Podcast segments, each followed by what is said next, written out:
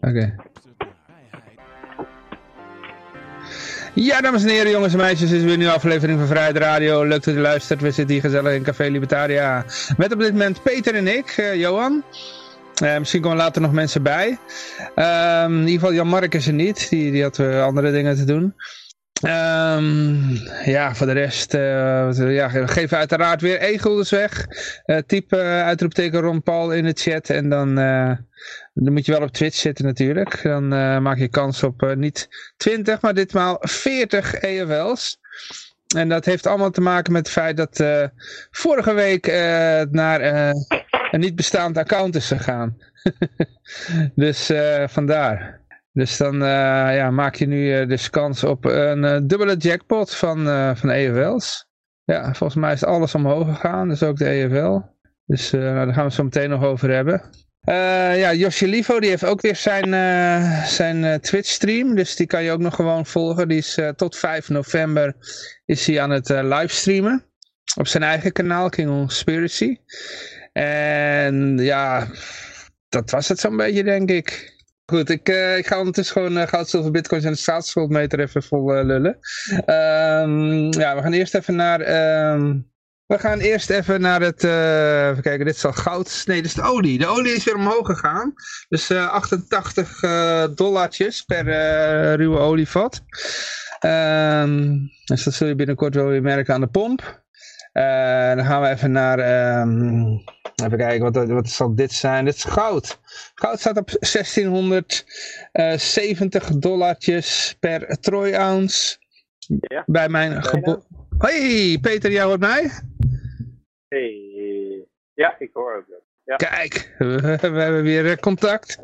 Ja, je bent wel wat zachter nu. Dat is uh, wel wat jammer. Ik kan even kijken of ik je wat harder ja, kan, kan zetten. Ik kan hem niet harder. Uh, Oké, okay, maar... Zetten, ik, ik zet jou gewoon harder dat, dat je voor de stream uh, goed te horen bent. Uh, zeg eens wat. En 1, 2, 3, 4, 5, 6, 7. Test, test, test. Ja, ja. Is dit beter? Oké. Okay. Ja, het zit wel behoorlijk wat ruis op. En uh, ik ga jou, want je hebt nou je greenscreen pratende gekregen. Ja. Dan gaan we even, ga ik jou gewoon weer op je oude plek zetten. dat doen we allemaal weer live in de uitzending. Dus ja jongens.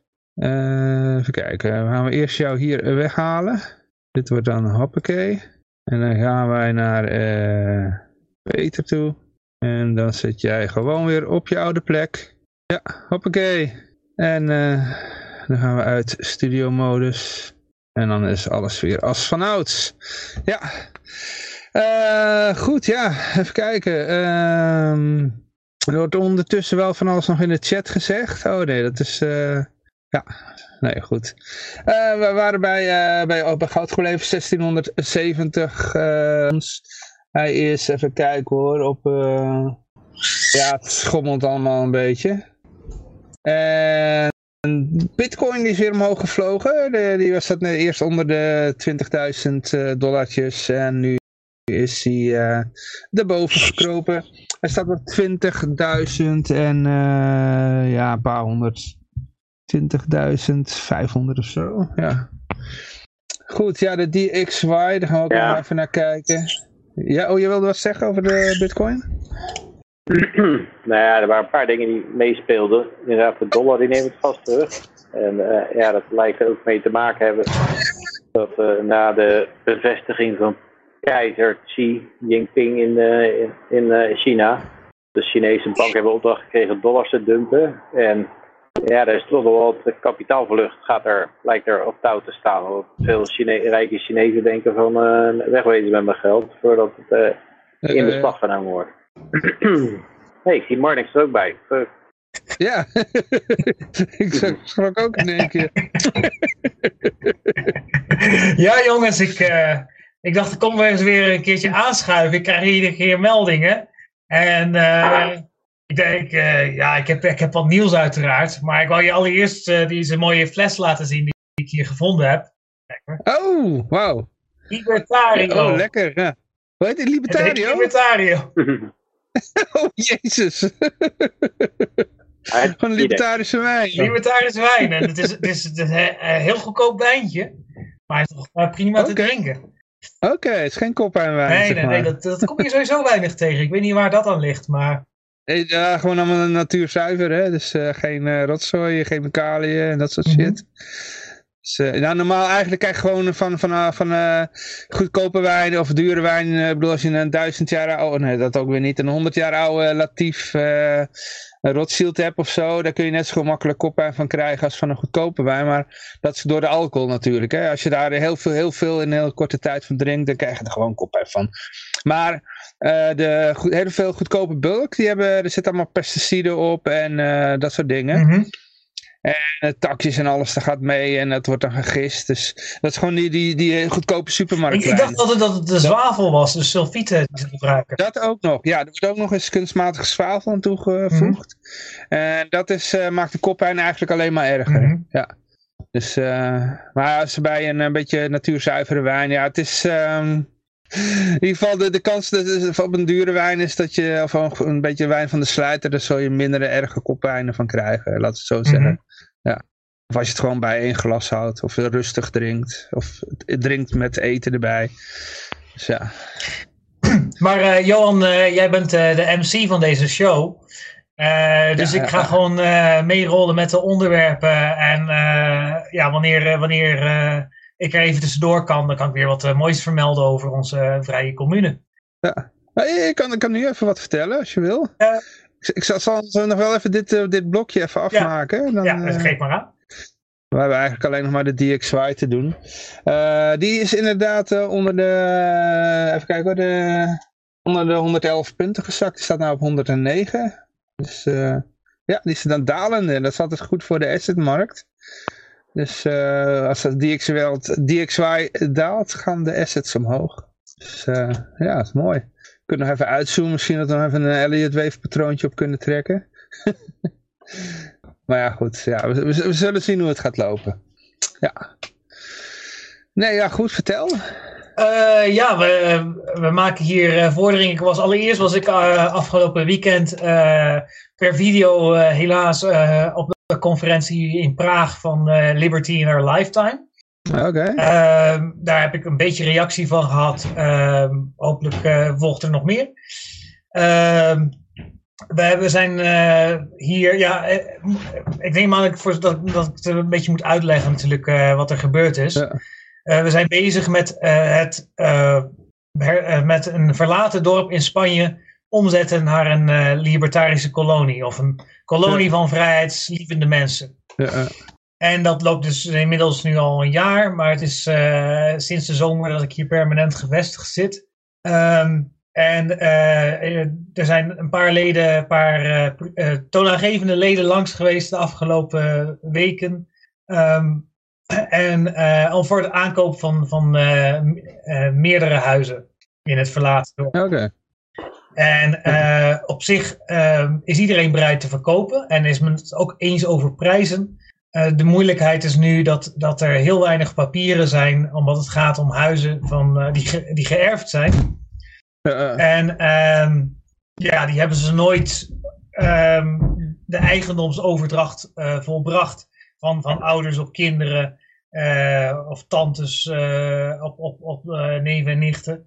Eh, dus ja, die situatie is een beetje onduidelijk en dat is met name voor Nederlanders natuurlijk wat lastig eh, te begrijpen ja, dat je een huis, dat je een huis kan hebben wat je, wat je geërfd hebt, maar je nooit de Mhm. moeite hebt genomen om dat eh, op jouw naam te zetten. Maar ja, als je het hier bekijkt, is het heel erg logisch. Eh, ik, heb, ik heb mensen ontmoet die zijn al twintig jaar oud en die hebben zes huizen op hun naam staan. Dat ze Oké. allerlei voorouders hebben die allemaal te weinig kinderen kregen. Dat uiteindelijk Mhm. allerlei eigendommen van meerdere voorouders bij jou terechtkomen. Oké. En eh, dan is eigendom, op dat moment is dat geen eh, voordeel, maar een nadeel. Want wat moet je met Hmm. zes huizen in een markt waar je ze aan bijna niemand kan verhuren? Ja. Dus dat is een situatie die, eh, ja, die, die een beetje moeilijk is voor, eh, voor, voor, voor veel mensen om te begrijpen. Ehm, maar die, die, ja, die huizen die zijn, die zijn dus twintig jaar of meer geleden verlaten. En eh, nu proberen we ze te kopen en eh, dat gaat lukken. Ehm, en eh, het, het is, ja, voor het einde van het jaar hebben we de volgende stap gemaakt. Dat is de planning. Cool. Mhm. Ja. Eh, ja, nog even jouw eh, website noemen voor, eh, voor, voor de mensen Ja. die dan nu zitten te luisteren en denken van ja, daar wil ik bij horen. Dat is, ehm, ja, zeg jij het maar, Freecommune.org. freecommune.org. En het meest recente artikel vertelt eigenlijk alles wat je zou kunnen willen weten. Mm, mm, mm. Cool, ja, mooi. En, en, hoe doe je zo'n zo'n huisje kosten? Als, eh, als mensen denken van nou, wauw, daar, eh, ik eh, pak meteen mijn koffers, eh, ik kom eraan. Eh, wat, wat, wat- hoeveel moeten ze meebrengen? Eh, we hebben eh, vijf geregistreerde huizen die, ehm, die bewoonbaar zijn. Of tenminste, die enigszins bewoonbaar zijn. Die nog niet volledig zijn geruineerd. Er moet wat aan geklust worden, hè? Daar moet aan geklust worden. Eh, enigszins bewoonbaar wil zeggen dat er zit, er zit een badkamer in, er zit een keuken in. eh, er zit een gat in het dak die je moet dichten. eh, de, de, de kachel is eruit gesloopt door zigeuners. Ehm, dat idee. Maar je, je kan met, met bescheiden hoeveelheid doe het zelf of uitbesteden, kan je het weer bewoonbaar maken. Daar zijn vijf huizen van. De Mm. prijzen van die huizen, ja, het is lastig in te schatten. Maar tussen de 10 en 20.000 euro eh, per huis. eh, exclusief grond. Maar je zit wel in een hele mooie streek. Mhm. Ja. Eh, de wegen, is het allemaal asfalt? Of is het gewoon wat ga hoe is de weg daar naartoe? Ja, het is niet perfect. Het laatste stukje is, is nogal grof. Maar je kan er met een gewone auto komen. Ah, oké. In de winter eh, kan, wil er wel sneeuw vallen. Dus eh, als je er permanent woont, is het wel aan te raden om iets met vierwielaandrijving te hebben. Ja, eh, eh, Maar het is niet noodzakelijk om er te komen. ja. Ehm, ook de, de, dit zijn, ik heb nu gepraat over de bewoonbare huizen. Er zijn ook ruïnes, echt ruïnes, die ja, misschien nog net een dak of een vloer hebben. of een hoop stenen zijn. Ja, die kan je oppikken voor een appel en een ei. Sterker nog, sommige zijn zo lang verlaten dat niemand meer weet van wie het is. Dus eh, hè, voor, als, je, als je het hebt over echte libertarische hippies, nou, je kan er, eh, je kan er zo eigendom eh, van nemen. Ja. Maar er is alleen niks. Hè? Er is geen, helemaal geen, geen wc, geen, geen, zelfs geen deur of ramen of dak. Dus Als je dan inderdaad zo'n ruïne koopt, dan moet je inderdaad alles helemaal van de grond af aan opnieuw opbouwen, denk ik. Eh, daarmee helpt? Of eh, is er gewoon een, eh, een gamma waar je even naartoe kan gaan voor wat steen, bakstenen en cement? Hoe gaat dat daar? nou, je kan in principe alles Ja, vinden. Ehm, het, het, alles hangt allereerst natuurlijk af van, van je eisen. Ehm, er is een, een, grotere stad in de buurt, Monforte de Limos. En daar kan je alle, alles aan bouwmaterialen krijgen. Er zijn ook bouwbedrijven die het wel willen doen. Voor mijn eigen huis ga ik het zelf doen. Dat is niet de eerste keer dat ik dat gedaan heb. Ehm, maar eh, ja, ook als je helemaal nul ervaring hebt met bouwen, dan kan je dat uitbesteden. Ah. En de bouwmaterialen, dat zijn globale prijzen. Het hout is goedkoper, want het komt, wordt hier lokaal gewonnen. Eh, eh, de lonen zijn ongeveer de helft van wat je in Nederland kwijt bent. Oké. Nee, goed, ja. Ehm, ja, we gaan ondertussen even verder met de, de nieuwsberichten. Ehm, we beginnen gewoon, want we hadden best wel een berg nieuws. Ik zie dat Peter al aan het omvallen is. ja, waar zit je eigenlijk, Peter? Voor de, voor de, want je hebt het al tegen mij gezegd hoor, maar... eh, Op Rodos. eh, Rodos. Oh, oké. Ja, Rodos, Griekenland. Dan kijk zo uit op Turkije. Oké, Rodos, het zit op het balkon. Op het balkon. oké. dan moet je wel uitkijken, hè, want de Turken die vinden dat het bij hun hoort. Ja, ik denk vandaag niet. vandaag dat ze, er, dat ze er niks mee, eh, mee kunnen. Eh, ik, ik keek overigens daar recent naar, naar die geschiedenis daar in dat deel van Griekenland. En Rodos valt niet onder de overeenkomst van Lausanne. Want het was Italiaans voor een lange tijd en niet Ja. Grieks. Ja, daar hebben Italianen gezeten. Hier was tijdens de Tweede Wereldoorlog. Wat eh, Italia- Italianen en Duitsers eh, heen en weer gegaan, ja. Ik geloof dat die, toen Italië van kant veranderde, toen eh, hebben ze dat hier, eh, ja, toen eh, hebben de Italianen hier de, de dienst uitgemaakt. Mhm. Ja.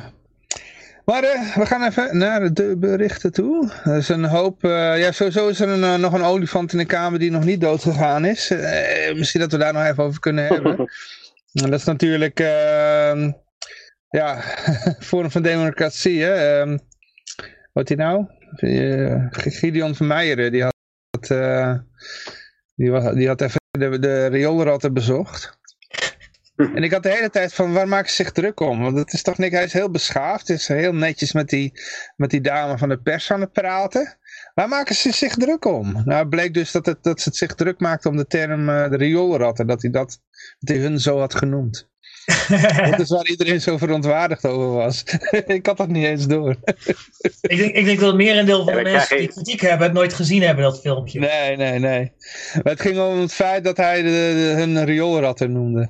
Ja. Dat, dat, dat, dat, hetzelfde wat je, wat, je, wat je met Trump kreeg, weet je wel. Dat die uh, op een gegeven moment, uh, de fake news is the enemy of the people. En dan werd het omgedraaid naar, uh, als het werd verkocht, Trump valt de vrije pers aan. ja, dat ja. zal hier waarschijnlijk ook wel zo zijn. Ja, uh, Guido Vermeijeren valt de vrije pers aan. En dat zijn dan die, inderdaad die reëelratten die dat daar roepen. Ja, uh. ik, denk, ik denk ook dat ze daar bang voor zijn, want hij, uh, het wordt aangekondigd als een serie. Het wordt gebracht als een serie. Ja, en als je kijkt die eerste videoclip, nou, ik had het gisteren even bekeken, het stond op 250.000 views. Dat is voor Nederland natuurlijk hartstikke veel. Ja, ja, ja. Dus uh, het begint met die, die, die uh, Marion van Eck of zo, of heet ze? Marielle van Eck. Ja, ja die is nog vrij onschuldig. Uh, een, een tutje dat, dat er persmomentjes heeft. Maar als je kijkt naar wat er aan echte rioolratten zit, als ze daar een serie van maken, en iedere week 250.000 Nederlanders of meer daarnaar kijkt, ja, dat wordt lachen. Je moet net zoiets gaan doen als bij de NS Publieksprijs. Dat we wel de zeggen, ja, dit is uh, enorm gemanipuleerd en uh, we sluiten dat. ja, dat zag ik ook net. ja, ja. Maar dat, dat, dat, dat, dan zie je ook weer iets, iets van die NS Publieksprijs. Hè? Wie waren de, de polfuckers bij uitstek jarenlang? Was geen stel. En ik keek, ik, ik keek op geen stel en daar hebben ze inderdaad een artikel over dat de NS Publieksprijs van de baan is omdat de pol gemanipuleerd is. Maar ja, eh, eh, dat ze in dit geval dan niet partij kiezen voor de mensen die de pol gefakt hebben. Wat de dagelijkse standaard begonnen is. Op Vrijspreker werd het ook verspreid. En er zullen dan nog, nog meer sites aan meegeholpen hebben. Misschien de FVD-site zelf ook. Maar vroeger was het geen stel die dat altijd deed. Mm -hmm. En ja, nu ineens vanuit geen stelhoek geen steun meer. Geen stel is eh, helaas sinds de corona... Verloren. Ja, ja. ja, ja. het is echt zonde. En ook, maar ook met het Oekraïne gebeuren. Hè. Geen stel was het die dat Oekraïne-referendum, uh, geen pijl, die, uh, op de kaart zette. En toen er uiteindelijk voor zorgde dat, dat, er die tegenstem kwam. Of dat referendum überhaupt kwam. En dat het Nederlandse volk toen tegen kon stemmen tegen toetreding van, uh, van de Oekraïne. Um, en ja, en toen kwam die oorlog. En dan denk je van nou, uh, geen stel. Ze zullen in ieder geval wel even aangeven dat het uh, een beetje een corrupt land is en zo. Dat het dan ook allemaal niet, uh, dat niet bepaald de LGBTQ-friendly EU-links landje is. -hmm. Maar nee, geen stel van, vanaf begin af aan 100% team Oekraïne, team Oekraïne. ja, dat was al een beetje vreemd. Ik ben er overigens ja. zelf uh, van afgeschopt uh, toen met de COVID gebeuren. Toen ik een beetje kritiek begon te hebben op geen stel als reaguurder. Altijd onder mijn eigen naam gereageerd overigens. Uh, toen ik een beetje kritiek erop begon te hebben, toen uh, ben ik ervan afgekikt. mm. Ja.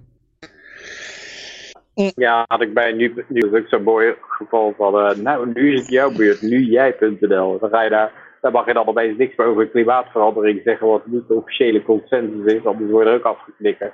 En nou is het gewoon alles wordt gemodereerd. Hè. Als je iets post, dan uh, gaat eerst iemand het checken of het wel uh, precies de goede opinie is, uh, voordat het geplaatst wordt.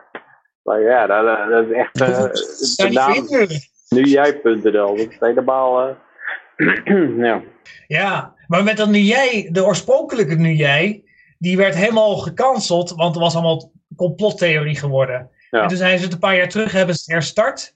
Ja. En, en, en nu is het allemaal gemodereerd. Maar dan vraag ik me af van ja, hoe, hoe kan je als je zoveel reacties hebt, hoe kan je dat, dat dan moet je toch echt een heel groot team hebben om dat allemaal te controleren, wat er dan door, door zo'n beugeltje past. Ja, een soort Chinese, Chinese Tencent Army. Hè? Die Chinezen hebben dat ook. Zijn, die, die, dat schijnt zelfs een leger te zijn dat groter is dan het, dan het People's Liberation Army. Het leger censureerders en factcheckers en, en, en berichtjes naneuzers. En ze ja. zullen ongetwijfeld wel een hele hoop algoritmes er overheen halen. En alles nou, waar daar keywords in zitten, die worden dan uh, handmatig even bekeken. Wat ik denk is dat zou je misschien wel eens kunnen proberen. Dan moet je gewoon een nieuwe keer een nieuw account uh, aanmaken. En dan eerst de hele tijd gewoon meepraten. Van uh, zeggen wat ze willen horen. En dan krijg je waarschijnlijk gewoon een blue checkmark. Dat je oké bent. En dan word je verder niet meer in de gaten gehouden als je iets post opnieuw jij. En dan ben je oké, weet je wel. En dan in één keer ga je gewoon er tegenin, weet je wel. Nou, Johan, uh, jij mag de eerste zijn. Ik, ik kan de eetlust niet zo lang bederven. Nee, oké. ja, Maar in, in Portugal uh, was er naar voren gekomen dat tijdens de, de, de coronapaniek mm dat ze 5000 influencers hadden ingehuurd. Maar dat zijn dus ook die 50 Cent Army lui. Uh, en dat, dat, is dan alleen Portugal 5000. In Nederland waren er 13.000 verborgen kostenposten recent naar voren gekomen. Die de ja, ja, prijs willen geven. Ja, en dan denk je, wat je dan moet doen als libertariër, denk ik, is gewoon gelijk proberen het dus helemaal te flooden. Hè? Het gewoon aanbod gewoon, ga je gewoon helemaal, je gaat gewoon nog eens 10.000 influencers erbij zetten. dan moet je dan ook allemaal lid worden bij elkaar, dat het lijkt alsof ze allemaal hoop volgers hebben. En dan pluk je gewoon helemaal financieel uh, belasting teruggave terug. Dan pak je gewoon je belasting terug als influencer uiteindelijk, dat was natuurlijk wat met Rockefeller gebeurde, dat die, die wilde alle olieraffinaderijen opkopen om een soort monopolie te hebben. Maar toen gingen mensen steeds meer olieraffinaderijen bouwen. En toen begon hij te klagen dat het gewoon, uh, sommige werden gewoon maar half afgeleverd, dat die deed het überhaupt niet. En, uh, maar ja, ja, ze hadden een blinde koopgarantie van Rockefeller. Dus ja, dan krijg je natuurlijk dat de aanbod enorm toeneemt. En denk je dat, dat je dat hier ook mooi mee zou kunnen doen. Gewoon, uh, gewoon heel zwaar aanbod van influencers erin. Want 5000, daar kan je makkelijk bij horen. Daar kan je makkelijk, denk ik, moet het te doen zijn als je een beetje mankracht hebt om er duizend influencers uit te jongen, zeg maar. Voor maar dat, is, dat is wel een strak idee. Voor, voor de werkloze alcoholist of zo. Die noemt zich influencer en, en die biedt zich dan aan bij de overheid. En ja, dan, heb je, dan krijg je uiteindelijk gewoon uh, dat, die, dat de mensen, dat is nu natuurlijk al het geval, heel veel mensen die zich influencer noemen, die zijn helemaal niet zo influential. Uh, dus ja, als je, als je ja, ik denk dat dat zelfs gebeurt. Zelfs, ja, inderdaad, zelfs als je, er, als je het niet organiseert als libertariër, op een gegeven moment ontstaat dat gerucht van... hé hey, uh, Johnny, jij was toch altijd aan de drugs verslaafd en je had nooit geld en zo. Hoe komt dat je nou eens een dikke auto rijdt? Nou ja, gewoon influencer geworden. En uh, ja, ik moet ook gewoon COVID-vaccin en, uh, en je loopt dik binnen. Nou, al die drugsverslaafden natuurlijk in no time ook influencer. Mm -hmm. Ja, maar laten we met de berichten beginnen, want we hebben een berg. Uh, er was geloof ik nog wel een andere olifant in de kamer, maar die, uh, daar, kom, ik later wel weer op. uh, even kijken hoor. er, er ligt, oh ja, dat gaat over dat, dat rapport waarvan eigenlijk iedereen al weet wat erin staat, maar dat is volgens hen nog geheim. Hè? Er ligt een geheim scenario klaar voor als de euro instort. Ja, ja het was geheim, maar het was, was dat Omzicht of zo, die had gezegd van hé, hey, wij moeten toch de regering controleren als Kamer, dan kan je dat toch niet geheim houden. Moeten we kijken of alle scenario's goed zijn doorgenomen en zo. Dus die krijgen we daar in tafel. CDBC? Uh... Nee, de gulden terugbrengen staat er in dat rapport. Ja, maar onder is dan de, de, bij dat rapport van de BIS was het dat uh, iedere centrale bank met zijn eigen projectje komt. En uh, in Nederland noemen ze het dan de gulden. Maar dat is gewoon de, de, de hoe dat? Central Bank Digital Currency van Nederland. Ja, ik zou wel verwachten dat dat een zo, zo'n soort, uh, dat soort uh, trucendozen er wel bij zitten, ja. Dat, je, dat alles wordt bijgehouden wat je uitgeeft enzovoort. Ja. Als, als je gaat kijken op Forex of zo, dan bestaat de gulden en de Deutsche Mark, die bestaan nog steeds. Ja, maar gewoon via een om, omrekenkoers met 2,20 uh, nog wat. die oude omrekenkoers die vast De, de, de, de ding flop bips. Ja. dus dus dan, dan zou je dus zeggen dat, de, dat, dat, dat de, eh, het noodscenario is, dan wordt de gulden teruggebracht. Maar de gulden is dan een eh, CBDC. Ehm, en die staat gelijk aan alle andere CBDC's. Dan wordt de Deutsche ook zogenaamd teruggebracht. Ja, De eh, CETA ook, en de lieren ook, en de Franse frank ook. En allemaal wordt teruggebracht, maar het is eigenlijk allemaal hetzelfde. Alleen heet het dan anders om de bevolking koest te houden. Zoiets. eh.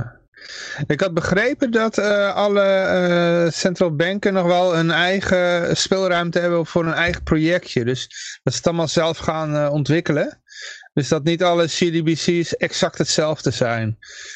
Maar, Maar dat ze mogen ze zelf dan eh, beslissen? inflatie bepalen? Mogen ze zelf, eh, z- zelf weet ik eh, niet. de, Dat- de belang dat weet ik niet, Dat is het belang. Is dat weer nationaal of is dat internationaal? Dat zal wel, dat zal wel weer in ieder geval voor, voor korte duur even nationaal worden weer. Ja, ja, ja. Ja, het, en, en het was dan Ja, zo, het is, de, eh, ja, ik- je moet, je daar een aantal dingen voor, voor, voor doen. Het komt erop neer, dat er moet gewoon een totale controle zijn. En, en je, moet, je moet ermee kunnen bepalen van, eh, eh, dat je aan die, eh, al, al die doelstellingen, weet je, die klimaatdoelen, hoe noem je dat ook alweer? Die eh ESG. ESG. ESG-doelen, En, ja. Dat je mensen erop Ja. af kan sluiten als ze niet... als, als ze niet eh, volgens jou, de, hoe heet dat? Eh, niet dansen volgens de, het deuntje van de overheid, zeg. Ja, de pijp van de overheid, ja. Ja, You will eat the bugs. ja, ja. ja. Als je niet, niet genoeg insecten hebt gegeten. And you will be happy. You eat the Prozac too. Dat heb je hier, eh, hier is Prozac. En er is een, een vaccin tegen hongersnood daar uitgebracht. Hè? Dus, eh, dus eh, ja, you will eat the vaccine. Let them eat the vaccine. maar het, het, het volgende onderwerp eh, sluit dan hier meteen op aan. Waarom centrale banken grote verliezen zullen leiden. Mm, inderdaad, het volgende. Je hebt het bruggetje al gemaakt. Ja. Ja, de Ja, Nederlandse eh, Klaas Knot die heeft eh knuffel in het hondenhoek, hoenderhok gegooid. Want eh, hij zegt, ja, die centrale banken die gaan zware verliezen luiden. Want het punt is natuurlijk, die hebben een, een hele hoop obligaties opgekocht. Alle, eh, ja, van alle Europese overheden eigenlijk. Hè? Want het idee was, ja, Italië, Griekenland enzovoort zitten in de problemen. Dus de centrale bank gaat die obligaties opkopen. Maar om eerlijk te zijn moeten ze ook Duitse obligaties kopen, waardoor de rente daar negatief wordt en dat soort eh, problemen. Maar als jij obligaties opkoopt terwijl de rente 0% is en de rente die gaat, die gaat naar, eh, naar 4%, dan is die obligatie die 0% oplevert, die is gewoon een heel stuk minder waard. Eh, want waarom zou je die kopen als je een eentje van 4% kan, kan kopen? En dan gaat die prijs van die 0% obligatie dalen tot die ook 4% opbrengt. En die daling, die staat gewoon op in de boeken van de ECB, want zij hebben die obligaties gekocht. Dus bij een rentestijging zien zij die waarde van hun, eh, van hun portefeuille dalen. en eh, dat is een beetje wat Klaas Knot voorspelde hier. Ja, dat lag eigenlijk helemaal geen scenario klaar voor als de rente een keer omhoog zou gaan. En, eh, ja, dat, en, en wa- waardoor dit aan het licht kwam, is, of Klaas Knot die zei dat eigenlijk. En normaal, centrale banken zijn natuurlijk eigenlijk van de staat. Ze zijn wel onafhankelijk, maar de facto zijn ze van de staat. Eh, want hun monopolie wordt beschermd door het geweld van de staat. Voor de helft private aandelen en voor de helft in de handen van de staat. En eh, die is gewoon beursgenoteerd, die Belgische centrale bank. En wat er gebeurde is dat de Oké. koers van die, de koers van die Belgische centrale bank, die begon opeens in elkaar te kelderen. Ja, in Zwitserland ook zo. De centrale bank beursgenoteerd. Want die beleggers die hadden opeens door van verrek, ja, dat, eh, dat is waar. En ja, de staat kan er niet vanaf, maar die, die private beleggers gingen gelijk hun, eh, hun aandelen dumpen. Mhm. Dus eh, ja, vandaar dat dat. en het is eigenlijk raar dat, dat die beleggers dat pas doorhebben op het moment dat Klaas Knot dat zegt. Dat, dat vind ik altijd wonderbaarlijk. Dat, ja, je hebt, Mhm. meestal zijn centrale bankiers niet de eerste die aan de alarmbel trekken. Terwijl heeft de markt het al veel eerder door, maar hier dus niet. Mhm. Misschien zijn dat een beetje institutionele beleggers die wat laat reageren Ja. als de feiten Ja. al zijn. Wat ik ook te denken. ja. Maar eh, Peter, misschien weet, weet jij dat, de, de Nederlandse centrale bank. Ik dacht altijd dat die ook een soort van privaat was, maar dan eh, in handen van, de, van Amsbergjes en zo. Ehm, ja, weet ik niet. Dus soms staan die dingen op, op papier. Ik weet bij de Federal Reserve, er staat formeel op papier dat het private aandeelhouders zijn, private banken.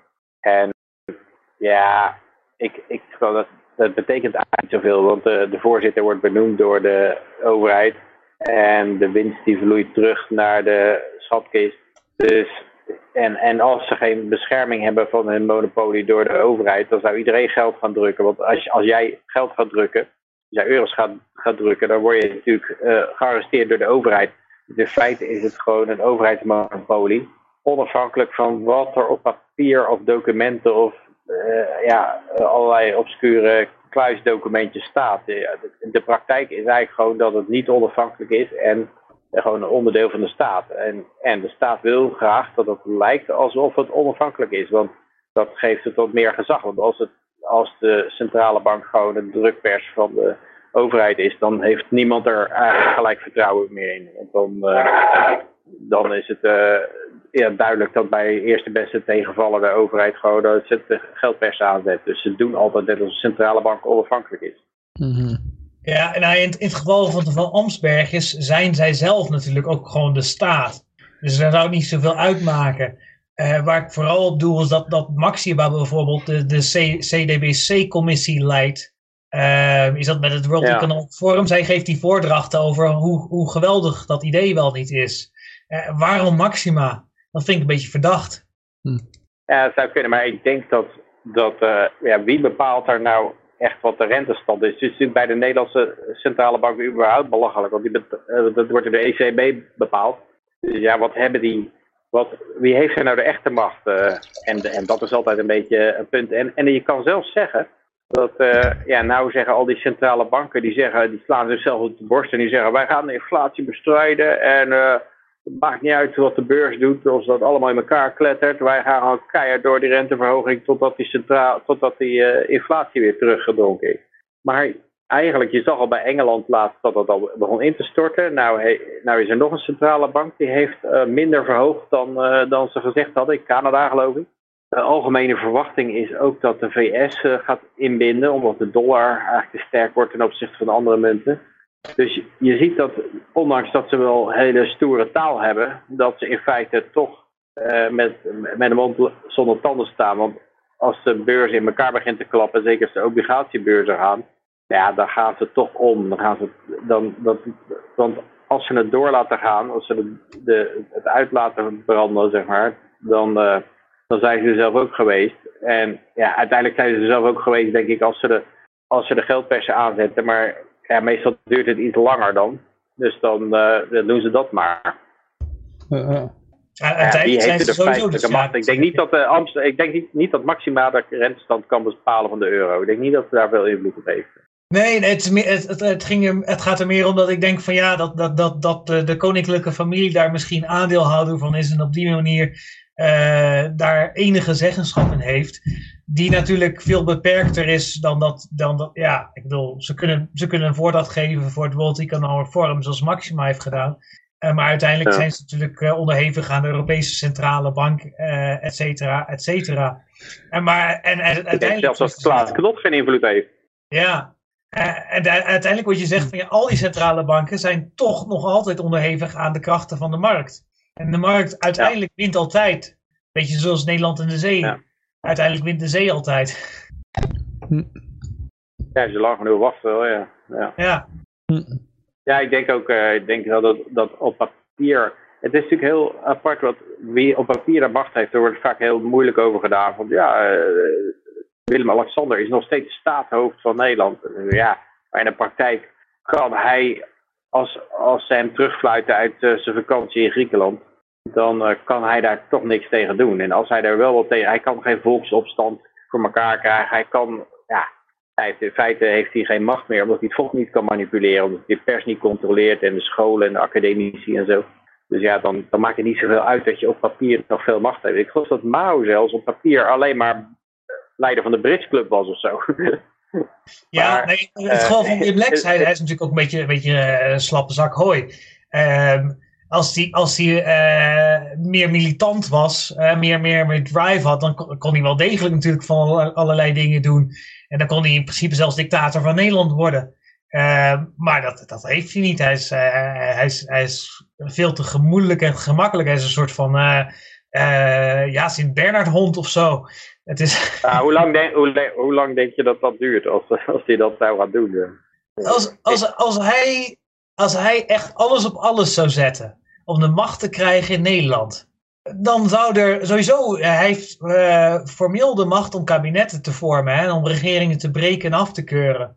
Dat allereerst, formeel heeft hij meer macht dan hij zou denken. Nee, maar Trump, Trump had formeel ook de macht, maar je ziet dat gewoon als die hele over, als het hele overheidsapparaat tegen is, dat, dat je gewoon kan zeggen, ik trek de troep uit Syrië terug en dat ze gewoon zeggen, bekijk het maar. Doen we niet. Ja, ja eh, dat, dat klopt. Maar dat is, Trump is natuurlijk gekozen. En, en, uh, en Willem-Alexander is geboren. Is, is, is een staatshoofd, is een koning. Ja, dat, voor heel veel dat mensen. Maakt het nog moeilijker voor, dat maakt het nog moeilijker voor hem om uh, macht, macht door te duwen. Het enige wat hij had kunnen doen, wat hij kan doen, is als hij ruikt dat er een ontevredenheid is onder de bevolking, zou hij daarop in kunnen spreken. Ja, ja, hij kan zeggen, iedereen is tegen Rutte, weet je wat, ik ga aangeven dat ik het niet met die covid-maatregelen eens ben of zo. Eens ben. En dan kan er opeens vanuit het volk, kan hij opeens een, een steun krijgen van alle wappies of zo, die dan achter hem gaan staan. Nou ja, en hij heeft, hij heeft natuurlijk miljarden tot zijn beschikking, hè? dus hij kan wel degelijk heel wat pers kopen als hij dat wil. Ja, maar ook daar bereik je niet zoveel bij. Er zit zo'n mooie scène in het House of Cards uh, uh, uh, ja, serie. En dan heb je ook zo'n miljardair en die zegt uh, tegen, de, tegen de president, die dan uh, door, uh, hoe heet die ook weer, die, die in verval geraakte acteur, die, die van alles beschuldigd werd. Charlie Sheen? Kevin Spacey. Kevin oh, Spacey, okay. ja, inderdaad. Gespeeld werd. En dan zegt hij zo van, ja, ik heb wel een miljard dollar die zeggen dat, dat, dat, dat dat zo moet gaan. En dan zegt die Kevin Spacey van, ja, yeah, you can have a billion dollars, but I have all the guns. En, en dat is natuurlijk uiteindelijk waar het om gaat. Wie controleert alle guns? En als je alle guns hebt, dan maakt het niet uit dat je, dat je miljarden hebt. Want dat zie je aan, aan Jack Ma in China. Die was ook miljardair. Die vond zichzelf een hele pief. Hij denkt, oh, ik kan influence kopen. En ik kan, uh, ik kan via mijn geld kan ik politici achter me krijgen en zo. En dan komt zo'n president opeens en die zegt van, uh, ja, uh, Jack Ma, gearresteerd. Dan zetten we jou even in de gevangenis. En nou wordt de hele board of directors vervangen en ben je bedrijf kwijt. En dat, kan, dat, dat hebben vaak ondernemers hebben dat niet door. Want die denken dat als ze rijk zijn, omdat ze een helikopter kunnen bestellen op welk moment. En omdat, ze, omdat iedereen uh, ze naar de mond praat, denken ze dat ze veel invloed hebben vanwege hun geld. Maar er is maar één telefoontje van een politicus nodig naar, naar een bank. En, uh, en zijn rekening is bevroren. Ik weet wie die andere, olifant in de, die andere olifant in de kamer was. dat is, uh, dat is, bijvoorbeeld. Ja, Kanye West, ja. Kanye West, ja. Die had over 140 miljoen. Die zegt één keer iets wat uh, niet in de, in de lijn valt. Boom, hup. JP Morgan sluit gelijk terug. Maar een goed voorbeeld van een miljardair die natuurlijk ook uh, ineens uh, achterkomt dat zijn macht toch maar beperkt is. Maar ja, Wim Lex, dat is natuurlijk hypothetisch. Maar hij is niet, niet iemand, hij is niet zomaar een miljardair. Dus het leger bijvoorbeeld zweert trouw aan de koning. En, en niet mhm. aan Mark Rutte. dus ja, helaas, het is hypothetisch, het blijft hypothetisch. Je hebt natuurlijk in het verleden gehad de, de, de patriotten tegen de monarchisten of zo. Of de, en, daar, daarvoor ook de gebroeders De Wit en Willem de hoeveelste was dat? Derde. Um, maar Wim Lex heeft gewoon simpelweg niet het karakter om zoiets überhaupt nee, te bedenken. Nee, dat, dat niet. En, en, en, wij jonge mensen... Hoezo kennen wij zijn karakter? En je moet ook bij jonge mensen moet je charisma hebben. Je moet, hij is er niet het charisma. En, bij, en hij is alleen, het, hele koningshuis is alleen bekend bij oude mensen. Die lezen uh, een Vorst magazine of zo. Maar het is niet meer mhm. bekend bij uh, jonge mensen die hebben er gewoon niks mee. Die gaan niet. Je, uiteindelijk heb je mannen nodig die bereid zijn hun leven te geven voor deze leidersfiguur.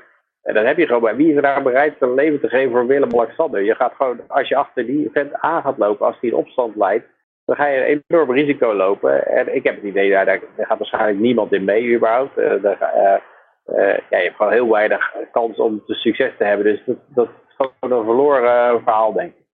Nou ja, hm. tegelijkertijd wil ik, wil ik daarop terugkomen. mensen zijn wel bereid hun leven te geven voor Hugo de Jonge. Met de spuit. ja. Ja, ik, kijk, ik denk dat, dat als je kijkt naar de Pieter Land Omtzigt, ligt laag. De Pieter Omzicht en Gideon, Gideon van Meijeren en Thierry Baudet, dat, dat soort zijn, dat zijn een beetje de rebellenleiders. Eh, Die hebben een contingent met, eh, met mensen achter zich die, die, eh, die voelen zich heel erg verongelijkt en die hebben er wel wat voor over om, om een soort de zaken proberen recht te zetten. zo. Ik verwacht daar meer van. En die, en die worden ook harder kan je. West misschien ook wel. Of, eh, of, eh, kan je West heeft het misschien ook wel een beetje. Die Ja. kan in ieder geval eh, Ja. eh, zwart Amerika op de been krijgen. Meer dan Ja. menig ander persoon.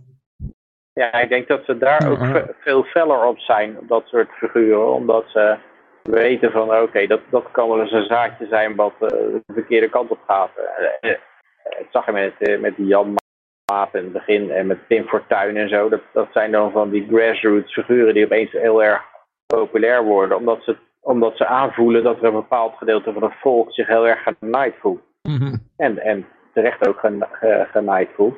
En die kan je natuurlijk op de been brengen. En dat proberen ze heel snel de nek om te draaien, denk ik. En dat, dat, ja, ook die stichting viruswaarheid, dat, dat, dat, dat die eigenlijk gewoon effectief verboden is. Omdat ze nergens meer een bankrekening kunnen krijgen.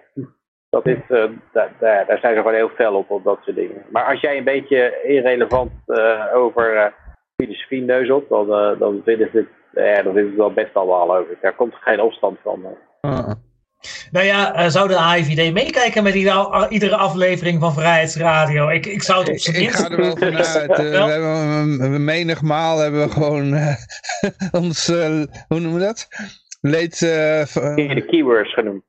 Ja, we hebben regelmatig wel genoemd hoor. Dat mannetje. Vroeger had, had ik nog zo'n hallo hallo jingle. Dat ik, eh, Ja, maar we Man. kunnen wat controversiële dingen zeggen, eh, Johan, als dat, eh, dat er hier aanslagen worden bereikt. ik denk dat hier genoeg controversiële dingen gezegd eh, worden hoor. Maar eh, tot nu toe eh, heeft er hier niemand aangebeld van hé, hey, eh, we horen je hele rare dingen zeggen. We gaan er soms ook wel vanuit dat, eh, dat dat mannetje van de AIVD met zijn hoofd op het toetsenbord ligt. Eh, Ja, ik wil best wel met een fakkel langs, dat langs de de- KGD's gaan. Ik denk zeker niet dat het, dat het aanslagen is of zo. Het is, het is, als je kijkt wat er met Alex Jones gebeurde, die, die bereidde geen aanslagen voor of zo. eh. maar die, die had gewoon eh, ook een groot continent vol van dingen. Hij had, hij had een aantal keer de vinger, denk ik, op de gevoelige plaats gelegd. En eh, ja, dat, dat pakken ze zo hard aan dat ze gewoon zeggen: ja, je betaalt een miljard dollar boete. Dat betekent dat je gewoon de rest le- van je leven wat bent. nou, zou Ja, je bent op half gemaakt. worden, hè, geloof ik. Nee, maar Johan, ik wil even Ja, jouw het is- show stelen. Het Het is, is een inderdaad biljoen, duizend miljard of zo hoorde ik al. Nee, nee, nee, nee, nee. 2,75 eh, biljoen in het Nederlands. 2,75 Ja. triljoen in het Engels. Billion is een miljard, hè? Ja, de, Baby, de Babylon B, die had, ge- ge- die had de headline Jones ter dood veroordeeld. dat vond ik wel mooi, hè. Dat, dat, dat- Maar ik denk, zou daar dan mensen bij... nou, want, want mensen zeggen bij, bij 10 miljoen boete, zeggen ze, ja, terecht hoor, eh, die klootzak. En bij 100 miljoen zeggen ze ook. En bij, bij 1000 miljoen zeggen ze het ook. En bij 3000 miljoen zeggen ze het ook.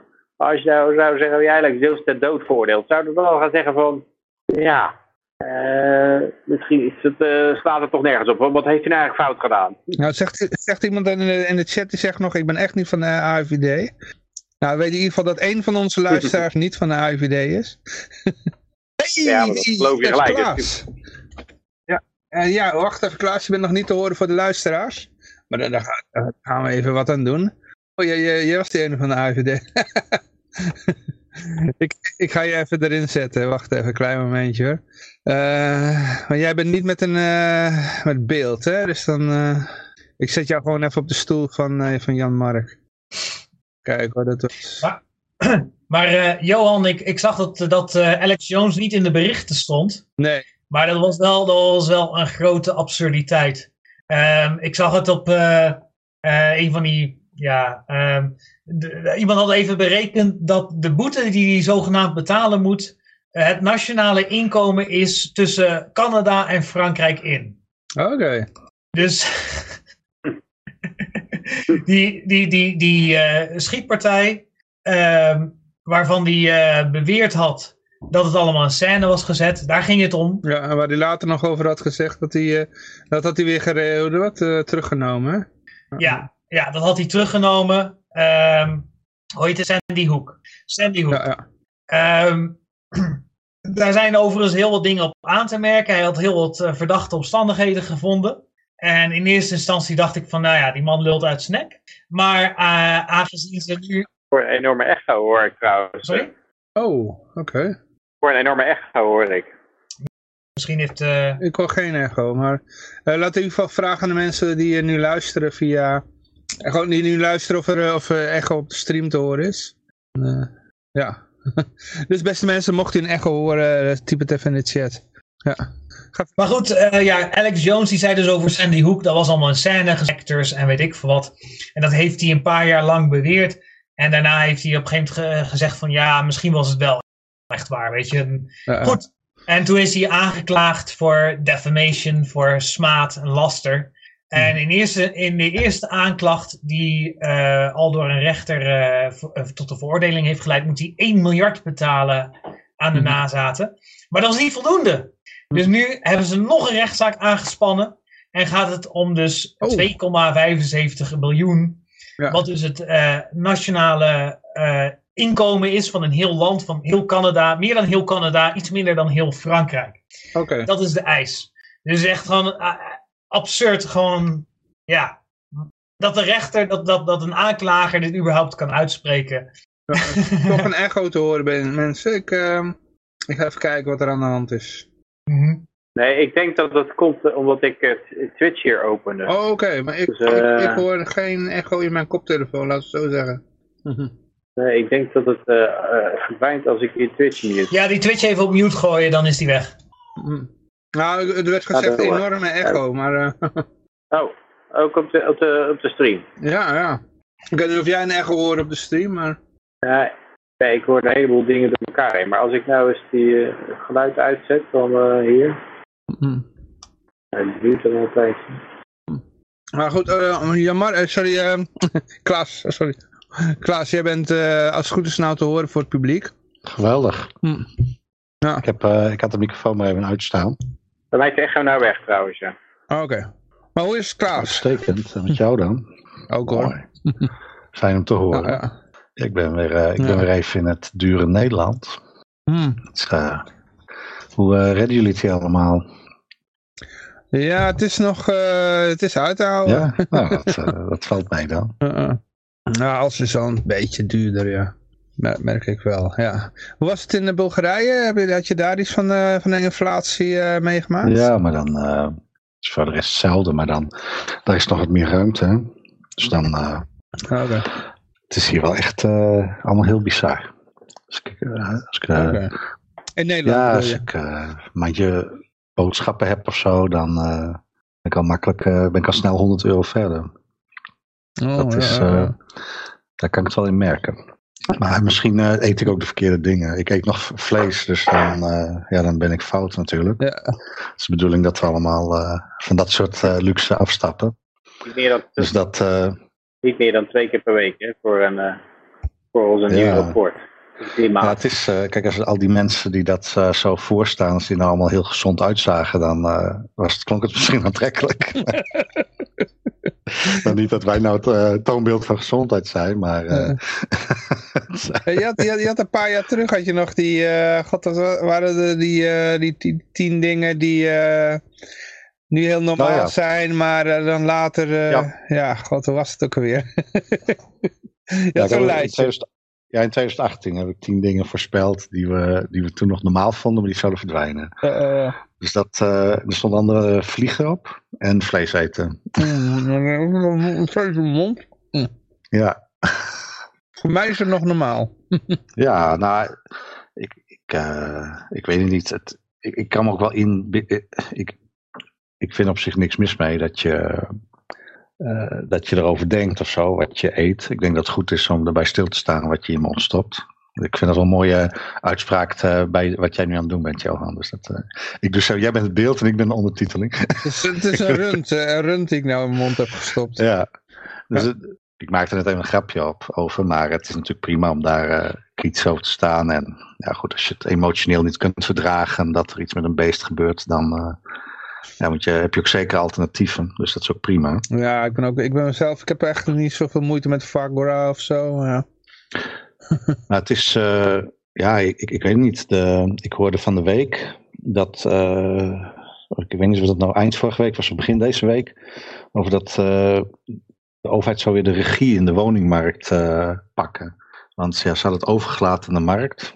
En uh, toen was er niet goed genoeg gebeurd. En toen dacht ik, ja, ja er zijn heel veel mensen die geloven dat, precies zoals het uh, uit hun mond komt. Maar, ik, ik ja, maar goed, ik vond het een bijzondere stellingname. Maar ja, ik ja. vroeg me af, waar, waar, hebben ze eigenlijk niet, waar Kijk, de markt, is, kijk, de markt werkt altijd. Hè? Je moet zo zien, je kan mensen ketenen met handen en voeten aan de muur. En nog steeds zal er, uh, als ook enige interactie zal een marktwerking plaatsvinden. Dus... Ik, ik vond dat, dat filmpje, je had zo'n filmserie van, uh, van uh, hoe heet dat, van, van Roger Ver, die werd dan geïnterviewd, op zijn eigen kanaal was dat. Ja. Maar dan vertelde hij ook over prison economics. Dus hij ja, heeft een tijdje in de gevangenis gezeten, hè? Ja. Uh, voor het verkopen van vuurwerk online. Ja. En uh, toen had hij, uh, had hij heel verhaal, ja, hij vertelde een heel interessant verhaal over de economie in de gevangenis, weet je wel. Dus ja. de, iedereen heeft skills en met die skills daar kun je wat verdienen.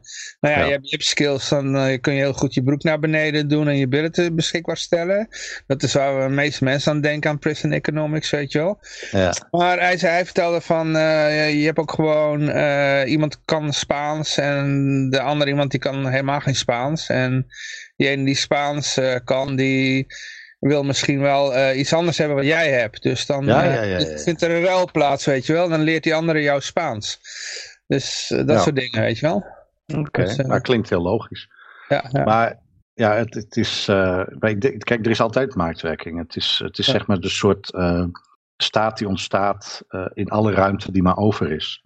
Dus ook op de woningmarkt was marktwerking. En, uh, maar het was inderdaad wel zo, uh, er waren op zoveel plekken was er zeg maar verstoring van die markt, dat het niet goed loskwam. En ja.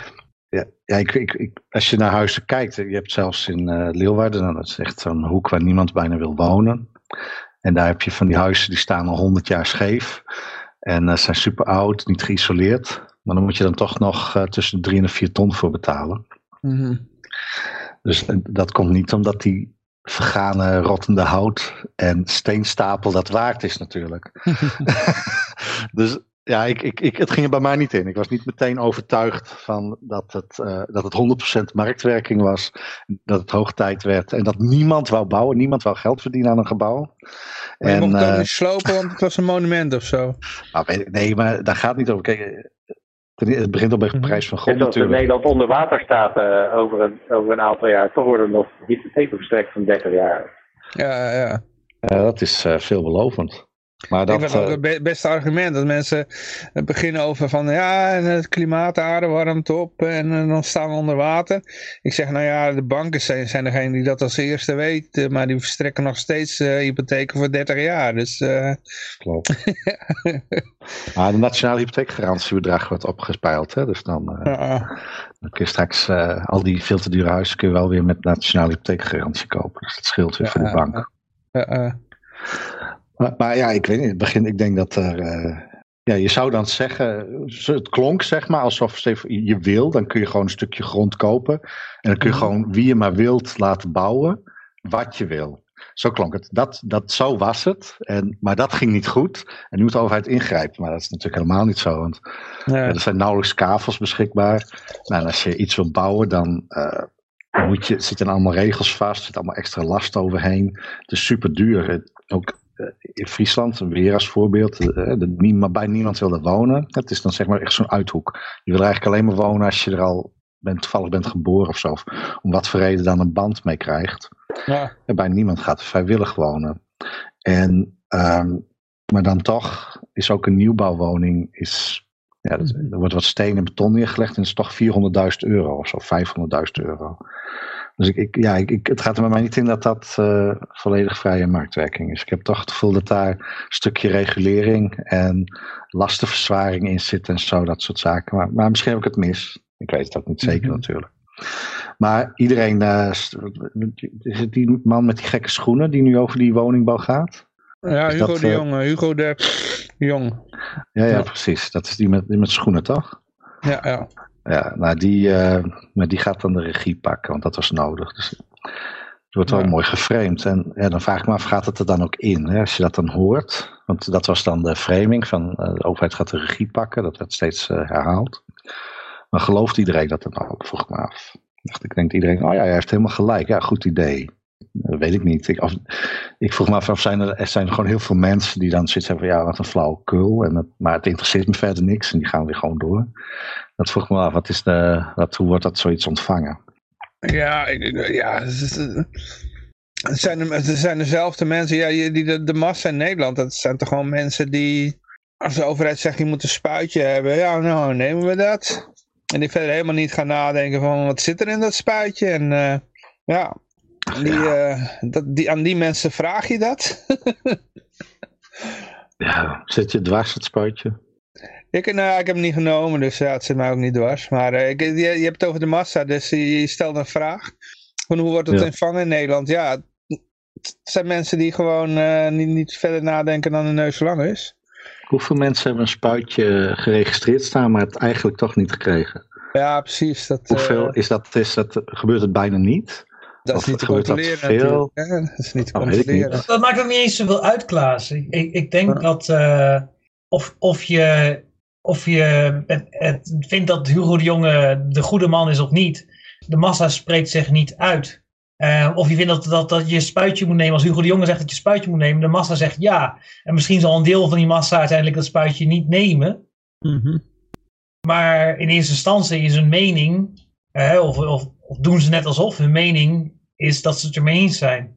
Dus ik denk dat het ook opgaat voor heel wat andere zaken. Nou, dat, daarom, ik denk dat wel relevant is. Ik denk dat het uitmaakt of je zeg maar zo onverschillig bent dat het je niet eens uitmaakt. En dat je ook niet eh, je best doet om er iets van te zeggen. Kijk, als je echt heel erg gelooft in iets en eh, dan gaat er opeens iets wat je niet wil. En dan, ga, dan wil je dat verbeteren. Dan ga je zeggen van, ah, ja, ik ben het zo eens met wat er normaal voor mij wordt beslist. Maar nu dit ene pijnpuntje, dat zint mij niet. En nu moet ik van mij laten horen, want ik wil dat het beter gaat. Kijk, dat is een hele andere houding dan dat je zegt van, ja, het interesseert me echt geen hol wat ze zeggen. Ik doe gewoon wat ik zelf wil. Dus ik zou willen weten, ik ben benieuwd, zijn er mensen die dat, uh, ik heb het gevoel dat dat namelijk heel weinig is. Dat, uh, die, die het zeg maar als een optie zien. Ik denk dat er gewoon best wel veel mensen zijn die het nog als uh, vanzelfsprekend vinden dat er voor hen wordt gedacht en voor hen wordt besteed en zo. Ja, ja. En maar ik, ik, hoop dat, ik hoopte altijd dat als het maar gek genoeg ging, dat dan zeg maar het idee zou opkomen van ja nee, dit is, nu is het te gek. Maar dat, zo werkt het niet. En het is ook omdat je misschien niet de, juist met het juiste gereedschap ernaar kunt kijken. En als je bijvoorbeeld laatst dan werd er zo'n doosje werd rondgestuurd en er zaten dan, uh, ik weet niet of dat overal was, maar in Leeuwarden kregen mensen kregen er dan een lamp in of zo en een reep, weet ik veel. Gewoon prul. er zat prul in. En dat werd je dan toegestuurd als een soort hulppakketje. En dan kun je denken van ja, dat is leuk. Maar ja, je kunt ook afvragen van wat is de, wat is de definitie van corruptie? Is de, in mijn ogen is zeg maar, corruptie is dat er uh, wordt besteed, of er wordt zeg maar, uh, er worden resources aangewend op een manier zoals dat niet, normaal niet zou gebeuren. Dus als jij zeg maar, uh, er is zeg maar geld in omloop. En in plaats van dat zeg maar te laten besteden hè, waar het geld is geland, dat die mensen gewoon besteden hoe dat geld uitgaat, gaat iemand anders beslissen wat er wel of niet wordt gekocht. Dus wel of niet iets kopen. Uh, buiten hè, de normale vrije keuze. Omdat is eigenlijk, eigenlijk is dat al corruptie, toch? Ja, uh. Dus dan, en dit is een overduidelijke corruptie. Want ja, je kan ook gewoon mensen zelf hun geld laten besteden. En dan kopen ze zelf al die spaarlamp. En, uh, of niet, of die reep. Maar je kunt inderdaad ook dat geld uh, innen. En dan zo'n pakketje ervan maken. Maar dan denk ik, ja. dit is zoveel flauwekul. Maar dan vraag ik me af, zie, zie je dat dan ook als flauwekul? Of denk je, oh ja, dankjewel. Dat Heb, Nee, heb- hebben jullie, van die, inderdaad hebben jullie ook zo'n van, eh, pakketje gehad of was het alleen hier? eh, in? Nu dat ik weet, maar ik, als ik, ik heb in het verleden wel eens dat soort dingen gehad. Ja. En denk ik ook, dus zij maken ook wel zo'n opmerking van, nou goed, daar heeft iemand aan verdiend, weet je wel. Ja. Zo, ja. Dus ik, ik heb dat op zich wel door, maar ik denk, ja, gro grote, grootste gedeelte van de, mede, van de mensen niet, nee. Maar zoals ik dit mijn definitie van corruptie neerleg, dan is eigenlijk eh, alles wat met belasting wordt ge- gedaan is corruptie. Maar kijk, mensen zijn op een gegeven moment zijn ze het over eens dat iets corruptie is. Dus dat zeg maar dat je, als je bij spreken eh, geld zou moeten bijbetalen om een vergunning te krijgen. Dus niet gewoon Mhm. toestemming vragen en wachten of je het krijgt. Dat vinden ze dan niet corruptie. Maar als je dan bijvoorbeeld als je er eh 2000 euro in je aanvraag verstopt en dan krijg je het wel. Dat zou dus corruptie vinden, Ja. zeg maar. Maar eigenlijk is dit ook corruptie. Dat iemand voor jou beslist van nou, eh, we gaan die spaarlamp kopen en dat, dan krijg jij Ja. dat. Dat is ook corruptie. En je Ja, zou ja gewoon maar ik bedoel dat de leden van het OMT eh, die allemaal voorkennis hadden en er dus overal in zaten, weet je wel, met aandelen of in bestuursfuncties en zo. Dat was dan, daar hebben ze op de website van het OMT gezegd dat het, als dat zo is, dat het allemaal toeval is. Ja. Dus dat er geen, geen bewuste belangenverstrengeling is, maar gewoon toevallige. Ja, Weet je wel, eh, dus, dus dan is het, daarmee is het dan geen corruptie. nee, weet nee, je nee, wel? maar dat snap ik. Maar dan zou je eigenlijk, je hebt ook zo'n schaal, hè, om even Ja. op het vlees eten terug te komen. Van waar zet je de Ja. grens? En er staat dan zeg maar een koe op en een kip. En op een gegeven moment ook een konijntje en een paard en dan eh, een hond. Zo van waar ligt voor jou de Mhm. grens? Eh, waar, bij welk dier stop je met eten, zeg maar? En, maar zou je ook met, Eh, bij een haai denk ik. Een dolfijn. Dolfijn, Dolfijn. Niet eten. ja, ik zou ook geen dolfijn willen eten. Ik zou Nee, stoppen bij de volgens mij is corruptie, de, de, het idee achter wat corruptie genoemd wordt, als jij 1000 euro betaalt voor een alcohollicentie of zo, dan is dat geen corruptie, omdat het geld dan eerst helemaal het instituut invloeit en dan weer wordt verdeeld naar de ambtenaar. Mhm. Als jij direct naar de ambtenaar gaat, en dat gaat niet omhoog naar de boom in en dan weer omlaag, maar het gaat gewoon dwars uit naar de, de ambtenaar toe, Mhm. dan is het corruptie. Mhm. Dat, dat, zo is, eh, is het ongeveer gedefinieerd. Eh, Maar de hoogte van het bedrag maakt niet uit. Als jij in, eh, weet ik veel, Spanje 100 eh, euro direct aan de ambtenaar geeft en, en die laat je dan wat rust als je alcohol verkoopt, dan is dat corruptie. Als je 10.000 euro voor een licentie betaalt en die ambtenaar vervangt vervolgens eh, 300 of zo, Mhm. maar het is wel netjes via de boom gegaan, dan is het geen corruptie. Een vergunning is inderdaad eigenlijk legale omkoping, ja. ik snap dat er een, zeg Ja, maar, nee, een... maar, eh, waar, waar, waar jullie aan zitten is precies de manier die ik jarenlang probeerde uit te leggen. Terwijl als ik Nederlanders op bezoek had in Panama en ze vroegen naar de corruptie. Hè, want Panama, bananenrepubliek, dan vroegen ze naar de corruptie. En dan zei ik altijd van ja, in Panama hebben we corruptie. In Panama kan je een ambtenaar geld geven en dan, dan doet hij eh, wat jij dan wil. werkt hij voor je. Maar in Nederland is corruptie gelegaliseerd. Mhm. Daar geeft die ambtenaar nog steeds geld, maar het gaat via bankrekening, via wat papieren, wat, wat handtekeningen, wat vereisten, et cetera. Ja. Je geeft de ambtenaar uiteindelijk geld en je krijgt wat je wil. Het volgt alleen bepaalde procedures dat we zo besloten hebben. Maar uiteindelijk heeft niemand het zo besloten. Nee. Ehm, en om terug te komen op plaats van waar jij het in feite over hebt, van ja, alles is corruptie, alles is hypocrisie. Er is een soort van sociale acceptatie gekomen van hypocriet zijn. Ja. Mhm. Hè, dat, dat gaat van de, van de woke-activisten die enerzijds stop oil eh, zeggen en eh, de zonnebloemen besmeuren. Of zoals gisteren eh, het wassenbeeld van koning Carlos van Spanje. Ja. Die, en, en anderzijds een iPhone hebben en allerlei andere producten van, met aardolie gemaakt en vliegen en weet ik van wat allemaal doen. Dat soort hypocrisie. Maar het is ook het soort van hypo- hypocrisie waarmee we de toeslag ontvangen, waar we recht op hebben. Eh, en dat soort dingen. Terwijl, ja, we allemaal weten van, nou ja, eh, het zou beter zijn als, er, als, er, als we minder belasting betaalden en die toeslag helemaal niet hadden. Nee. Maar ja, wat moet je? Wat moet je als, als, als burger? Het is, Nou, ik, ik, ik zat te Ja. denken een beetje zoals die eh, vleesgrafiek, hè, van waar ligt bij jou de grens. Zo zou ik ook willen denken van waar ligt jou de grens bij corruptie? Is al gewoon puur op het moment dat je, dat je niet je eigen geld mag uitgeven, is het dan al meteen corruptie? Of is het helemaal van, nou als je, ja, als je echt gewoon eh steekpenningen moet. eh, maar daartussen, ik, ik, ik ben persoonlijk van mening dat het allemaal corruptie is. Maar ja, ik kan me voorstellen dat ik, ik, ik denk in de samenleving hebben verschillende mensen verschillende ideeën van waar de corruptie begint. En ik denk bijvoorbeeld zo'n cadeautje, dat dus voor jou is besloten dat je lamp gaat kopen. Ik denk dat sommige mensen dat niet als corruptie zien, maar ik denk dat is eigenlijk overduidelijk corruptie. Dus dan wordt er gewoon iemand gaat dat geld uitgeven namens jou bij, voor een bepaald product. Dus in plaats van dat jij zelf gewoon beslist wat voor product je koopt, gaat iemand anders dat voor beslissen. Ik denk dat het ook corruptie is. De, de wederdienst zit hem dan niet naar jou. Jij bent eigenlijk meer het vehikel uh, in die corruptie. Want normaal is het uh, zo, je, je betaalt iets voor wederdiensten.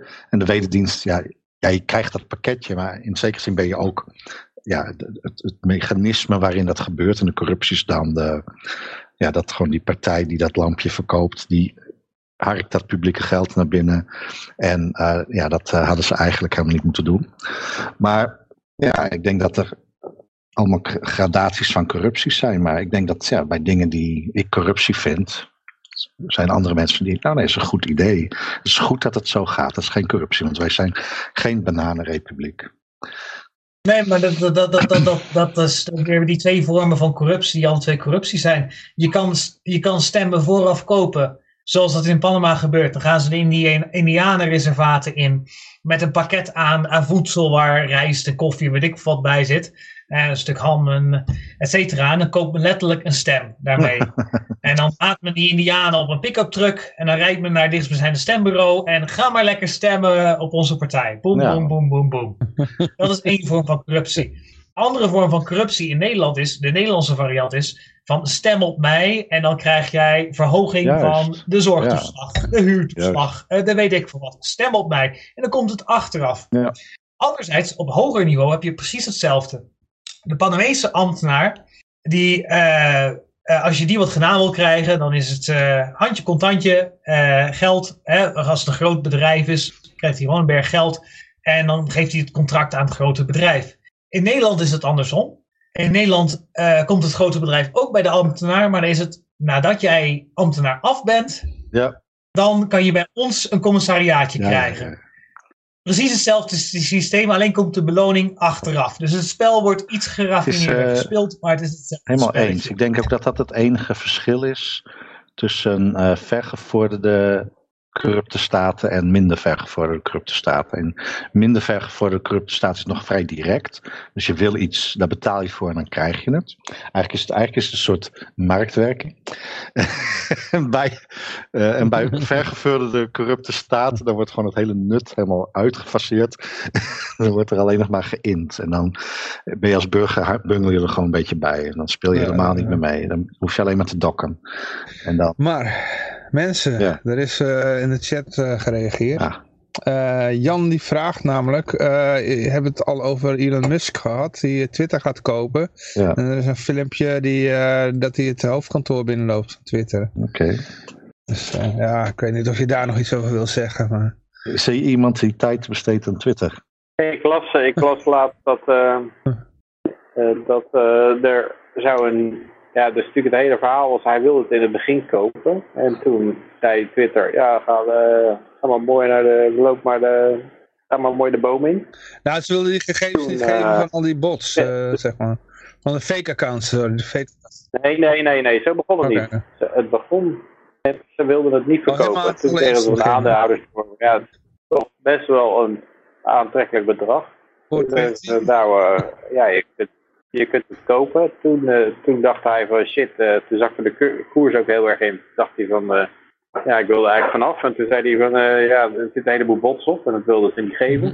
En nou, is, nou lijkt het erop dat hij dat dan toch via de rechter, ja, was het, had hij dat, zou hij het moeten kopen. Nou kwam er opeens een national security risk kwam er om de hoek kijken. Dat, dat Twitter zou, zou een national security risk zijn als, als dat kocht. Dus het zou kunnen zijn dat de overheid het hebben verhinderd om te kopen. Maar ja, het laatste wat ik las is dat hij toch deze week een deal lijkt te gaan, eh, of lijkt te gaan eh, maken. Dus ik ben benieuwd wat er gebeurt.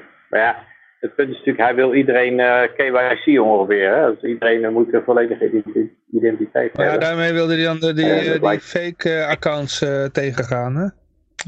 Ja, ja dat, dat, dat is natuurlijk wel de lol er vanaf. Want wie gaat er nou... eh, ja, in, in zo'n situatie kan alleen de dominante macht die kan zijn mening uiten. Onder eigen naam. Als je een, als je een wat ongebruikelijker mening hebt, dan, eh, dan ben je de sjaak. eh. kan je dat niet doen. Want dan word je gelijk uh, oh, Dan moet je echt onder je eigen naam ook in je account hebben. Niet zoals mij twee accounts. Ja. Nou, nou, ja, onder zijn regels zou het dus alleen maar gaan dat als je uh, porno uh, stuurt, spam of uh, echt hele nare dingen zegt. nee, maar iedereen, iedereen weet dan wie je bent. En als jij dan van alles loopt te roepen... Nee, nee, maar wat... het gaat om die bots eruit te filteren. Die, oh, die, ja. die, bots eruit te filteren die, die, die ja, de message verspreiden. Uh, die eruit te filteren. Ja, één, één strategie om die eruit te filteren is natuurlijk te zeggen dat iedereen onder zijn eigen naam moet reageren. Uh, uh. Maar dat heeft hij voor zover ik weet niet gezegd. wel, ja, ja, ja, ja. ja. ja dat dacht ik wel, ja. Komt wel op neer, ja. Dat was met zijn KYC-plannen, dus dan... Nou ja, ik, je, kan, je kan natuurlijk ook echte mensen hebben zonder dat ze hun anonimiteit moeten opgeven. Dat vraag ik me af of dat dan mag. Iedere bot zo'n puzzeltje op te laten lossen. Ja, want kijk, ik moet niet vergeten, Elon Musk is niet een echte libertariër. Dat heeft hij ook wel zelf ook gezegd. Zij wilde niet helemaal met dat libertarische verhaal meegaan, heeft hij ooit in een interview gezegd. Dus die is wel een beetje van, uh, er moet een overheid zijn en uh, je moet inderdaad ook, uh, als je dingen zegt dan, dat, even, ik probeer in zijn de, lijn van denken dan mee te gaan.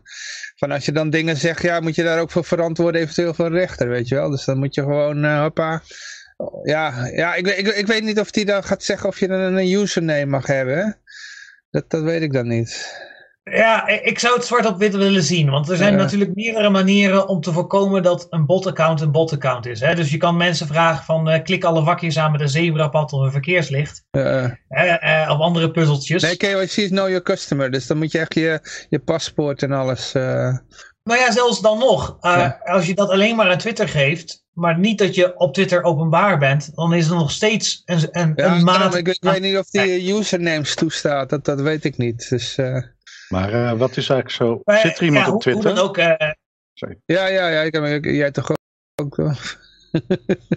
of zit je ook niet meer op Twitter? Ja, nee, ik, ik, ik heb. Uh... Ja, of je, nou user, of je nou usernames toestaat of niet, dat maakt niet uit als je echte identiteit beka bekend is. Dan kan je opeens uh, Gideon van Meijer worden. Dan, dan zeg je van, wat zijn dit voor rioolratten? En dan, uh, dan is opeens de wereld ja, klein. Maar, maakt niet uit of je, maakt niet uit of je een, een accountnaampje hebt. Elon Musk zei wel dat die vrije meningsuiting, dat die censuur, dat hij geen censuur wilde. Dus, uh, nou, dat is uh, maar dan, prima. Dat helemaal had... geen censuur is toch niet mogelijk, denk ik. Ja. Nou ja, kijk, het punt is, als je dan wat zegt, dan kan je wel er uiteindelijk wel vervolgd worden. Dan, nou ja, dan zal Twitter wel uh, zeggen, nou ja, die gast die dat zei, dat is uh, die en die. En, maar, uh... maar we moeten, moeten ook niet gewoon zo laf zijn, hè, wat dat betreft.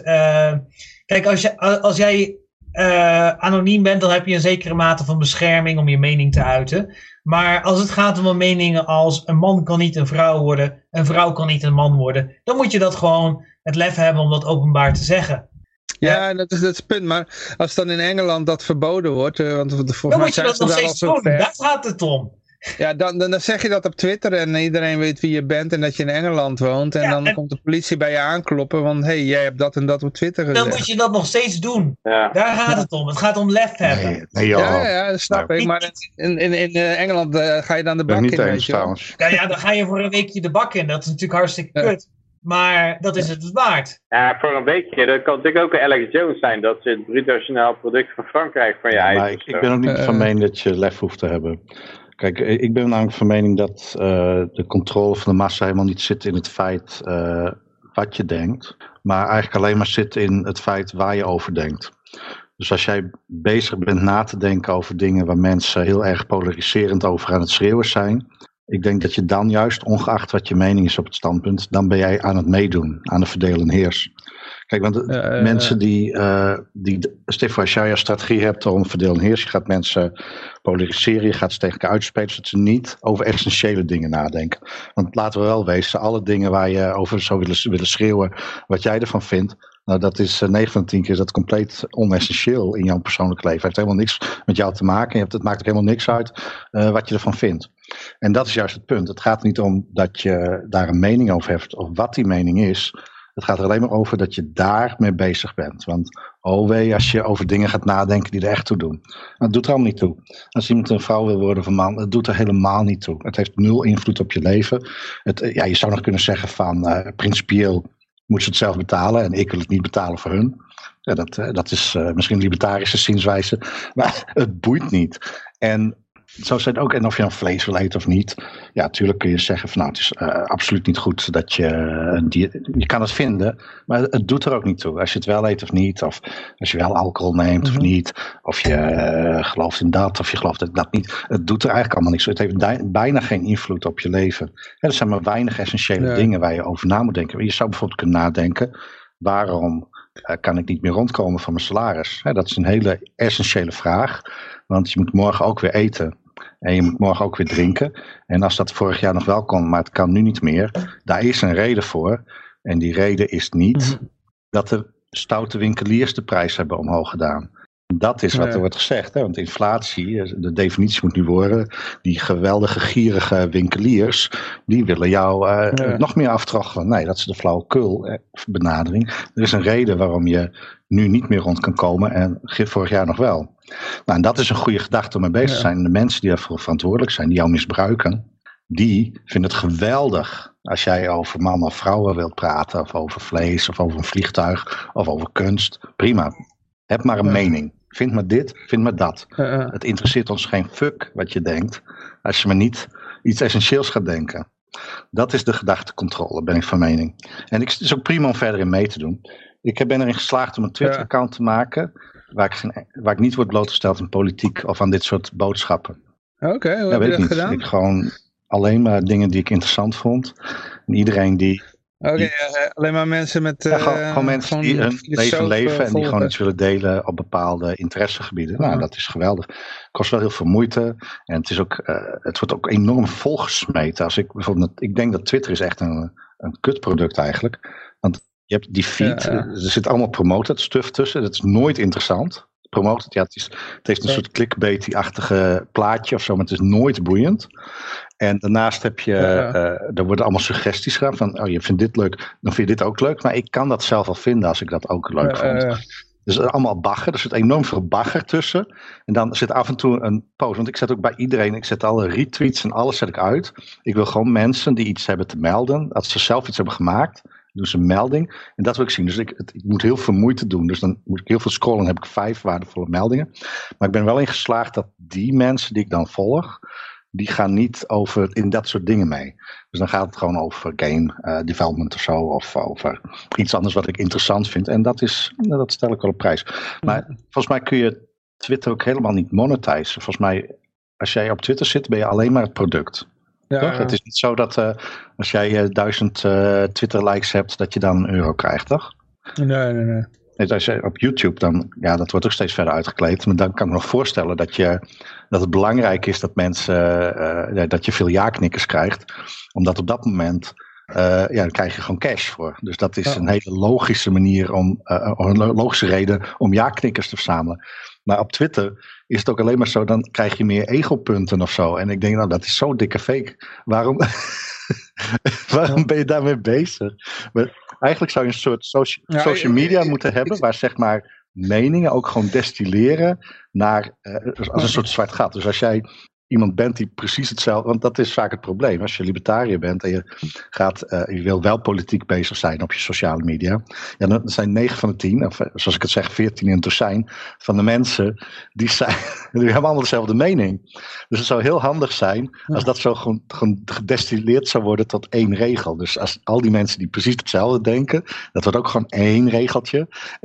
en dan iemand anders die iets interessants heeft te zeggen, dat wordt dan ook een regeltje. Dat zou ook een interessante social media vinden. Maar nu moet je vaak worstelen. Dan, als je, uh, je wil iets libertarisch zien, nou, dan word je, moet je vaak echt graven. En dan moet je vaak ja, die, die 14 in een dozijn meningen moet je dan honderd keer aan worden blootgesteld. Voordat je weer iets zinnigs tegenkomt. En dat, ja, ik, ik, ik, weet er alles van. Ik, ik zit alleen op Twitter om uh, Vrijheid Radio daar te posten, weet je wel. Dus, uh, ja, af en toe zit ik te kijken. Vroeger, uh, vroeger afhaken. Mm -hmm. Oh, ja, ja. Ik ga wel wat vroeger omdat ik hier word lek gestoken door de muziek. Oh, ja, ja, ja. Nee, ik begrijp het. Ja, anders kan je ook even misschien binnen zitten met geluid, uh, met een beeld uit of zo. Of, uh...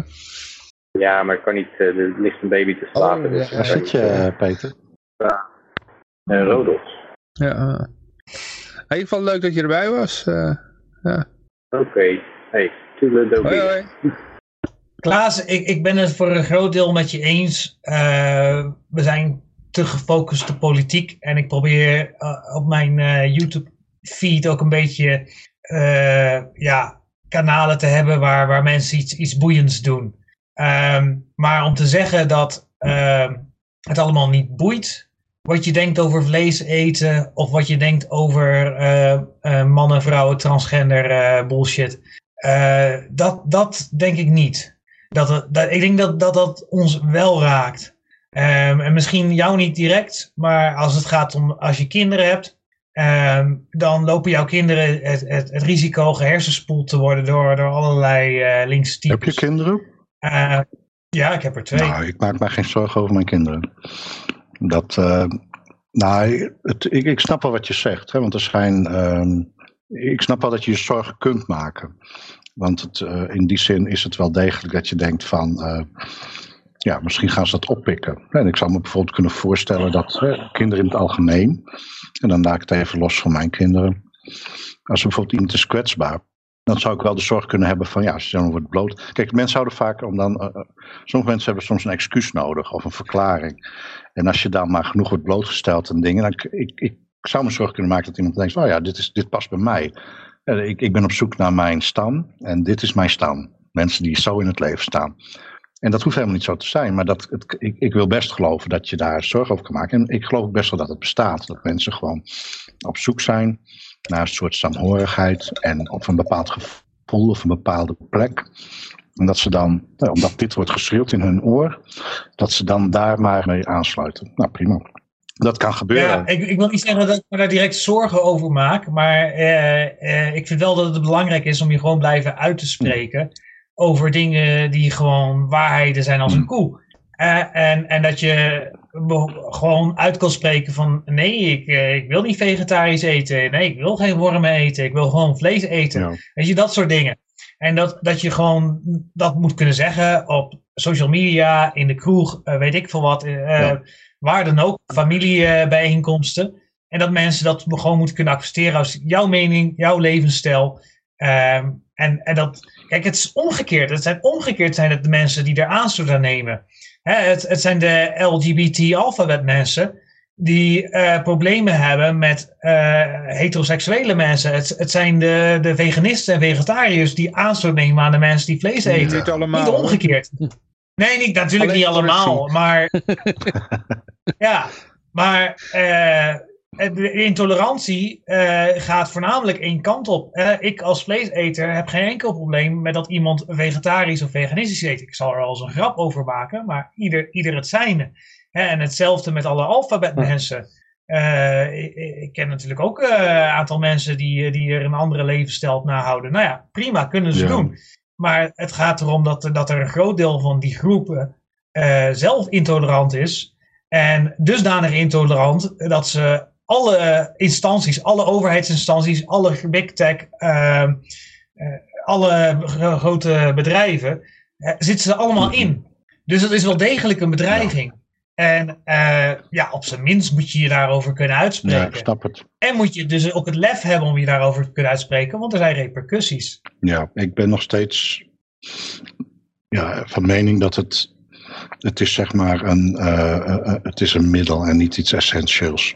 Ja. Nee, ik, ik, ik, ik kan me voorstellen, je wordt veel aan blootgesteld en dan kun je zeggen van nou, nu wil ik ook mijn mening erover laten horen. Maar ik ben nog steeds van mening dat dat is, dat is, de, dat is de controle. De uiteindelijke controle is niet wat je vindt of wat de waarheid is.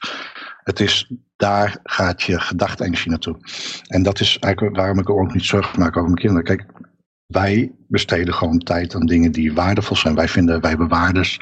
Wij hebben bepaalde dingen, hoe we in het leven staan. Daar ben je mee bezig. En ik merk gewoon, want we, we zijn nog met z'n allen. Er is een papa en een mama. We zijn compleet. We hebben er tijd voor. Ik merk wel, als ze dan worden blootgesteld aan mensen die iets heel ver daarbuiten hebben. Nou, dan hoor je het gewoon aan. Ze accepteren dat dat wordt gezegd. En volgens gaan ze ook weer verder tot de orde van de dag. En, en ik denk dat dat ook zo is het gewoon. Het, bestaat. Nou, prima, laat iemand zijn hart luchten.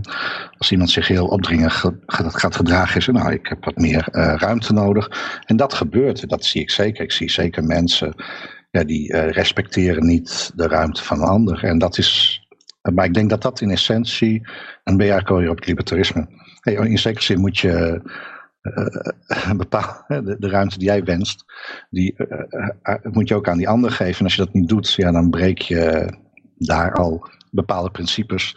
Ja, en wat je dan verder dan precies je mening is, of je wel of niet van olie houdt, of dat je kunst moet kapot, of juist niet. Of ja, je moet, je moet medicijnen hebben en dat moet ik betalen. Kijk, dat, dat doet er dan niet meer toe. Kijk, het gaat, het, in principe kan je heel makkelijk weer terugkeren naar het principe van, ja, als jij, uh, als je die ruimte respecteert die je als individu hebt en moet krijgen en ook moet geven, dan doet de rest er niet toe. Dan kun je vinden wat je wilt.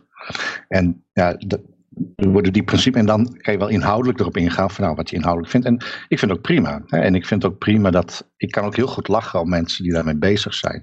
Dus niet zo dat ik vind van nou, ik, uh, ik vind dat dat een vorm van uh, massacontrole is.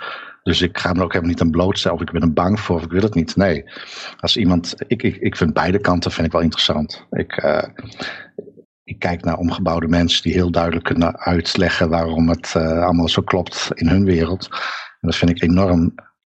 Informerend. En ik kan ook heel goed kijken naar mensen die denken dat het, uh, ja, dat het heel deterministisch is, dat het helemaal vaststaat en dat je aan bepaalde principes. Het is allemaal prima. En ik denk ook dat dat, uh, als het echt zeg maar organisch zou zijn, dus als het niet op een of andere manier gepusht was, dan gaat het ook meer zo. Hè? Want bij meer organische dingen, dan gaan mensen sneller van: oké, jij bent anders dan ik. Dat is prima.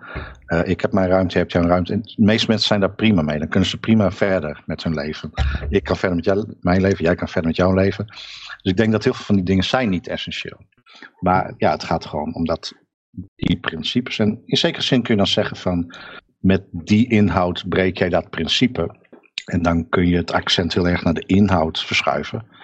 Maar in principe is het principe het belangrijkste. jij, hm. jij bent een individu, jij hebt ruimte. Jij dient die ruimte aan die anderen te geven.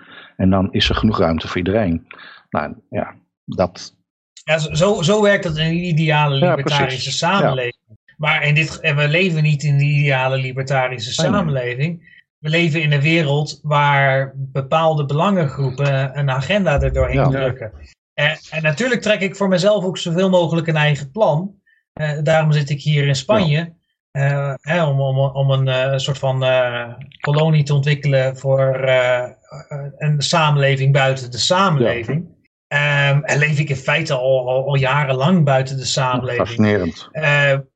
dat, maakt niet, dat maakt niet weg dat er ondertussen allerlei ja, agenda's en regeringen beïnvloed worden op een manier. Hè, de energieprijzen in Europa zijn zo hoog niet omdat ze van, van, door marktwerking zo hoog zijn, maar omdat er bepaalde belangengroepen hebben zitten pushen dat je bepaalde energie niet gebruiken mag. Ja, mhm daar, daar, ik kan toch ik kan niet, ik niet naar een tankstation gaan en zeggen van nou, ik doe er niet aan mee, kan ik tanken voor eh, de helft van de prijs. Nee, ik zeg ook niet dat, je, uh, je moet de realiteit ook niet ontkennen. In die zin moet je ook niet de, nee. ja, dat is, uh, het is Ayn Rand toch? je kan proberen realiteit te ontkennen, dus, maar niet de gevolgen. Dus ik laat graag van me horen dat ik niet, dat ik, dat ik, dat ik ja, de, de, de klimaatverandering of tegenwoordig heet dat de klimaatcrisis, ja, ja dat het allemaal flauwekul is. Dat laat ik graag van nou, me horen. Eh, en hoe meer mensen, hè, af en toe, dan beïnvloed ik één mens een beetje. Hè, hopelijk. Ik hoef, uh, ik hoef niet... En dan is het uh, toch weer een mening die kritischer wordt. Een persoon die wat kritisch Ik heb er geen moeite mee dat uh, als er in mijn straat, als alles op kolen gestookt werd, ja, dat zou ik ook geen verbetering vinden. Dus ik heb op zich geen uh, moeite met een betere leefomgeving. En als daar, nou, daar enige offers, het is hem ook wel wat waard. Ik zou vrijwillig best wel wat willen besteden aan energie die schoon is. Maar ik zou wel degelijk uh, kiezen uh, gewoon voor wat echt schoon is. je ziet nu vaak dat het.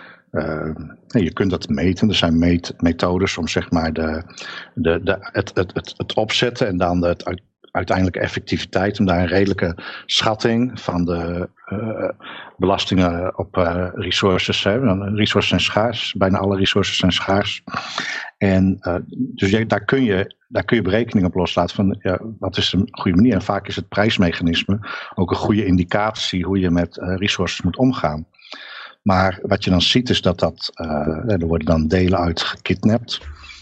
En dan wordt er inderdaad uh, wordt er bijvoorbeeld één methode die prima in orde is, die mag dan niet ten koste van anderen. En, dan wordt dat, en, dat moet dan, en daar moet dan de macht van de overheid voor gebruikt worden, zodat dat op die... Ja, dan kiezen ze winnaars en ja, verliezers. Dat wordt dan voor jou uh, besloten. Dus je, je, dan geef je zeg maar het Ja. prijsmechanisme op, waarin, hè, want de meeste mensen willen vaak, als, als mensen kunnen kiezen van het kost je een, een deel van je vermogen, maar je kunt het dragen.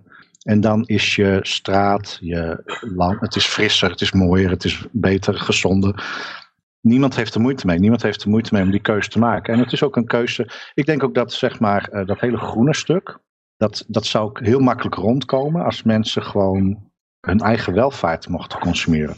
Dus als mensen in plaats van eh, effectief 80% overvorken naar de staat, veel meer van hun eigen welvaart konden consumeren, dan zouden ze ook dan zouden we al veel groener zijn dan, dan we nu zijn, denk ik. De meeste mensen voelen best wel wat voor een schone omgeving. Dus het is niet zo dat ze, dat, ze dat niet, uh, als ze de mogelijkheid hadden om dat te kiezen, dat ze dat echt falikant zouden tegenwerken. Het is niet zo dat, uh, er zijn geen actiegroepen hier die zeggen van nou we willen weer, uh, we willen weer steenkool hebben. Go gooi die, kom weer langs met die wagen en gooi mijn kelder vol met steenkool. Zo, nee, niemand zit erop te wachten en dat is ook, ja, dat zou ook raar zijn dat je weer allemaal van die walmen hebt. En, uh, nou goed, dus het is prima. Ik denk dat er een soort, ja, vanuit een prijsmechanisme en ook van een soort, uh, ja, gewoon normale mensen, dat je, dat je als je welvaart kunt consumeren, dat je ook kiest voor kwaliteit. En ik denk ook met, dat, uh, met de beest, kijk, als je nou heel fanatiek wil dat er geen beest wordt opgevreten, nou ja, dan, ja, dan, dan, dan is het nooit goed. Maar als jij denkt van, ik, ik heb veel meer controle over mijn eigen welvaart, dan kies je op een gegeven moment toch echt wel voor kwalitatief vlees in plaats van uh, goedkope troep. En tenminste, ik wel. En, en er zullen vast mensen zijn die dat niet doen. En er zullen ook mensen zijn die zeggen, nou, goedkope troep vind ik het allerlekkerste van de hele wereld. Maar je snapt waar ik heen wil, denk ik. Als, ja, als je je eigen welvaart mag consumeren. Als, als je de, als je de markt, markt zijn gang zou laten gaan, natuurlijk zou je dat, zou je dat krijgen. Maar de markt uh, wordt zijn gang nee, niet, uh, nee, laat zijn gang gaan. En het, is niet alleen de vrije markt als economisch uh, fenomeen dat niet uh, nou, vrij is. Het vrije markt maar bestaat het is ook de markt van mening. Het, is... het, gaat nu, ja, maar het gaat nu dus ook om de, om de, om de markt van vrije meningsuiting. Ja. Die dan wordt beheerst door uh, de, de, mensen op Twitter met paars en roze haar. Die dan besluiten welke meningen wel en niet toegestaan ja. zijn. Nou, als je dus een stapje verder gaat van nou, vrije markt, dat hebben we al niet. Vrije meningsuiting. Als je daar ook nog eens dat beperkt, dan gaat het dus nog een stapje verder. Ja, en dan, dan, dan ga je naartoe naar, naar uh, communistische gedrochten. Waarbij uh, ja, centrale economie die kant gaat. Dan, dan ga je helemaal. Maar we moeten niet vergeten, uh, Twitter is privaat, hè? Het is geen ja. publiek forum. Nee, maar daarom, daarom zei dus ook de, de, Verenigde Staten, de regering, van dat het misschien wel uh, het landsbelang gaat. Ja, ja, ja, ja, Zo privaat is het. social media langs. Nou ja, maar je zou kunnen zeggen dat het. Um, dat, ik, ben van mening dat vrijheid van meningsuiting is waardeloos. Vrijheid van meningsuiting is echt zo'n uh, opgepoetste drol. Uh, en, van, en ook een vieze, zieke drol. Dus je hebt er helemaal niks aan. Het, het lijkt heel wat als je het oppoetst. Maar kijk, de enige vrijheid waar je wat aan hebt is vrijheid van associatie. Kijk, als je vrijheid van meningsuiting niet in kunt vullen met vrijheid van associatie, is, heb je er helemaal niks aan. Dan kun je het net zo goed niet hebben. Ja. Want als, als iemand. Je moet gewoon iemand uit kunnen zetten. Ja, dat laat ik zo zeggen. Als mensen, zeg maar, want dat is eigenlijk wat, wat de behoefte die ik voel. Als iemand uh, mijn oor komt vol blaren met. Uh, in mijn persoonlijke ruimte met shit waar ik niet op zit te wachten. Dan voel ik een enorme behoefte aan vrijheid van associatie. En ik voel absoluut geen behoefte aan vrijheid van meningsuiting. Het interesseert me helemaal geen drol wat die persoon denkt. En ik, ik heb ook helemaal geen behoefte om wat ik ervan vind. Ik, ik merk, ik, ik, weet dat ik nu heel veel praat. En ik, het lijkt erop alsof ik heel erg graag mijn mening kan, wil uiten. Ik kan jou zo uitzetten hoor. Ja, misschien gaan mensen die uitzetten. Die hebben zoiets van, nou, ik heb genoeg gehoord van dit vrijheidsradio. Deze, deze mening interesseert me niet. Nee, we gaan verder, Klaas. Nee, maar, ik zal kort tot een punt komen. Kijk, dus in, maar in zin interesseert die vrijheid van meningsuiting niet. En ik, ik heb eigenlijk alleen maar behoefte aan vrijheid van associatie. Dus eigenlijk wil ik dan, ik zou willen kunnen zeggen van, goed, jij bent die mening, dan ga jij dat van jouw geld doen. Ik ga mijn mening van mijn geld doen. Of mijn middelen. En ik ga mensen vinden die mijn mening hebben. En dan gaan we bijvoorbeeld in Spanje wonen. En dan gaan we daar leven zoals we willen leven. Ik denk dat dat een enorm goed initiatief is. En dat wil ik. ik heb eigenlijk, en dat, eigenlijk zeg jij dat ook. Hè? Je bent nu wel, ik ben met je bij vrijheid van meningsuiting. Maar je acties laten eigenlijk zien dat je voornamelijk bezig bent met vrijheid van associatie. En ik denk dat dat de essentie is. Vrijheid van associatie is de enige manier om waarde te geven aan vrijheid van meningsuiting. En als dat er niet is, is vrijheid van meningsuiting een opgepoetste drol. Nou Klaas, ik, ik ben het grotendeels met je eens. Maar die vrijheden, de een gaat niet samen zonder de andere. Mhm. En ik heb met mensen gesproken over politiek in, in Cuba en in Cambodja. En dat zijn alle twee totalitaire landen. En wanneer het over politiek ging, dan werd er gefluisterd. Ja. Nee, ik snap wel dat je het allebei tegelijk verliest. En uh, in die zin uh, is er maar uh, correlaties, geen causatie. Hè? Het is, ik snap dat het mhm. tegelijkertijd gebeurt en ik snap ook zeker hoe het voelt. En ik heb, er zijn er vast ook punten waarbij je mij kunt prikkelen en dat ik, het, dat ik ook mijn mening zou moeten uiten. En ik, Stef, als ik naar, uh, als ik naar een Sinterklaasintocht zou gaan en uh, iemand gaat opeens mijn kinderen lastigvallen omdat een van de zwarte pieten te zwart is, of tegenwoordig heet ook geen zwarte piet meer. Maar ja, ik, ik zou daar ook moeite mee hebben. Ik zou op zich geen moeite mee hebben dat het vreedzaam verandert en niet anders. Maar ja, als echt, ja, als in je buurt van je familievakantie zou ik ook denken van nou, dat, dat gaat mij te ver. En dan, ik weet ook niet hoe ik dan zou reageren. Maar ik, merk dat het ook niet uitmaakt. Hè. Mijn jongste zoon die heeft dan, uh, toen zei ik laatst, uh, toen hadden we het toevallig over Sinterklaas. toen zei ik Zwarte Piet. En toen vroeg je aan mij, welke Piet is Zwarte Piet? en toen dacht ik ja, voor hem maakt het niks uit. Hij heeft precies dezelfde beleving met Sinterklaas zoals ik dat herinner van mijn jeugd. Wie was Trotsky? dus ja, ik, ik merkte, het was, het, de wereld was al veranderd om ons heen. En ja, hij heeft nog steeds dezelfde beleving, maar hij heeft niet meer uh, dezelfde vocabulaire als ik. En uh, denk ik, ik, ja, dit is misschien ook een thema wat, wat te gevoelig zit hè, voor sommige mensen. Maar ik denk ook dat daar dat, daar, dat het niet heel veel nou ja, uitmaakt. Het, het, gaat om het motief, hè? Het gaat om het motief van die mensen. Het motief van die mensen is niet dat Zwarte Piet een, uh, een, uh, een controversieel figuur is, maar het gaat erom dat, uh, dat, dat bepaalde feesten kapot moeten, puur en alleen omdat het de nationale identiteit van Nederland is. Maar ik denk, ik, ik, ik denk ook dat dat ja, dan, dan, word je weer getriggerd om daarop in te gaan. Ik zei al, van, voor iedereen is er wel iets waardoor je getriggerd kan worden. En om dan toch vooral op de mening en niet uh, op het principe te gaan. Maar... Mijn, mijn probleem met Sinterklaas is eigenlijk meer dat allemaal kinderen worden voorgelogen, weet je wel. en, en liegen tegen een kind is ook weer schadelijk voor een, voor, voor, ja. voor een kind. Nou ja, dat is heel leerzaam, Johan. Dat is heel, heel leerzaam. Dan leren ze ook van, hey, mensen kunnen liegen. Dan heb je Kijk, meteen het Mark gevoel meegegeven aan een kind. ja, precies. Dan worden ze misschien een beetje, beetje sceptisch van. Hè? Dat, uh, dat is gezond. Nou, dat is gezond. Ik denk, eh, hoe denk je er zelf aan terug, Johan? Uh, ik, ik, ik, ik, had al meteen door dat het iemand met een baard was. Gewoon iemand die met een nepbaard was. Dat zag ik al mhm. meteen als kind. Dus uh, dat is het enige wat me nog bijstaat aan Sinterklaas, dat toen klein was. Dat, uh, dat ik ook iedereen aan het overtuigen was van, het is gewoon de leraar, weet je wel. Ja, ja, ja. Met een baard op, ja. Nou, ik heb het trouwens niet over gelogen. Dus ik heb wel eens gewoon verteld dat ik het doe. Maar dat weer heel de kinderen... Het is leuk geweest toch? Oh, je woont niet meer in Bulgarije, hè? maar daar heb je nog Pikeroe.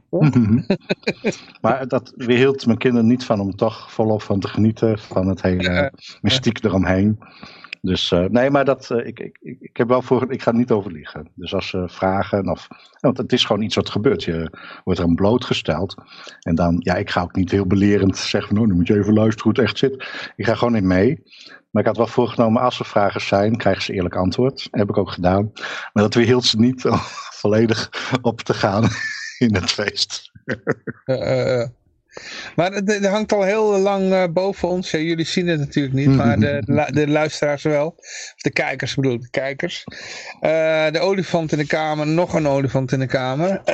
Stacey Abrams. Is er naast uh, Sharon, hoe heet die ene van de PvdA? Is er nog een olifant bijgekomen? Nee, dit, dit is uit Amerika. Oh. Nou, voor de uitzending hadden we nog een debat van een, want ze, zij doet mee aan de gouverneursverkiezing in Georgia geloof ik. En dan zit ze, zit ze tegenover een republikein en de tussenin zit een libertarisch kandidaat. En die hadden met z'n drieën een debat. Uh, dat de nationale, tenminste dat dan staats, in de staat zelf werd uitgezonden. Uh, daar was die libertariër, die mocht ook gewoon meedoen. Dus ze stonden met z'n drieën. Dus dit zag je dus voor de uitzending, had ik even dat filmpje laten zien. Maar uh, ja, dit nieuwsbericht gaat over dat uh, een van de gekke dingen die zij dan heeft geroepen. Zij is dan een democratische kandidaat. En ze had de oplossing voor de, de inflatie. En dat is gewoon, uh, ja, neem gewoon geen kind. Of abortus. Oké. Ja, abortus.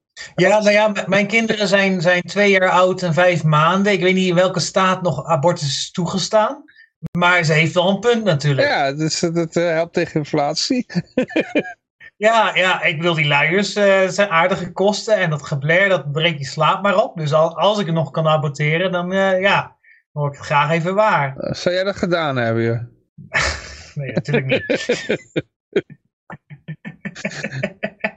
ja, maar dit, ik vind dit ook wel echt dat, dat, dat, dat, ja, dat gebrek aan empathie of inlevingsvermogen in, in, Nee, maar eh, dan zou ik zeggen van eh, gebruik condooms. Hè? Als, je, als je al uh, geneigd bent te zeggen van uh, waar kun je besparen, word niet zwanger tijdens de economische crisis. Gebruik condooms. Ja, ja.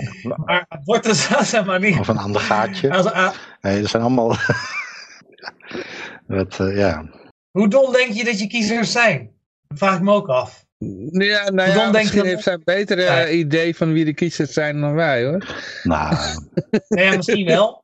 Maar eh, ik denk toch echt dat condooms in welk scenario dan ook goedkoper zijn dan abortus. Ja, ja natuurlijk. abortus is al heel lang een, eh, een, dingetje bij de democraten natuurlijk. Zij is een democraat. Dus, uh... Ja, dan moet ze dat erin stoppen alleen maar om te zeggen van... Hé, hey, hey, ik ben voor abortus. maar als je, als, je er, als je er even drie seconden over nadenkt... zelfs al ben je voor abortus... dan slaat het nog steeds nergens nee. ja.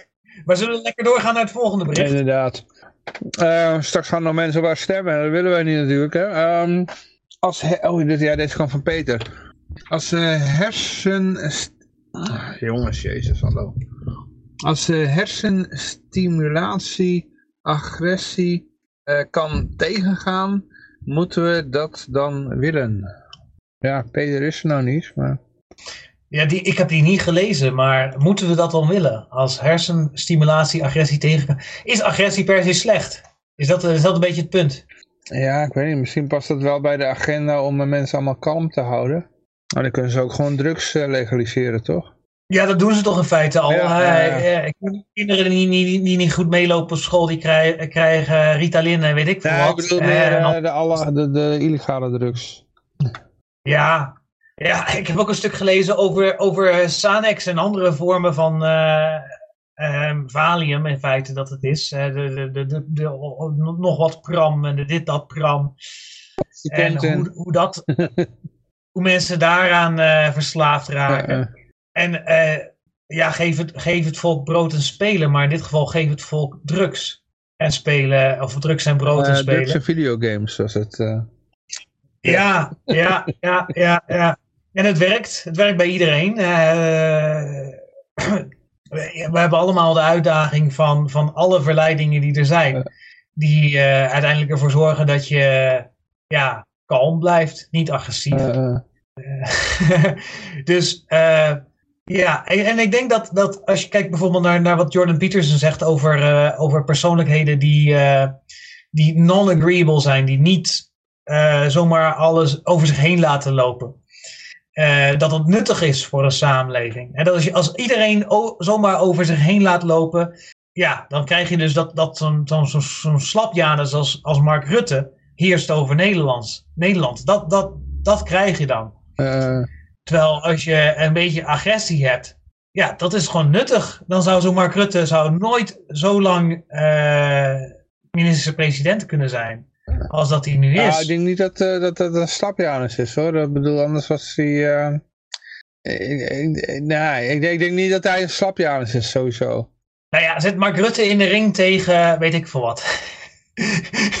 Sharon Dijksma. Zet, hem, zet hem in de ring tegen... Sorry? Sharon Dijksma. ik, uh, welke ring bedoel je? Ja, kijk, ja um, Mark, Mark Rutte als uh, survival instructeur. En zet Mark Rutte in de jungle. Zet Mark ja, Rutte, nee, dat, zal tegen- niet overleven. Nee, nee, maar dat bedoelt, het is, eh, kijk, hij is, hij, is, hij is gewoon geboren om politicus te, te worden. Dat, zit gewoon in hem, weet je wel. En, en eh, ik bedoel, hij, kan- hij kan goed liegen, hij kan goed eh, mensen voor de gek houden. Hij is een teamplayer en een... eh, ja, hij, hij heeft al die, Maar die kwaliteiten die je in nodig hebt om, een, om dit, dat, dat politieke vak te kunnen doen. En eh, ja, dus als, als, als Machiavelli vandaag de dag zou leven, dan zou die, eh, zou die Mark Rutte als een voorbeeld geven van, ja, ja zo moet het. De je premier zou die dan schrijven. Hè? Het nieuwe boek zou dan de premier zijn. Ja, de premier, ja. Nou ja, Ma- Machiavelli. eh, dat, eh, dat, dat, daar, als je daar leest je over, nou eh, bijna- over de Zou je nou bijna Machiavelli? Machiavelli, ja, ja, ja. Ja, ja, maar, maar Ja, was natuurlijk ook wel, je moest eh, gewoon eh, heel, heel goed om kunnen gaan met, eh, met geweld natuurlijk. Ja, en, en de consequenties van je leugens waren ook veel hoger. Hè? Dat, Ja, dat, was, dat was nog eens geëxecuteerd. Maar hij had, de Boccia's als voorbeeld. En ik bedoel, die, die paus bijvoorbeeld, ja, die deed eigenlijk alles wat God verboden was. Maar hij kwam ermee weg, weet je wel. Dus, eh, en dat Mhm. zie je ook met Mark Rutte. Ik bedoel, hij doet eigenlijk alles wat eh, niet acceptabel is en hij komt ermee weg, weet je wel. Hij komt ermee Ja. weg en dat is dat gebrek aan agressie. Ja. Want iemand die bedrogen is door Mark Rutte, noem eens een willekeurig persoon in Groningen die, wiens huis is verzakt of zo. Als één van die mensen ook maar iets onderneemt, hè, eh, dan is Mark Rutte einde Mark Rutte. Nou ja, ze ondernemen wel heel veel, maar hij komt ermee weg. Dat. Hij komt ermee weg omdat de mensen niet de agressie hebben om echt gewelddadig te Precies, worden. ja, kijk, als, als, ja, maar dat komt omdat de guns tegen iedereen eh, geri- op, op iedereen gericht zijn. Ik bedoel, eh, je, je ziet dat eh, die, die gast van, die, met die paard, die van de Blue Tiger, die werd gewoon van de weg geplukt met heel veel geweld. Hè? En meer van dat soort mensen. Er, wa- was een protest op het Malieveld en op het, in Amsterdam. Nou, die werd met heel veel geweld, er werd dat neergeknuppeld. Maar die mensen werden volgens dan weggezet als gekken en wappies. Weet je wel? Mhm. En dat is precies wat zo'n heerser doet volgens het boekje van Machiavelli. Ja, ja alleen, alleen heb je maar heel weinig mensen überhaupt in Nederland die bereid zijn ook maar een minimum van agressie in te zetten. Ik denk dat er wel En agressie zijn, maar hij gebruikt eh, geweld heel effectief. En hij laat het... eh, en hij weet ook dat die mensen die het doen, die, die weten zich altijd dan van dat geweld te distancieren. Ja, eh, het was niet de bedoeling, weet je wel. En Mhm. ook met de toeslagenaffaire, weet je wel. Eh, ja, het kabinet is er nog gevallen, maar vervolgens gaan ze heel lang... ehm, zijn ze demissionair. Ja, Dan wat mij dus erheen jassen wat ze maar willen, weet je Ja, wel. je hebt dus van die toeslagenaffaire iets van 1600 kinderen die in het huis zijn geplaatst. Ja, ja, ja. Dus, er zijn, dus er zijn pak een beetje 2000 ouders hè, die, eh, eh, die gedupeerd zijn, wiens kinderen zijn geroofd. Ja, sommige van die kinderen hebben ook nog zelfmoord gepleegd. Ja, dat geen van die En, eh, ouders zo'n desbetreffende ambtenaar op, opzoekt en die ambtenaar iets aandoet. Dat verbaast mij. Ik denk dat er wel gebeurt, maar ja, die mensen zijn al, al sowieso al weggezegd. Als, eh, zitten al in een situatie, Nou uitkieringssituatie. ja, als zo'n ambtenaar En, die- eh, een kopje kleiner zou zijn gemaakt, dan had ik het wel gehoord in het nieuws. Eh, nou, er is, is agressie gebeurd tegen, eh, te- tegen ambtenaren. Hè? En die mensen worden dan weggezet als gekkie. En die worden met zes agenten zitten er bovenop. En eh, ja, Maar daar gaat het dus om, hè. Als, als, Ja. als een van die zogenaamde gekkies een ambtenaar afmaakt, dan denkt Mhm. de, kapt de rest van de ambtenaren zich misschien achter de oren als ze weer het zoveelste kind uit huis proberen te plaatsen. ja, En dat is dat gebrek aan agressie. Dat is dat, is dat, dat, dat, dat, dat, dat wat, wat, waar op terug te eh, gaan op Johan Peterson, dat, dat, Ja. dat eh, een zekere mate van agressie nodig is om de samenleving gezond te houden. ja, ja, ja, ja, ja, ja, inderdaad. Ja, maar de meeste mensen die gooien hun agressie dan uit op, eh, op social media, hè. Dan schelden ze alles vol. Je moet maar eens gewoon even kijken bij de, de, de Twitter-feed van Hugo de Jonge. Ik zat er laatst op. Ik denk, ik ga ook eens een keertje lekker schelden. Ik, ik ben er nou toch. En eh, toen zag ik dat de rest van de Twitter-feed was ook één grote scheldtirade. Oké. Ja, ja, ja maar dat, dat uiteindelijk leidt nergens toe. Eh, Als je, als je er op een filosofische manier naar wil kijken, dan kan je zeggen van ja, in het Hindoeïsme heb je Shiva, de god van de vernietiging. En die is tevens Mhm. ook de god van de, van de wederopstanding. Hè? Van, van dat, eh, eh, de phoenix, van iets moet kapot gaan om het weer te laten groeien. Ja. De, ja, dat is gewoon tot op zekere hoogte ook nodig in, in samenlevingen.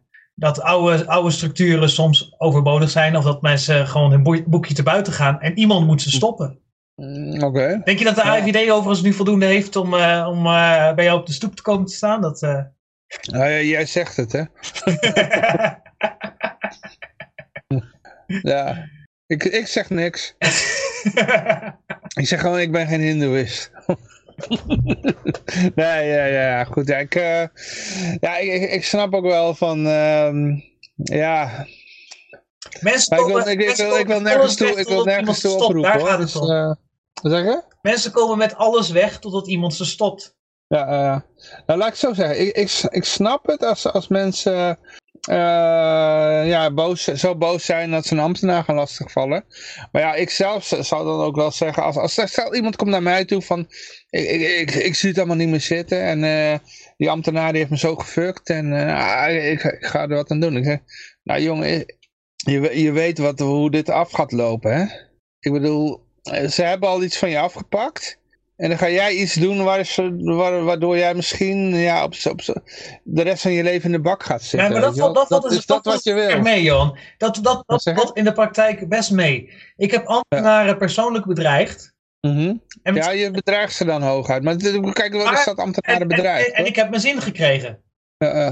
Omdat ambtenaren, 99% van de ambtenaren zijn hele bange mensen. Maar ze dat is- schuilen ja, zich achter de macht van de staat. En op het moment dat je zoiets persoonlijks maakt, en, en, en je moet ervoor zorgen dat je niet uit de hand laat lopen natuurlijk, maar wel dat je, dat je duidelijk maakt dat je het niet pikt, Mhm. dan kun je heel vaak je zin krijgen. Maar je moet bereid zijn om die extra stap te nemen, om, om eh, een, zekere, een zekere dreiging uit te laten gaan naar de ambtenaar toe. Ja. En het eventueel ook op te volgen. Ja, ik ben zelf meer van, ehm, dat heeft me tot nu toe wel altijd wel geholpen hoor, dat ik gewoon heel, heel vriendelijk en rustig blijf en, en, gewoon op een rustige manier eh, dan met, met ze gaat praten en eh, eh, misschien een beetje dramatiseer. En eh, nou, dan, dan kom je ook wel aan het eind. Dat is waar, dat is waar. Dat is waar. ik Uiteraard moet je escalatie ik- vermijden, maar het gaat erom, eh, als, als jouw kind wordt afgepakt, Ja, dan, ja, ja, dan ben je al ver voorbij het punt van escalatie, hè? Ja, ja, ja. Laten we wel wezen dat 1600 eh, ouders, of tenminste 1600 kinderen, dus een deel van hebben dezelfde ouders van die kinderen natuurlijk, maar dat zoveel kinderen Mhm. zijn afgenomen. En dat die ouders dat min of meer laten gebeuren, ja, echt hè, dat snap ik echt niet. Ja. ja, ik moet ook zeggen, dat is met de Belastingdienst. En er zit ook wel de, de ergste psychopaten daar, hè. Mhm. Dat is ook wel een clubje wat voorgeselecteerd wordt. Als je, als, kijk, als jij gewoon bij burgerzaken werkt van de gemeente, dat, dat zitten al, meestal wel hele aardige, lieve mensen, weet je wel. Maar als je bij ehm, de Belastingdienst werkt, dat is, dat is al een soort van, ja, je moet een beetje een, een sociopaat zijn, wil je daar gewoon gaan werken. En dat, dat is ook een soort van voorselectie. En, en daarnaast, er zijn al mensen die daar die dan eh, niet, geen psychopaat zijn, die daar gewoon gaan werken omdat ze, weet veel, die vacature toevallig voorbij z- zagen komen als eerste, weet je wel, bij werkzoeken.nl. En daar klikten ze als eerste op en nou ja, eh, ze werden aangenomen. En dan kwamen ze daar werken en dan, dan, dan kregen ze al meteen alleen maar scheldende mensen aan de lijn, weet je wel. Dus die, die, die houden er al meteen mee op. Dus wat er overblijft, dat kikt daarop of zo, weet je wel. Ja, Ja, nou ja, kijk, eh, als je dat weet, eh, dan hoef je er ook geen medelijden mee te hebben. Nee, maar goed, die mensen, die, ja, dat, je bent al een beetje sociopaat, denk ik, als je eenmaal bij de, ja, doorgedrongen bent tot de belastingdienst. En sorry, mijn vader is ook belastingambtenaar geweest. maar die, die zat op een andere afdeling. Ja, ik, denk dat, dat, dat een groot deel van de ambtenaren gaat voor de baangarantie. Ja, ja, ja. Ja, maar En- mijn, en pa, die- mijn pa was meer van gewoon de, de, de- door de dingen heen bladeren en zo. En, eh, Maar tegelijkertijd, eh, als, die, die kwam niet in contact met mensen, laat het zo zeggen. als je zo'n slappe zak hooi hebt Ja. eh, en ze doen gewoon iets, iets onmenselijks, ja, Hm. dan, dan, dan moet je ze er ook gewoon van kunnen overtuigen dat ze dat niet moeten doen. Mhm. En, en ja, maar goed, misschien kunnen we doorgaan naar het volgende bericht. eh, ik denk dat we Ik weet onderwerp- Klaas er nog wel wat over wilde zeggen. Ik ben al lang vergeten waar dit over ging. We gaan het nu over de Belastingdienst, maar... Het ging over agressie. Ja, agressie. Ja, zinloos geweld, is dat, eh, is dat zeg maar een overbodig bijvoegsel? Of, eh, Ja, ja, zinvol geweld. Wat zou jij dus zeggen tegen iemand die het helemaal met de rug tegen de muur staat, omdat hij on- zeg maar slachtoffer is van de toeslagenaffaire of zo? En die zegt van, ik ga een ambtenaar aanpakken. Eh, Ik ga, er, nou- ik ga met een knuppel naar hem toe. ja, maar is dat, eh, is dat dan geweld? Ik weet het, is, is, is, is vechten altijd geweld? Of is geweld altijd eh, vechten? Er Ja, zijn ja, heel het is agressie, het is agressie en het wordt toegestaan door de overheid, want de overheid stimuleert de oorlog in Oekraïne ook. Hè? Dus eh, geweld is toegestaan volgens dezelfde overheid. Ja, maar agressie, agressie is ook een emotie. Hè? En als jij eh, ja, als gewoon eh, de enige keuze is om fysieke actie te ondernemen, ja, op een gegeven moment is het ook geen agressie meer. Hè? Ik, ik denk bij agressie wordt ook gewoon een bepaalde emotie, zou je kunnen zeggen. Maar dat, dat is het lastige van woorden. Maar als je, ja, als je met iemand op de vuist gaat, dan uh, ja, soms is daar een goede reden voor. Wat is Glennis Grace nou een eh, slachtoffer zou zijn geweest van de toeslagenaffaire? ik weet niet of je het nieuws hebt gevolgd, maar... nee, bij voorkeur niet. Misschien is er ook een filtering geweest, hè, Johan? Van, Eh, want, want, want die mensen... pakken iedereen aan, behalve Glennis Grace. Nee, ja, min of meer wel, hè? Min of meer wel. Dat, dat die mensen Eh. voor wie hun kinderen zijn aangepakt, dat, dat ze dat geprobeerd hebben met veel meer mensen. Eh, En dat heel wat mensen wel hebben gevochten. En uiteindelijk de ultieme slapjanissen niet voldoende hebben gevochten en hun kinderen zijn afgepakt. Dat zou kunnen. ja, eh, ja, ik weet daar te weinig van hoor, maar... eh, Nee, dat, dat, dat weet ik ook te weinig van. Maar ik bedoel, het, het kan zijn dat, dat, dat, dat het precies omgekeerd het verhaal is. Hè? Dat, dat, Ja. dat, dat met, ik neem, nou ja, ik weet, ik neem aan vrijwel zeker dat ze het met veel meer mensen hebben geprobeerd. Ja. En dat het niet met iedereen gelukt is om een kinderen af te pakken. Ja, ja, ja. Maar in ieder geval, het is wel, dit, deze zaak heeft wel bewezen dat je kinderen niet goed zijn in handen komen bij de overheid. Nee, maar de Nederlandse Ja. overheid is koploper in het afpakken van kinderen. Ja, hè? De ja. kinderbescherming in Nederland. eh en had je ook, van die eh, kinderen hebben dus de zelfmoord gepleegd en eh, heel veel zijn aan de drugs geraakt. En dat zeggen we, dat is vrij, met vrij weinig is het goed afgelopen. En, eh, en de meeste kinderen zijn nog niet eens terug bij de ouders. Dus nee, dat Ja, zag ik dat laatst. dat, eh, dat, eh, lukt ze gewoon niet. Hè? Dat, de overheid in een jaar tijd hadden ze er drie teruggeplaatst of zo. Ja. Het is- het is veel Ja, als kinderen worden afgepakt, dan is kinderen afpakken het doel. Ja, ja, ja. Ik, ik heb ook, zoals dat, dat zie je ook, hè, dan over de Oek- Oekraïne-oorlog moeten ook allemaal dingen vinden. Eh, Maar wat mij altijd opvalt is dat, eh, niemand denkt wel- dat, het, dat het allemaal eh, goede business is voor de wapenindustrie. Maar, ja precies, daar wou ik naartoe. Ja, Kijk, er is, dan is er zeg maar zo'n conflict, hè, want we hadden het net ook even over agressie. En eh, dan zeg maar, eh, als je niet nadenkt, of gewoon blijft steken in waar je over nadenkt. En niet, eh, of dat, je dat, niet, eh, dat je die stap niet maakt en alleen maar wat je moet vinden. Dus dat je moet vinden of dat, dat je voor Oekraïne bent. Of dat je toch vindt dat Poetin eh, ergens gelijk had of ergens niet. Of wat, bla bla bla. Maar, en of je wel of niet gas moet kopen. Is, dat, is, is vrij handelen met iemand die als vijand beschouwt niet gewoon een goed idee. Want bij handel word je zelf beter. Of moet je, het, moet je jezelf straffen om in poging een ander pijn te doen. Maar goed, allemaal van dat soort meningen. Maar er wordt niet ehm, het het gemak waarbij, eh, want, als we iets van die oorlog hebben geleerd, is het dat ons materiaal volstaat. Hè, wat bijvoorbeeld als Nederland aan militaire uitgaven hebben gedaan. Ons materiaal volstaat prima voor de enige vijand die we nog weten te vinden en te maken. Dus wat dat betreft zou ik zeggen, dan zou je hè, vol gerustheid eh, geen extra militaire uitgaven meer hoeven doen. Van, Oké, als nou bleek dat het echt heel spannend was, dan eh, moesten we misschien eh, bang zijn.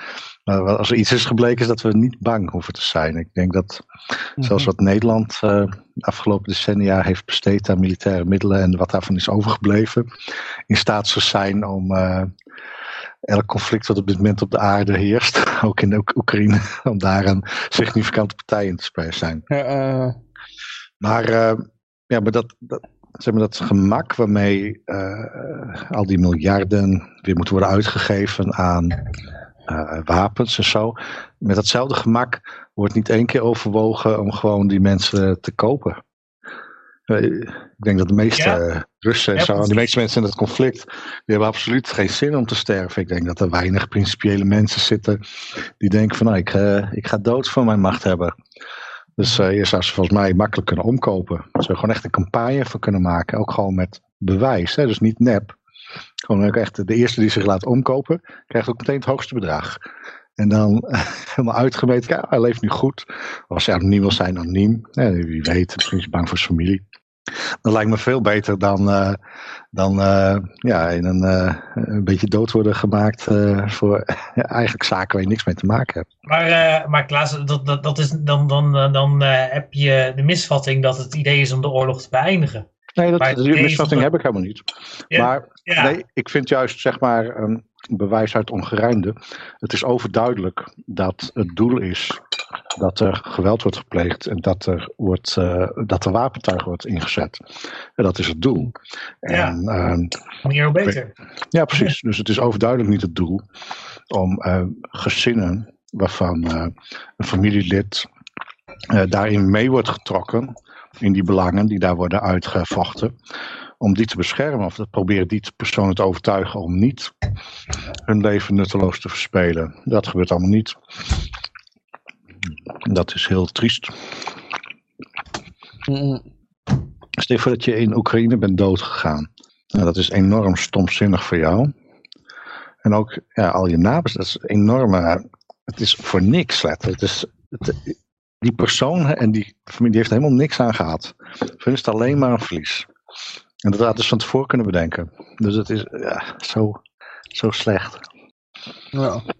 Maar dat, met dat gemak gaat het. En ik vraag me eens af dat mensen die in Nederland, dan denken ze van, oh ja, ja ze, ze zijn zo makkelijk over dat daar mensen moeten worden doodgemaakt. Maar eigenlijk snap je dan niet goed het substitutieverhaal wat daar plaatsvindt. Dus machthebbers maken mensen dood. En dat vind je een goed idee. Maar jij hebt ook machthebbers die met jouw leven spelen. En dat hoeft dan dus niet beslist een conflict te zijn in een naburige staat. Maar dat komt niet goed over, heb ik het gevoel. Dus ze juichen eigenlijk toe, wat in andere vorm ook gebeurt, met hunzelf. Ze worden opgeofferd en desnoods doodgemaakt ten behoeve van de doelen van andere mensen. Ja, en daar heb, je, daar heb je dan in feite met 1.8 mee behandeld. Europese Unie steunt Oekraïne volgend jaar met 18 miljard euro. Hm. Nou, hoef dat bericht niet meer te behandelen. Nee, maar dat geld gaat, gaat niet besteed worden aan gewoon mensen omkopen om te stoppen met vechten. Nee, nee, nee. Oh god, er zijn, er zijn natuurlijk zoveel manieren waarop, waarop het conflict beëindigd zou kunnen, kunnen worden. En je noemt een hele goede. Maar ja, dat, ja daar, gaat Niet, niet, niet, niet vergeten hè, dat eh, als jij eh, voor vrede bent, eh, dan, eh, dan ben je al een vijand van Oekraïne. Hè? Ja, dat, dat is het dubbelspel van Elon Musk. Hè. Ik las een mooie theorie van Elon Musk. Die heeft te veel geboden voor Twitter. Hè, want Mhm. uh iets van 44 dollar per aandeel, terwijl Twitter veel lager staat inmiddels. Nou ja, toen heeft hij dat aangevochten allereerst omdat er te veel bot-accounts zouden zijn op Twitter. Misschien is dat zo, zou kunnen. Ehm, maar eh, kennelijk kon hij dat contractueel niet hard maken ten opzichte van de rechter. Dus er is geen rechtszaak gekomen. Hij heeft ervan afgezien van, van die methode. Maar toen ging hij op Twitter ging hij voorstellen om eh, vrede te maken in Oekraïne. Ja. En vervolgens ging hij eh, vragen aan de Amerikaanse regering van ja, ik, ik verlies veel geld met dat Starlink. Ik steun Oekraïne met Starlink. En ik verlies daar 20 miljoen eh, dollar per maand. En ik wil daar graag door, voor betaald worden door de staat. Nou ja, vervolgens komt dan dus de staat eh, met een berichtje later van... eh, ja, er zijn wel national security interests bij de verkoop van Twitter aan een Zuid-Afrikaan. Elon Musk is een African American. Ehm, En dus dan mogelijk gaat die Twitter deal alsnog niet door. En de theorie is dat Elon Musk dat zo gewild heeft. Want hij, het, hij heeft te veel geboden voor de aandelen van Twitter. Ja. Maar goed, ja, dat is over, de, over eh, die 18 miljard naar, eh, naar Oekraïne en zo. En dat, er, dat niemand er vrede wilt. En als, dat als je nu vrede wilt in Oekraïne, dan ben je in feite een soort van eh, warmonger, kennelijk. Oh, oh. Mensen die vrede willen in de, in de wereld zijn slecht. Ja. War is peace, peace is war. Ja, precies. We we zijn echt nu gewoon full clown world. Nou, ik, ik ga trouwens even verder, want we hebben hier nog eh, staan, eh, CNN die claimt dat eh, huisdieren ehm, hebben een grote climate impact. Eh, en ze adviseren om dan kleinere huisdieren te kopen en ze dan te voeden met insecten. Dat is maar een van mijn top 10. Eh, maar had jij, had jij in jouw top 10 ook staan dat Ja, huisdieren. huisdieren... Ja, Oké, al huisdieren zijn een voorspeld. probleem. En die 2018. moeten dan gevoederd Ja. worden met insecten? Ja. Nou, nee, maar het is gewoon een stap op de glijdende schaal. Ja, ja, Als ja. je huisdieren hebt, dat mag niet meer. Eh, eh. De hagedis nemen we dus. Mhm.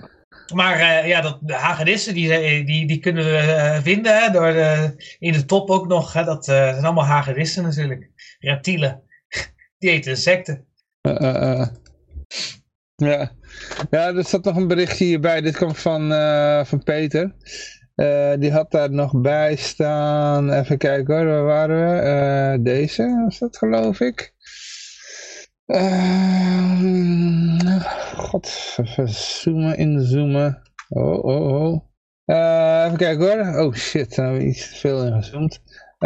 De BBC has prepared. Oh, godsamme. Eh, reactie voorbereid op blackouts in Groot-Brittannië.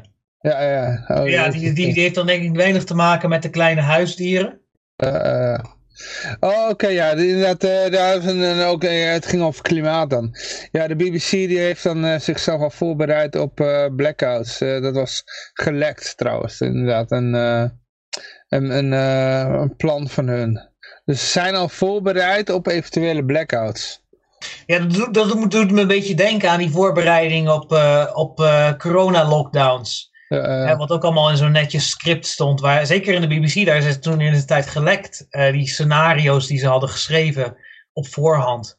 Ja, Ja. als ze dat schrijven, dan denk ik dat het wel zou kunnen gebeuren. dus af en toe kun je geen BBC ontvangen. Ja, ja, ja, ja, ja, ja. Nou, dat, dat is een zegen, hè. Dat iedere keer als, als er ergens het internet helemaal uitvalt, dan worden mensen ineens helemaal wakker van, goh, wat is er aan de hand eigenlijk hier? Ja, maar ik, ik, we hebben daar eerder, volgens mij we hier eerder op zitten speculeren in, in, eh, in het verleden, in de uitzending. En toen eh, eh, kwam ook tot een soort conclusie van, eh, want alles gaat nou digitaal, hè, via internet. Dus dat, dat sommige zenders dan geblackout zijn, maar dat je nog wel de staatszenders kan ontvangen of zo, weet je wel? Of dat, dat, eh, de- omdat je Ja. alles is op, op smart, weet je wel, smart... eh, eh, je, je, je hebt van die smartkastjes. Dus dan, doe, dan doet je licht het niet. Maar je tv doet het wel of zo. Ja, de, de radio zal het wel blijven doen. Maar Zoiets, ik bedoel? Wat dan zo grappig is, af, en, af en toe las ik een internetvrije dag in. En, hè, want het is gewoon, het beheerst te veel mijn leven. En bij de meeste mensen denk ik het leven. En als je dat dan doet een dag zonder internet, eh, dan kom je er eens achter dat er dat eigenlijk eh, heel veel dingen gewoon prima zijn. Er helemaal niks aan de hand is. Ehm, en ja, ja wat, waar Klaas het ook over had, van ja, heel veel dingen boeien helemaal niet. Hoef je helemaal geen mening over te hebben. Maakt niet uit. En wat Ja, jij nu ah. omschrijft, ik, ik stel mij bewust niet bloot aan media. En zeker niet aan eh, opinies. En voor mij is de wereld ook een hele vreedzame plek. Ah, ah, ah. Ik snap heus wel dat er conflicten zijn. En ik weet ook elke mening die nu net, eh, daar heb ik al van gehoord. Maar het, het helpt gewoon. Kijk, als je, als je jezelf blootstelt aan, eh, aan, aan zeg maar de verhaallijnen waar mensen redenen voor hebben om jou daaraan bloot te stellen. Want het is wel zo, er is altijd een reden waarom je iets, waarom iemand de moeite neemt om iets eh, bij jou eh, onder de aandacht probeert te nemen, brengen. En dat hoeft niet eh, noodzakelijkerwijs kwaadaardig te zijn. Maar er is altijd een reden. Kijk, want als je kijkt naar alle mogelijke dingen waar je iets over kan zeggen, hè, zou het heel raar zijn dat iemand die zeg maar volledig zonder reden iets aankondigt, precies over bepaalde zaken zou spreken. Zeker. eh, dat meerdere dat tegelijkertijd zouden doen. Dus het is overduidelijk dat er een reden is waarom je bepaalde dingen eh voorgeschoten krijgt en andere niet. En het kan ook heel verhelderend zijn, want eh, ja, als je zeg maar meegaat, als je jezelf blootstelt aan, aan alle media en alle opinie, dan, hè, nogmaals, ik ben nog steeds van mening dat het niet uitmaakt wat je mening is. Het is voornamelijk dat je, wat bepaald wordt waar je over mee bezig bent in je hoofd en niet wat je ervan vindt. Dan ga je ook helemaal mee in die hets en dan zit je ook, dan word je op een soort punt gebracht dat je in die verhaallijn meegaat, die is in beweging. En door je daar aan te onttrekken, is er een heel veel groter contrast. En als, dat, als je maar genoeg aan onttrekt, is het contrast op een zeker moment zo groot dat je heel bewust van bent dat mensen die daarmee bezig zijn, dat ze gewoon in een andere wereld staan. Dat het gewoon niks met jou te maken Ja, heeft. geen, geen groter contrast dan met, met, met corona natuurlijk. Hè? Dat, dat je mensen, mensen volledig gemaskerd eh, over straat gaan. En dat je zelfs zegt, waar zijn die mensen mee bezig? Ja, ik moet eerlijk zeggen, ik Ja, heb dat je niemand die corona. omgeving ziet sterven. Ik heb corona niet meegemaakt Eh. in Nederland. En ik heb gewoon gedaan wat ik wou. Ik heb geen Ja. één dag naar. Ik heb hooguit bij bepaalde winkelketens, waardoor zeg maar waar vanuit centraal beleid gehandhaafd werd, werd ik eraan herinnerd dat ik een masker op moest doen. En dat heb ik ook gedaan, omdat ik geen zin had in conflicten met eh, uitvoerend personeel in een of andere vestiging. En, eh, maar dat is het enige. Ik heb, mijn, mijn hele coronaperiode heeft eigenlijk alleen maar bestaan uit precies zo leven zoals ik altijd deed. En ik heb niks ge- extra gedaan of gelaten daardoor. Maar ik snap heel goed, ja, in zo'n land als Nederland, waar alles heel erg gemicromanaged wordt, zal het eh, echt wel vervelender geweest zijn. Ik weet niet hoe het in Spanje was, maar of ben je daarna pas naar Spanje gegaan? Eh, ik was in Panama, dat was Hm. een van de meest extreme landen. Oh, echt Daar waar? moest je ook officieel eh, buitenmasker op. Hm, Oké. Dus, eh, d- en dan waren er mannen- en vrouwendagen. Daar deed Hm. ik sowieso niet aan. Dat mocht je alleen als man naar buiten en dan alleen als vrouw naar buiten. Gaaf. En eh, ja, je kon echt geen winkel inkomen zonder masker op. Maar wat ik Wauw. dat dan gedaan is, dan deed ik een, had ik een rood eh, dameslipje opgedaan als masker. Maar zo vaak aan de stok gehad met, met politie en mensen in de winkel. En eh, ook echt niet normaal. Dan mocht je dus op zondag nog helemaal niemand naar buiten. Deed ik dat toch. En dan, dan gewoon allerlei politieposten doorheen moeten rijden. Iedere keer 20 eh, dollar moeten dokken om er doorheen te komen. Dus eh, Heftig, wat Ja. het wa- het was, het, was, het was onmogelijk te negeren. Maar ehm, ja, waar, jij het, waar jij het in feite over hebt, is, is eh, een theorie eh, die zowel opgaat voor mensen als voor vogels. En dat gaat over de centralisatie van informatie. Mhm. En hoe meer mensen van één bron de informatie nemen, hoe meer mensen in dezelfde kudde lopen, uiteraard. En eh, bij vogels die vliegen eh, als een vogelvlucht, hè, dus in, in een grote groep vliegen en er zijn roofvogels en er zijn eh, de elementen en weet ik wat, ze moeten een bepaalde richting op Mhm. trekken, vogels naar Afrika of zo. Daar is de informatie decentraal. Iedere vogel kijkt naar de vogel links en rechts van hem, voor en achter en boven en onder. Maar dat is het enige. Ze kijken niet, er is geen één leider. Ze kijken niet naar de hele vlucht. Eh, dus ze handelen vanuit hun eigen perspectief. En daarom krijg je van die patronen die zo vol, vol- Ja. volkomen willekeurig eh, lijken en ook zijn. Nou, fascinerend, hè?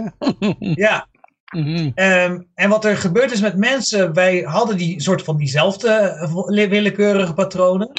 Maar doordat de informatie nu gecentraliseerd is, of, of hè, telkens zijn die pogingen daartoe, maar op het moment is het vrij sterk. Hm. Dat, dat denk ik, hè, 90% van de mensen eh, volgt eh, de massamedia.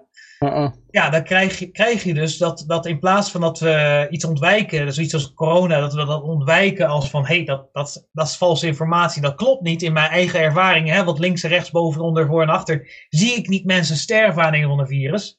Eh, als je dat vanuit je eigen perspectief, iedereen dat vanuit eigen perspectief had bekeken, dan was het nooit gebeurd.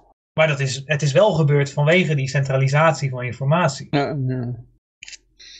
Ik ook wel eens tegen mensen, als, ze tegen mij zeggen van ja, libertarische samenleving eh, is nooit gebeurd. Ik zeg nee, kijk, mensen zijn het enige, is het enige zoogdier wat, wat, wat gewoon eh, een ambtenaar denkt eh, nodig te hebben, weet je wel. En eh, de rest van de, van de levende wezens op aarde, die hebben dat niet. Weet je? Kijk eens naar die vogels, weet je wel. En dan, Niet als Dekkers, die, die zei het ooit mooier in de column. ja. Dat was een, een hele column uh, gaat erover van uh, ja, de homobeweging beweerde dat er homoseksualiteit is in dierenrijk. Die komen dan met voorbeelden. Uh, en Midas Dekkers bewijst van ieder voorbeeld dat het niet correct is. Dat uh, op het moment dat, dat uh, hè, twee mannetjes, chimpansees of zo, die hebben seks met elkaar. Op het moment dat je er een, een drachtig vrouwtje bij bent, een vruchtbaar vrouwtje bij brengt, dan gaat die mannetjes, chimpansees gaan met dat vrouwtje neuken. Nou, uh, Midas Dekkers bewijst dus al die voorbeelden dat homoseksualiteit in dierenrijk niet voorkomt. Hè, biseksualiteit wel, homoseksualiteit niet. Aan het einde van de column zegt hij van, maar in het dierenrijk vind je ook geen katholieken. Ja, dat klopt. dus hè, wat dat betreft hoef je als homo niks van aan te trekken. Heb je deze voorbeelden helemaal niet nodig.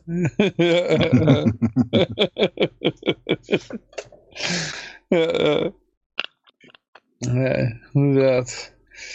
Maar, even kijken hoor. Uh, Zweedse flitspalen uh, gestolen, mogelijk door de Russen. Oké. Okay. Mogelijk door of voor de Russen? Uh, voor, voor Russische drones. Ja, voor Russische drones. Ik heb het verder niet gelezen, maar ja. Ik, ik, ik, ik vind het hilarisch. Ik, ik, ik, ja, ik heb het snel even aangeklikt. Maar ik, ik vind het echt zo'n vergezochte conspiracy theory.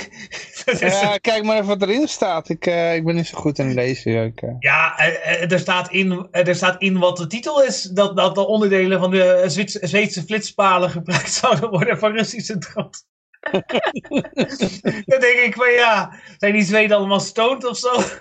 Hoe bedenken ze die? Technologie is superieur. Uh, Volgens mij ja. zie je mensen zeggen van ja, die, die Russen zijn zo achterlijk dat ze zelfs flitspalen stelen om, uh, om drones te maken of zo. Uh, ja, ja. Er, zijn, er, zijn, meteen een aantal vragen van hoeveel Zweedse flitspalen worden er nou daadwerkelijk vernield?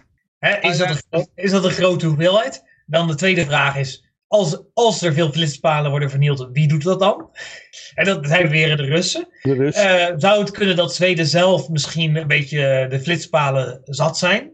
Zoals, wie herinnert zich nog de Tuf Tuf Club in Nederland? Nee, die bestaat nog.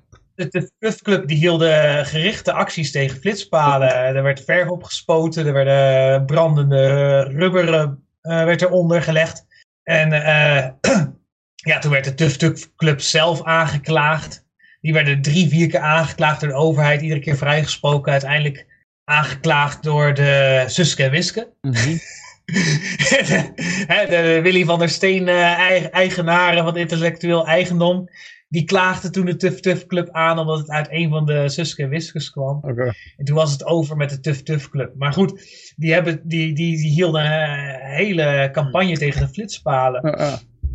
Ja, toen kwam vervolgens, uh, uh, wat hebben we nu, Flitsmeister en zo, hè? en allemaal van die sites. Mm -hmm. Ik heb nog een kennis, die is, erbij, die is erbij betrokken. Die heeft een site waarbij je dan, uh, ik geloof dat het via Flitsmeister loopt. Als je, als je een boete krijgt, dan kan je hem aanvechten. En dan wordt die, krijg je dus een soort van automatisch, kan je het eikrapport opvragen. En dan kan je de Nederlandse overheid veel moeilijkheden bezorgen. Dus iets wat je altijd moet doen eigenlijk als je, als je geflitst wordt. Maak het ze zo lastig mogelijk. Maar uh, ja, los daarvan, uh, ja, ik vind het een hilarisch bericht. Ik geloof er geen zak van. Nee. dus uh, Klaas, als je nog wat over te zeggen hebt, anders zou ik zeggen volgend bericht. Ja, we hebben nog zat berichten, dus even kijken hoor. ja, deze hadden we eigenlijk al gehad. De Europese Unie die heeft geld naar de Oekraïne. Ja, onze belastingcenten gaan gewoon naar oorlog toe. Ja, ja, en die volgende, daar heb ik wel wat over ja. gelezen. Over uh, de Amerikaanse overheid vraagt mensen nu om hun moestuin te registreren ja. voor de nationale database. Dit is al een reden om naar Spanje te gaan. Nou ja, dat, dat, dat doet me denken aan uh, de Great Depression. Uh, en mensen werden gedwongen om hun goud te registreren en uiteindelijk op te geven onder de, de Roosevelt-regering. Ja. Ja, ja, dat, ja, het is verdacht. Ik, uh, ja, ik, ik uh, geen enkele overheid vertrouw ik en dit vertrouw ik al helemaal ja. niet. Um, in hoeverre mensen worden Jongen, ja, hoe kan je mensen überhaupt dwingen om een moestuin te registreren? Ik heb, uh, je kan iedereen een brief sturen of zo, maar ja. Ik woonde... Dan moet je ze gaan beboeten als ze het niet doen of zo? Of hoe ga je dat aanpakken? Je hebt een moestuin. Wat zeggen. Je hebt aangegeven kopje sla je hebt geopend. Ja, lang geleden woonde ik in de binnenstad uh, van Leeuwarden. En mijn huis uh, had geen tuin. Maar uh, wel uh, een stuk trottoir voor het huis. Maar het trottoir hoorde wel bij mijn uh, perceel. Dus in principe was de stoep voor mijn huis was mijn eigendom. Daar ging ik ook wel eens op zitten. Dan ging ik ook wel eens met vrienden biertje drinken. En dan was ik dus in de binnenstad was ik bier op straat aan drinken. Dan kwam ik als een politiewagen langs. En dan vertelde ik ze dat mijn perceel was. Dat ik in de tuin zat. en dan reden ze weer verder. Je mag natuurlijk niet bier op straat. Ja, we, ja, hadden op een gegeven moment van die mensen in Leeuwarden die vonden dat er heel veel gepatrouilleerd moest worden. Maar er gebeurde nooit een hol. Dus ik als, uh, als ik ook met bierflesje naar de Albert Heijn liep om hem in te leveren voor statiegeld, werd ik soms ook wel eens aangehouden voor openbaar drinken. En uh, ze waren, ze waren echt een echte Sherlock Holmes alle, alle misdaad aan het oplossen. dus dat uh, was heel bemoedigend. Maar op een andere dag, toen uh, was er een meisje die stond voor mijn huis aantekeningen te maken. Nou, sceptisch als ik ben, dacht ik: oké, okay, dit komt niet goed. Heeft trouwens niks met een biertje te maken hoor. Dat was even een uh, losstaand verhaal. Dus ik ging naar buiten en maar ik begon zo prijs. Zo. Ik was natuurlijk geïnteresseerd wat ze aan het doen was. Ze was tuinen in de stad aan het registreren. Nou, nu weet ik wel dat ik. Uh, toen de politie langskwam, zei: Dit is mijn voortuin. Toen ik het over dat st stukje trottoir had, wat uh, voor mijn huis langs liep. Maar ja, dat had ik niet beseft. Maar tussen de stenen tegen mijn pand aan groeide een stokroos. En deze stokroos werd nu door haar, namens de gemeente Leeuwarden, geregistreerd. God, Als staatstuin. Nou, ik denk, ik, ik, ik, denk, ik vraag me even door. Ik denk, hoe, waar gaat dit naartoe? Heb ik straks, uh, heb ik straks zeg maar verplichtingen waar ik aan vastzit, nu ik deze stadstuin bezit? Of ben ik, uh, misschien kan ik aanspraak maken op subsidies, om, de, deze, om deze stadstuin zeg maar uh, te onderhouden, weet ik veel.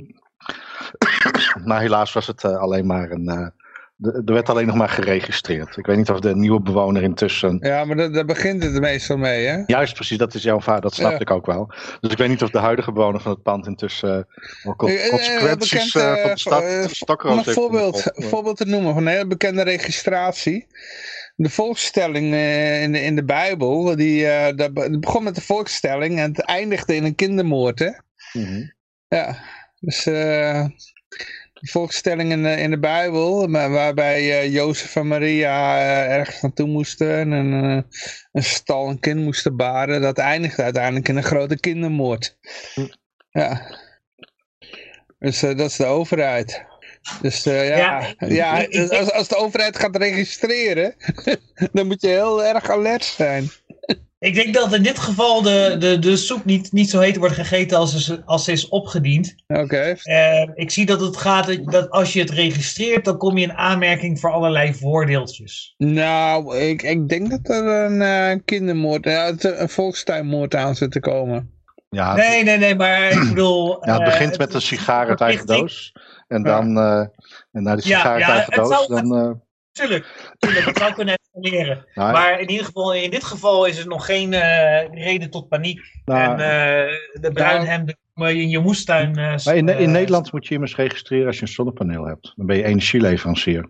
Ah. Ja. Dus Word je is daarna nu... belast, hè? Word je daarna belast? Ja, ik vermoed dat over een paar jaar komt er gewoon uh, een soort energieleveranciersbelasting. Dus dan heb je een paar van die zonnepanelen, die leveren nog 1 kilowatt per jaar op. Maar intussen, uh, dat is wat verouderd zijn. Maar intussen moet je dan uh, 3000 euro per jaar betalen omdat je een energieleverancier bent of zo. Ja, dat, ik denk dat dat, dat is ook een registratie. Het zou me niks verbazen als we daar echt ook weer de prijs voor moeten betalen. En dit, uh, met, die, met de komst van de agenda, met die agenda 2030, dan uh, willen ze gewoon weten van wie er allemaal uh, eigen voedsel verbouwt. Want iedereen moet dan aan Monsanto zitten, weet je wel. Mm -hmm. dus, ja, dat, dat, is, dat, is, dat is een kwestie van de, van de carrot of the stick natuurlijk. Hè, met, ja. Uh, probeer mensen te verleiden om te registreren en dan staan ze geregistreerd. En ja, uiteindelijk is het beter om zo min mogelijk geregistreerd te staan, waar dan ook. Ja. Uh, dat, dat, ja, ja, dat, dat gezond verstandadvies blijft. Maar ja, ik denk dat we door kunnen gaan naar het volgende eh, stukje. Ja. Even kijken, dat is...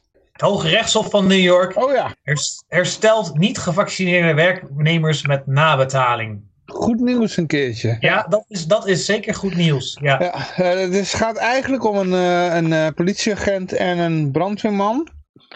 Die hebben een zaak aangevochten tegen een ontslag. En ehm, nee, dat was volgens mij om religieuze redenen.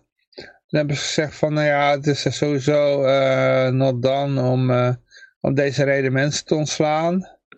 En daarmee, met deze uitspraak, is eigenlijk voor iedereen die ontslagen is, voor, eh, omdat ze zich niet wilde vaccineren in de staat New York.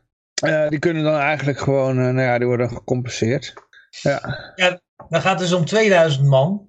ja bij de, dit gaat dan om bij de politie en de brandweer. Hè? Ja, in, in totaal gaat het om 2000 man die, Ja. eh, die ons- onterecht ontslagen zijn. Ja. maar ja, en- met, de, met deze uitspraak wordt eigenlijk iedereen. Eh, dus er nee, zijn maar dat- eh, dat- dat is- meerdere duizenden mensen. Ja, misschien, Ja. Misschien, misschien nog wel meer. Maar ja, Ja. ja. het, ging hela- het ging helaas niet om principiële redenen. Het ging om de willekeur. Ja, Want het was dan... eh, ja, mensen mochten in eerste instantie doorwerken. Toen kwam er het vaccin. Toen werden ze nog ontslagen. Sommige mensen in de private sector mochten dan weer wel doorwerken. Het, gaat, het ging er helaas... Het is helaas niet geheel om principiële gronden van... Je kan niet gedwongen worden om vaccin te nemen. Had New York iedereen gedwongen het vaccin, te nemen... dan was het misschien wel door de rechter goedgekeurd. Maar hoe dan ook, je moet niet zuur zijn als je een overwinning boekt. Ehm, en het is toch een overwinning. ja. Ja, Dus ja. ja, we zijn niet, al, niet altijd een slecht nieuws show, dus... eh, nee, nee, nee. Haiti. Het volgende verhaal. Exper- experts verbaasd waarom Haiti een van de laagste COVID-19 sterftecijfers ter wereld heeft. ja. Ja, ben ik niet zo verbaasd over.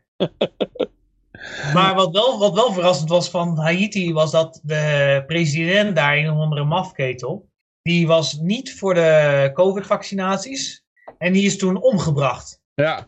Weet je nog? Die is, die is toen, eh, ja, zijn pre- presidentieel paleis is bestormd door tegenstanders en hij is afgeschoten. En dat was eh, tegelijkertijd met andere presidenten die op mysterieuze wijze om het leven kwamen, eh, die ook tegenstanders waren van de, van de COVID-vaccinatie. Ja, en ik denk dat het in een land als Haiti niet heel duur is om een tegenstander te vinden van de president die Ja. bereid is om wapens op te nemen. Ja, ja, inderdaad, ja. Ja, Haiti heeft wel, eh, wel erger geleden inderdaad over, onder, de, onder het mededogen van de wereld. Ja, ik geloof dat er nu een militaire missie naar Haiti gaande is vanuit de VS. Ja, ja, met het verleden ook. Met, ehm, er was zo'n eh, zo'n orkaan geweest of zo. En toen eh, was er zo'n ehm, zo'n zo'n hulpactie. En dat was eigenlijk nog het ergste wat ze, wat ze kregen. Nog erger dan de orkaan. Dus eh, en er was er nog die, die, die spot, die nieuwsspot, eh, die nieuwsreclame van... eh, don't send your blankets, just send your cash of zo. ja, dus uh, ja, het ging allemaal een dubieuze shit, weet je wel, en niemand kreeg wat. En dat is toevallig ook Alex Jones die daar nog aandacht aan besteden. Van, uh, die gingen ook kijken van waar gaat al dat geld naartoe? En uh, die, die gingen eens kijken, nou, er was één huis opgeleverd, geloof ik. ja, dat was allemaal verdwenen in uh, alle, ja, ja, ja heel dubieus, heel dubieus. ja, ik heb het even opgezocht. Biden wary of US troops for Haiti aid mission as crisis worsens. Dit is, dit is van gisteren. Oké. Okay. Dus uh, ja, uh, Biden, ja, die, die vindt niet zoveel. Maar de mensen achter Biden, ja. die zijn een beetje terughoudend over het sturen van Amerikaanse troepen naar Haiti voor een, uh, ja, een, een humanitaire missie. voor, voor wat eigenlijk? Ja, um, nou, er is, er is een soort van... Orkaanseizoen. Nee, nee, nee, nee, er is een soort van ja, burgeroorlogachtige situatie gaande. Okay, okay. Uh, er zijn uh, allerlei gangs met aan het vechten.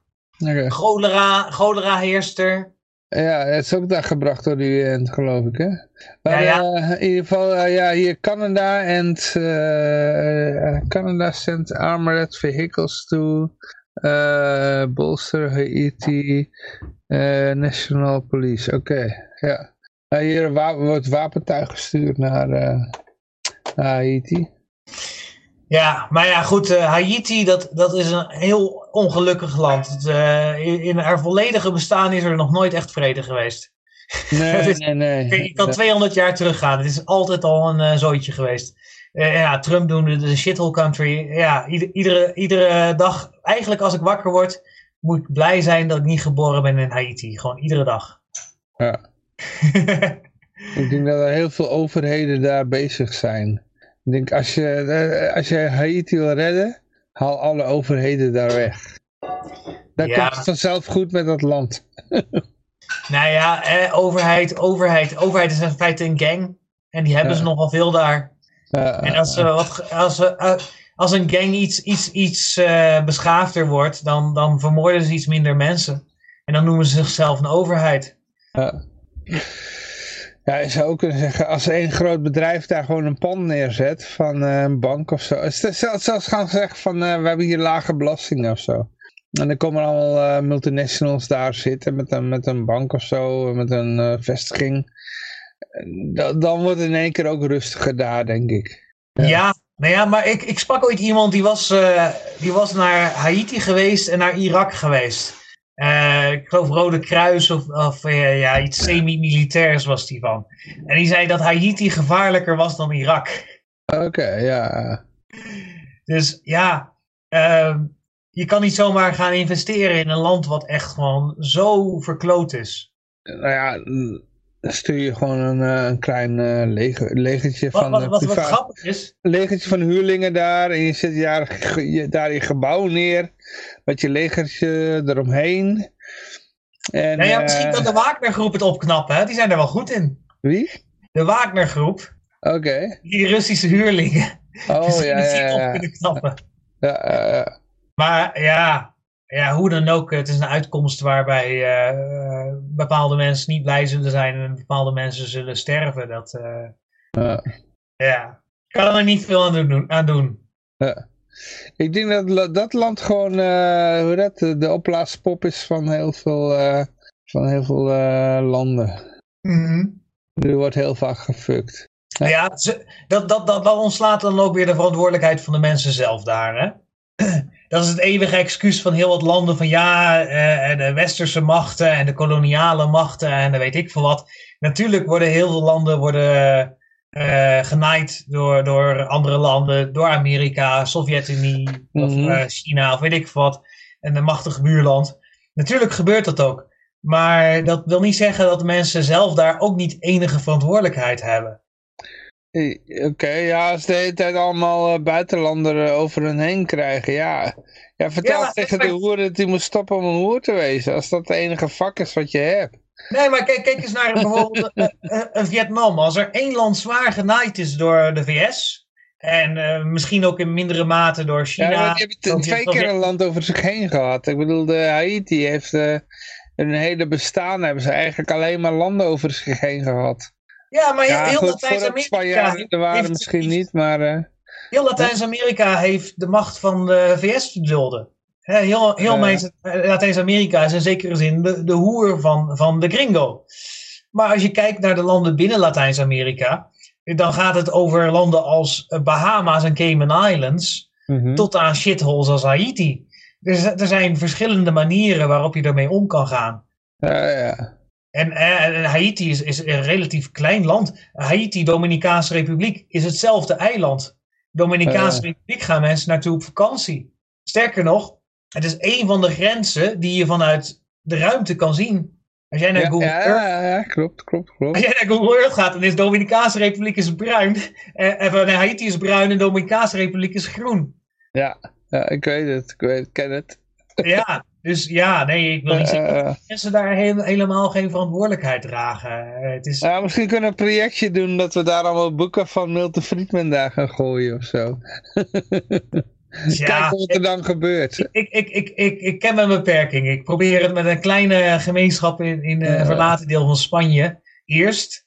En, en misschien als dat lukt, dan wil ik wel eens kijken naar een grotere uitdaging. Maar ik denk niet dat Haiti eh, snel in aanmerking komt. Even kijken hoe we waar ook weer waren hoor. Ehm, Openbaar toilet mag geen 1,7 miljoen euro kosten. Die, ja, ja, ja. Ja, dit is wel een uh, veel voorkomend bericht, want uh, het toilet van uh, met die prijs is al, dat domineert al, ik weet niet hoe, hoeveel decennia de libertarische nieuws eigenlijk. Ja. ja, ik denk van John Stossel, hè? Dat doen ze bijna in iedere, in iedere stad in Amerika. Mm -hmm. Iedere stad in Amerika herhalen ze het trucje. Ja. Mm -hmm. Ja, en uh, John Stossel heeft er al menige uitzendingen aan besteed. Het, uh, bij hem in New York uh, komt het ook al voor natuurlijk. Ja, het is, ja, het is een herhalend trucje. En ja, een rendezvous moment voor menig libertariër. Mm -hmm. maar, ja, wat moeten we ervan vinden? Klinkt heel erg als laat het 1,6 kosten. dat... Ik doe het ook voor 1,5 Nee, maar dat is dan wat je ziet. Hè, van het mag dat niet. En dan heb je zeg maar andere toiletten die uh, kosten normaal maar 25.000 of zo, weet ik veel. Of een ander bedrag wat niet in verhouding staat. En die denken, oh, ja, het moet eigenlijk gewoon 1,6 worden. Hè, dan, dan, voldoen we aan de regel dat het niet 1,7 is. Maar dan... Uh, ja, we hebben, dit, dit geeft anderen zeg maar een beetje idee over de spelingsruimte. Dat was ook heel normaal, zeg maar achteraf gezien heel normaal. Uh, de reactie op uh, de salarissen van de goede doelenmanagers. Ja, dus er waren dan van die topmanagers van goede doelen, daar werden dan de salarissen van gepubliceerd. Nou, dan hoop je dat dat met het idee was van kijk eens hoeveel ze zelf mee uh, naar huis nemen. Maar er stonden allemaal mensen met een ton tussen, 120.000. Er stonden ook een paar tussen met 4 ton en meer. En het resultaat uiteindelijk was dat al die anderen zeiden van ja, wij willen ook 4 ton. dus dat is, uh, dus ik kan wel zeggen dat het niet de bedoeling is dat een toilet uh, 1,7 kost.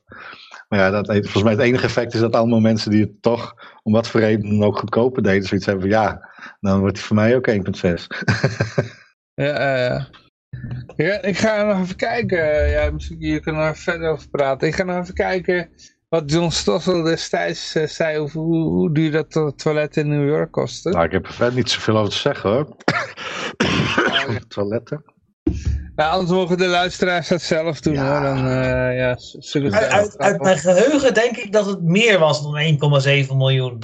Nee, nee, volgens mij minder. Volgens mij was het een miljoen of zo. Maar het is... Uh, ja, John Stossel, uh, libertarische, uh, bekende libertarische journalist, die had, uh, die had daar in het verleden ook een, een uitzending aan besteed. En dat was een paar jaar geleden, dus ja. Maar we kunnen het ondertussen ook hebben over Hu Jintao, geëscorteerd uit partijcongres. Hoe? Ja, ja. ja. Jintao. Ja, dit is inderdaad, dit heeft met de, de, een opruiming te maken die... Uh, ja, Xi, Xi, Jinping die is nou uh, voor de derde keer herkozen. Die wordt nou dictator voor het leven of zo. En dit doet een beetje denken aan ehm, Erdogan, weet je wel, die de macht controleerde. En ja, het is... Ehm, dit is de voormalige president dus. En die had wat commentaar op Xi Jinping. En ja, die wordt dan uit de partij gebonjourd. Maar hij is niet de enige hoor. Er is een grote schoonmaak gaande binnen de communistische partij. Dus eigenlijk, uh, ja, Xi Jinping is nou uh, nog steviger in de macht. En die gebruikt dat moment dus om eigenlijk uh, alles wat kritiek op hem heeft eruit te bonjouren. En dit is dan de, de ja, ja, het gezicht. Het publiek, en dat publiek te doen kennelijk. Dat doet me een beetje denken aan, aan Saddam Hussein, die zijn tegenstanders ook bij een of andere publieke sessie ja, ja, ja. af laat voeren. Erdogan, weet je wel, die heeft ook zoiets soortgelijks gedaan. Ja. Een soort van demonstratie van je macht. Ja, ja ik, tolereer, uh, ik tolereer nou helemaal geen oppositie. En dat vooral zo schaamteloos mogelijk te laten doen, om, om, om er dubbel dik bovenop te leggen. Niet, niet ja. straf, maar gewoon boem, aan aan publiek live, boom. Ja, ja, ja, ja. En dan laat je dus een, een, of andere 79-jarige uh, oude zak uh, zo af. Ja, met, met kritiek uh, en ervaring. Trouwens, een expert, hè? Hij is dan officieel een expert. Want ja. hij is ook president geweest, dus hij is een expert. En, en is dat naast hij doet geen experts. huh? Hij zat er kennelijk naast hem, hè? Hij zat, hij zat ter linkerzijde van Xi Jinping, zag ik. Ja, ja, ja, klopt. Maar ja, zo gaat dat. Dit is ja. hoe de macht eruit ziet. Ja. Mm Ik heb nog heel jong geleerd toen ik ja, dat leerde van mijn moeder. Van, eh, het is juist goed om uh, de, de kritiek te leveren is juist goed. Dus, je moet je meester, degene die jou onderwijst, moet je bekritiseren. Ja, maar dan kom je dus nooit naast Xi Jinping te zitten, hè, als je dat zo doet. Nee, nee, nee, inderdaad. dus, maar dat, dat, dat, is ook meteen de, ja, het verschil, denk ik, tussen bijna iedereen die zich libertarisch noemt, die komt niet eens in zo'n positie terecht. Nee. Voor die tijd, uh, dat is een positie waar je terecht komt als je, als je likt uh, naar degene die boven je zitten en trapt naar degene die onder je zitten. Uh, ja, zo, denkt de, zo denken de meeste mensen niet als je libertarisch bent. Dan denk je niet zo, wie zit er onder me, wie zit er boven me. Dat is een hele, ik vind dat een hele ja, vreemde manier van denken. Ja. Maar ja dan, ja, dan kan je zeggen van ja, iedereen weet wel min of meer waar iemand anders staat, wat zijn sociale status is. Maar dat is iets anders dan dat je naar beneden gaat trappen of naar boven gaat likken. Ja, maar China zit in een heel erg gevaarlijk vaarwater. Het is, uh, economisch staat eigenlijk het land er helemaal niet goed voor. Dat heb ik al, ja, de tien jaar dat ik nou vrij, bij, ja, bijna tien jaar dat ik nou Vrijheid Radio doe via, via het internet. Um, hebben eigenlijk al China, een beetje de Chinese economie al argwanend gevolgd. Want ja, kijk, als een land het er goed, goed voordoet, dan um, ja, ontvang je bepaalde signalen. En China die heeft niet die signalen die doet het tegenovergestelde, die wil eigenlijk uh, kapitaalvlucht tegengaan.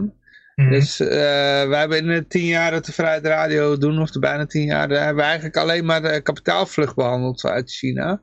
En nooit, uh, terwijl de massamedia, die had alleen maar over de enorme economische groei. Terwijl, ja, wij keken naar economische cijfers, zien alleen maar kapitaalvlucht.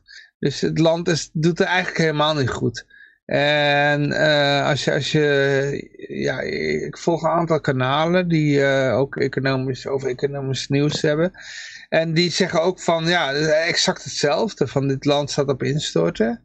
En wat een land dat doet, wat op instorten staat, is meestal oorlog voeren. En um, wat bijvoorbeeld, ja, wat Rusland nu doet, is eigenlijk het vuile werk doen van China. Dus uh, je ziet nu eigenlijk de eerste oorlogsstap van China in de vorm van Rusland, die Oekraïne binnenvalt. Ja, dat vind ik, vind ik een gedachtesprong net een stap te ver. Nee, nee, nee, want... Uh, ik denk eerder Oekraïne... aan Taiwan dan als je dat zegt. Nee, ja, nee, dat, dat is het volgende wat komt. En, en wat Noord-Korea doet, hè, want Noord-Korea, ik denk niet dat, dat, dat ze die, die raketten afsturen zonder dat ze even overleg plegen met, uh, met uh, China. Uh, nou ja, kijk, het punt is, de, je hebt de, de Road Belt Initiative van China. Dus ze zijn bezig met een hele route, economische route. En Oekraïne zit toevallig ook op een route. En ja, die wil niet meedoen. En ja, hoe dat, uh, Rusland, die, die is wel een beetje vriendjes met China. Ja, goed, de, theorie is dan dat eigenlijk Rusland namens China daar die inval doet. Snap je? Ja, nou ja, maar ja, kijk, waar, China totaal geen invloed he heeft, is in feite wat een burgeroorlog is in Oekraïne. Hè, dat ze, dat ze, wat is het, uh, zeven jaar de tijd hebben gehad om intern vrede te maken in Oekraïne en dat niet gedaan hebben. Ja, maar dat komt omdat het Westen daar ook een belang heeft. Ja, ja maar goed, ja. kijk, stel, stel, dat, stel dat men dat, uh, dat men autonomie had gegeven aan de Donetsk en Luhansk regio's en uh, de Krim had geaccepteerd als zijnde Rusland, dan was er gewoon vrede geweest. En, ja, en, maar ik denk dat, kijk, het, het Westen, kijk, kijk uh, het kan zijn dat ze er allebei mee over eens zijn, maar dat ze ook al bij zoiets hebben van, ja, maar het is economisch nog beter voor ons als we dan ook nog eens oorlog hebben. Want daar kunnen we allebei ook nog aan, flink aan verdienen. En ja, daarmee kunnen we ook nog even als je kijkt, onze, te onze tegenstanders opruimen. Ja. De EU is natuurlijk ook een belang, uh, nou ja, de EU eigenlijk niet. Hè. Eigenlijk zijn, de, zijn de, de, de, landen en de mensen die meest genaaid worden, allereerst Oekraïne zelf. Ja. Uh, en in tweede instantie de EU en met name Duitsland. Die worden het meest genaaid.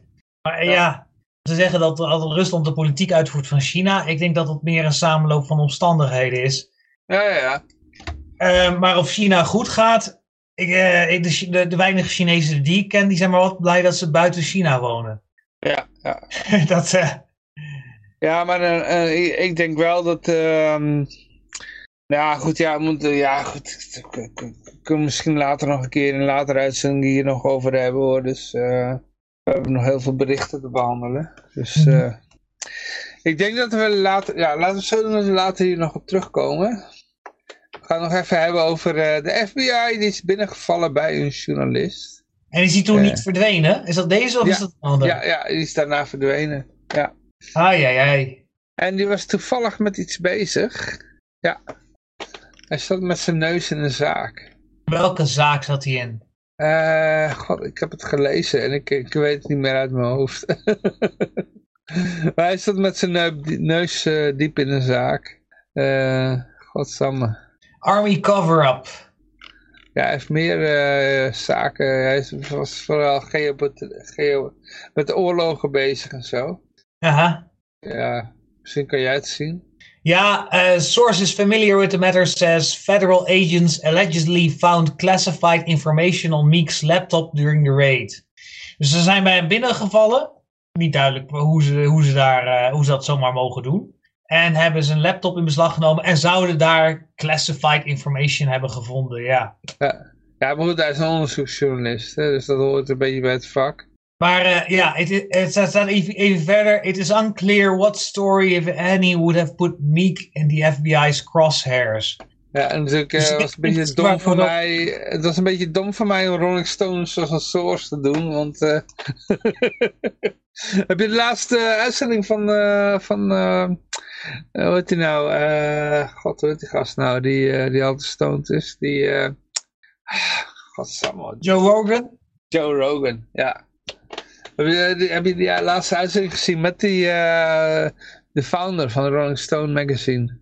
Nee, zijn, zijn uitzendingen duren mij meestal te lang. Dus ik eh, eh, soms eh, kijk wat er aan interessants aan clips voorbij komt. Die Eh, was, dat was echt genieten. Als ze libertariërs zijn, eh, ja, dan was je echt, dat is maar geweldig. die, die gast van Rolling Stone, dat is toch geen libertariër? En Joe, Nee, maar eh, hoe, eh, hoe Joe Rogan hem interviewde en die vragen die, hem, die, hij- die hij hem stelde, dat was echt vanuit een libertarisch perspectief geweldig. Want Mhm. eh, ehm, hij, hij zei op een gegeven moment, zei, zegt hij zo van, eh, ja, but you have to trust the government. En, en ja, vanaf dat moment was eh, Joe Rogan, die speelde libertariër. Nou ja, hij heeft natuurlijk wat ervaring hè, met zijn horse medicine. Ja, ja, ja. Dus ja, yeah, but you can trust the government. En eh, nou ja, elke keer als hij iets zei van eh, wat dat de overheid erbij kwam, begon eh, Joe Rogan meteen met bam. Met ik een paard? feiten waarom je de overheid niet kan vertrouwen. en toen ging de hele, hele podcast door. Ja, dat is misschien dan nog wel grappig om te bekijken. Ja, die moet je echt, die moet je echt terugluisteren. Dat is geweldig. Maar dan zie je ook een beetje het verschil van, van die generatie van, eh, van, de, van al die, van de hippies, weet je wel. Die, eh, ja, die zijn allemaal een beetje communistisch en eh, nou, die, die, die, die, die, die, die starten dan hun ding. Maar die vertrouwen dan vanuit hun idee van ja, de overheid, want wij zitten er met onze communistische ideeën in. En dat, dat gaat allemaal wel goed, weet je wel. Ja, ik bedacht me daar toevallig laatst het over van die, die generatie van, van de hippies. Ja. In die tijd waren ze helemaal niet zo pro-overheid. Nee. En waarom waren ze niet zo pro-overheid? Omdat er toen dienstplicht was. En dienstplicht betekende dat je wel eens naar Vietnam of zo gestuurd Ja, kon worden. precies. En eh, toen, sinds de dienstplicht is afgeschaft, heeft Amerika eigenlijk allerlei oorlogen kunnen voeren. die Mhm. voor de gemiddelde Amerikaan geen donder uitmaakten. Ja. Het ging niet om hun kinderen, het ging niet, ze werden niet zelf opgeroepen. Het, ja, als, je, als je in het leger ging, dan, Ja. dan was het vrijwillig. En dat zijn dan meestal natuurlijk eh, mensen uit eh, een beetje kansarme eh, milieus. die het leger gebruiken een stapje hoger. En die worden dan uitgestuurd naar Irak. En als ze pech hebben, dan verliezen ze naar arm of been of erger. Is echt geweldig. Joe Rogan zegt dan tegen die gast... So you trust the same guys that send us to Iraq? To censor the internet? Ja, de weapons of mass destruction. Ja, eh, ja. Of de, de oorlog daarvoor. They, they, they, they took babies out of incubators. Eh, ja, En het begon later over van, uh, ja, maar, maar tegen... Now we have the government to, uh, to, to uh, regulate our drugs. Zo, en, en dan begint hij met, komt Joe Rogan meteen, ja, die, die is aan de DMT en al die dingen, weet je wel. Die zegt, ja, but uh, like, like uh, a third of the drugs are uh, disapproved afterwards, weet je wel. die komt dan met al die feiten van... Ja, daar zag ik ook nog een prachtig voorbeeld van. Dat is een berichtje wat er niet staat. Maar ze hadden in Rusland hadden ze uh, een vrouw gearresteerd. Die was van het uh, Amerikaanse vrouwenbasketbalteam. En die had wat van die uh, CHB-olie, uh, van die, van die hasholie, had ze in haar koffer zitten. Nou, daar is ze voor gearresteerd. En is ze voor veroordeeld tot negen jaar strafkamp. Nou, dat is natuurlijk okay. extreem. En helemaal vanuit libertarisch perspectief, dat is uh, victimless crime. Er is geen slachtoffer, dus ze zou niet veroordeeld mogen moeten worden. Maar Amerika allemaal... Maar als er één land in de wereld is waar er veel mensen in de gevangen zitten voor een beetje wiet op zak hebben, uh, dat is wel de VS. Ja, ja, ja.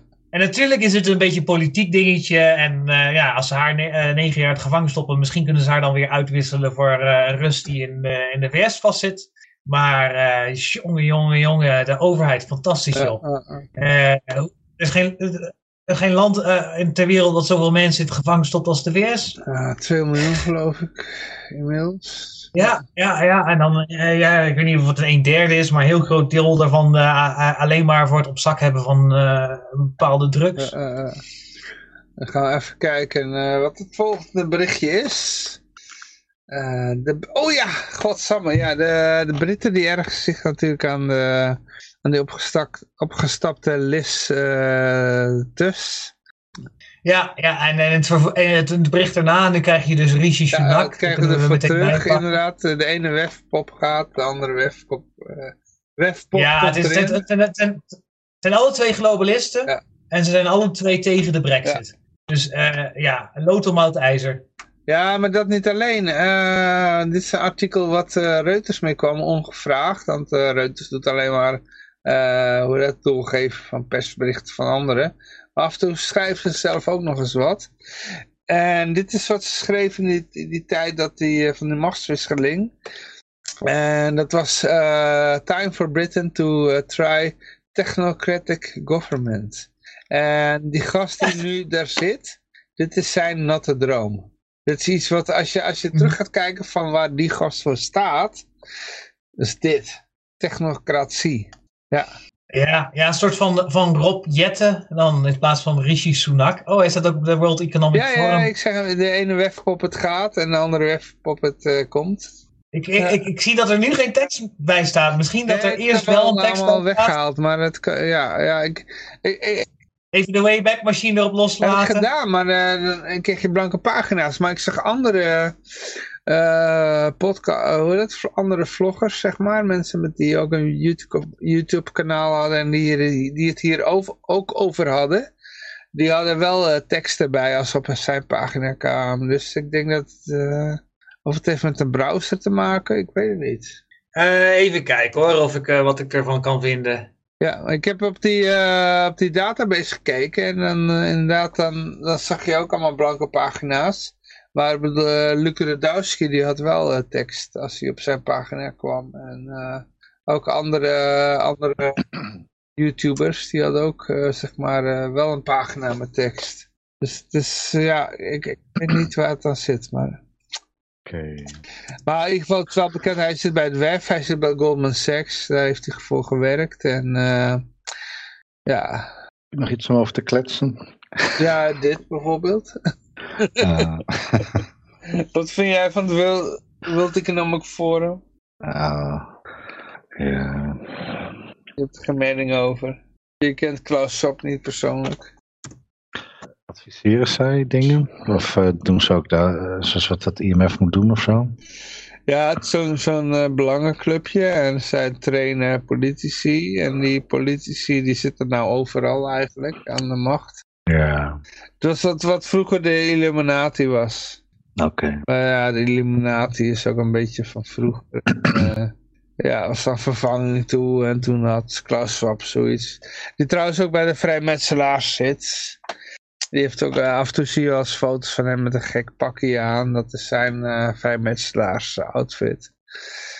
ja. ja, dan zit en hij is geloof ik Grandmaster of Grandmas, Grandmaster, grootmeester.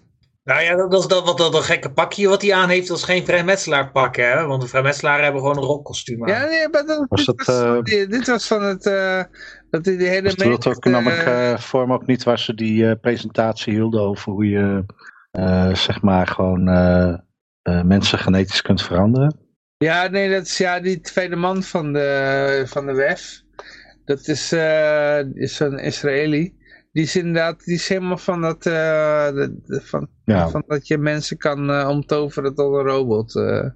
Ja, precies. Ja. dat is, maar dat wordt ook gewoon, gewoon gepresenteerd of zo. Ze doen ook niet geheimzinnig over dat ze daarmee bezig zijn. Daar schep ze over op. Is, ja, maar het is op zich ja, niks nieuws onder zon natuurlijk. Nee. Maar ja, het is, het is zoveel gradaties verwijderd aan waar je iets aan kunt doen. Dus je kunt je wel zorgen over gaan maken. Maar... Ja het, het, er gebeurt niks. En, uh, maar het is wel interessant om mee te krijgen. maar ik denk dat het uiteindelijk eh, niet zo heel veel uh, uitmaakt. Dus je hebt, uh, als, je, als het echt... ja, als de, de, overheid, de overheid die moet uitvoeren. Hè? Dus die, die kunnen al niet eens met succes een ICT-project doen. Dus ja... Ja, nou, ik heb ook, mensen hebben een hele, dis, uh, een hele distantie, ze voelen heel grote afstand tussen, uh, zeg maar, overheden maken, gewoon in andere landen of bij, door de overheden maken mensen dood. En ze denken dan op een of andere hebben een soort magisch denken, dat andere mensen worden gewoon doodgemaakt ten behoeve van iets simpels, zoals een economische move, resources of whatever. Maar dan het idee dat zij gewoon worden afgemaakt als zij in de weg staan zo zien ze dat die vertaalslag maken mensen niet. Dat zij gewoon ook te gebruiken goederen zijn. En uh, ja, in principe is het gewoon allemaal menswerk. Ik, zeg niet dat er een grote conspiratie is. Maar het zijn ook gewoon mensen die, uh, ja, die, die zitten dan bij zo'n forum en die hebben dan uh, meer connecties. En die hebben dan bijvoorbeeld het idee van, nou, er zijn te veel mensen. Nou, en dan, je bent eigenlijk ja, heel slecht bezig als je niet gewoon eh, ik snap wel als individu dat niet doen. Maar je zou in ieder geval de mindset kunnen hebben van uh, er is geen verschil tussen ergens verderop wordt iemand doodgemaakt ten behoeve van een of andere agenda of ikzelf.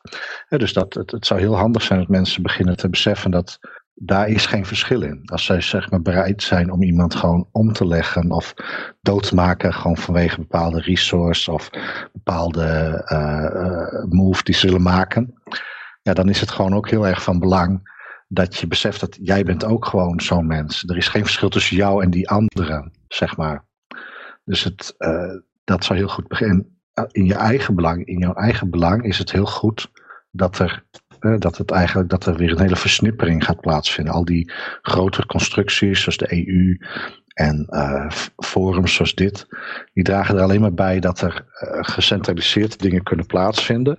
En dat is nooit ten behoeve van het individu omdat het individu handelt namelijk al ten behoeve van het individu.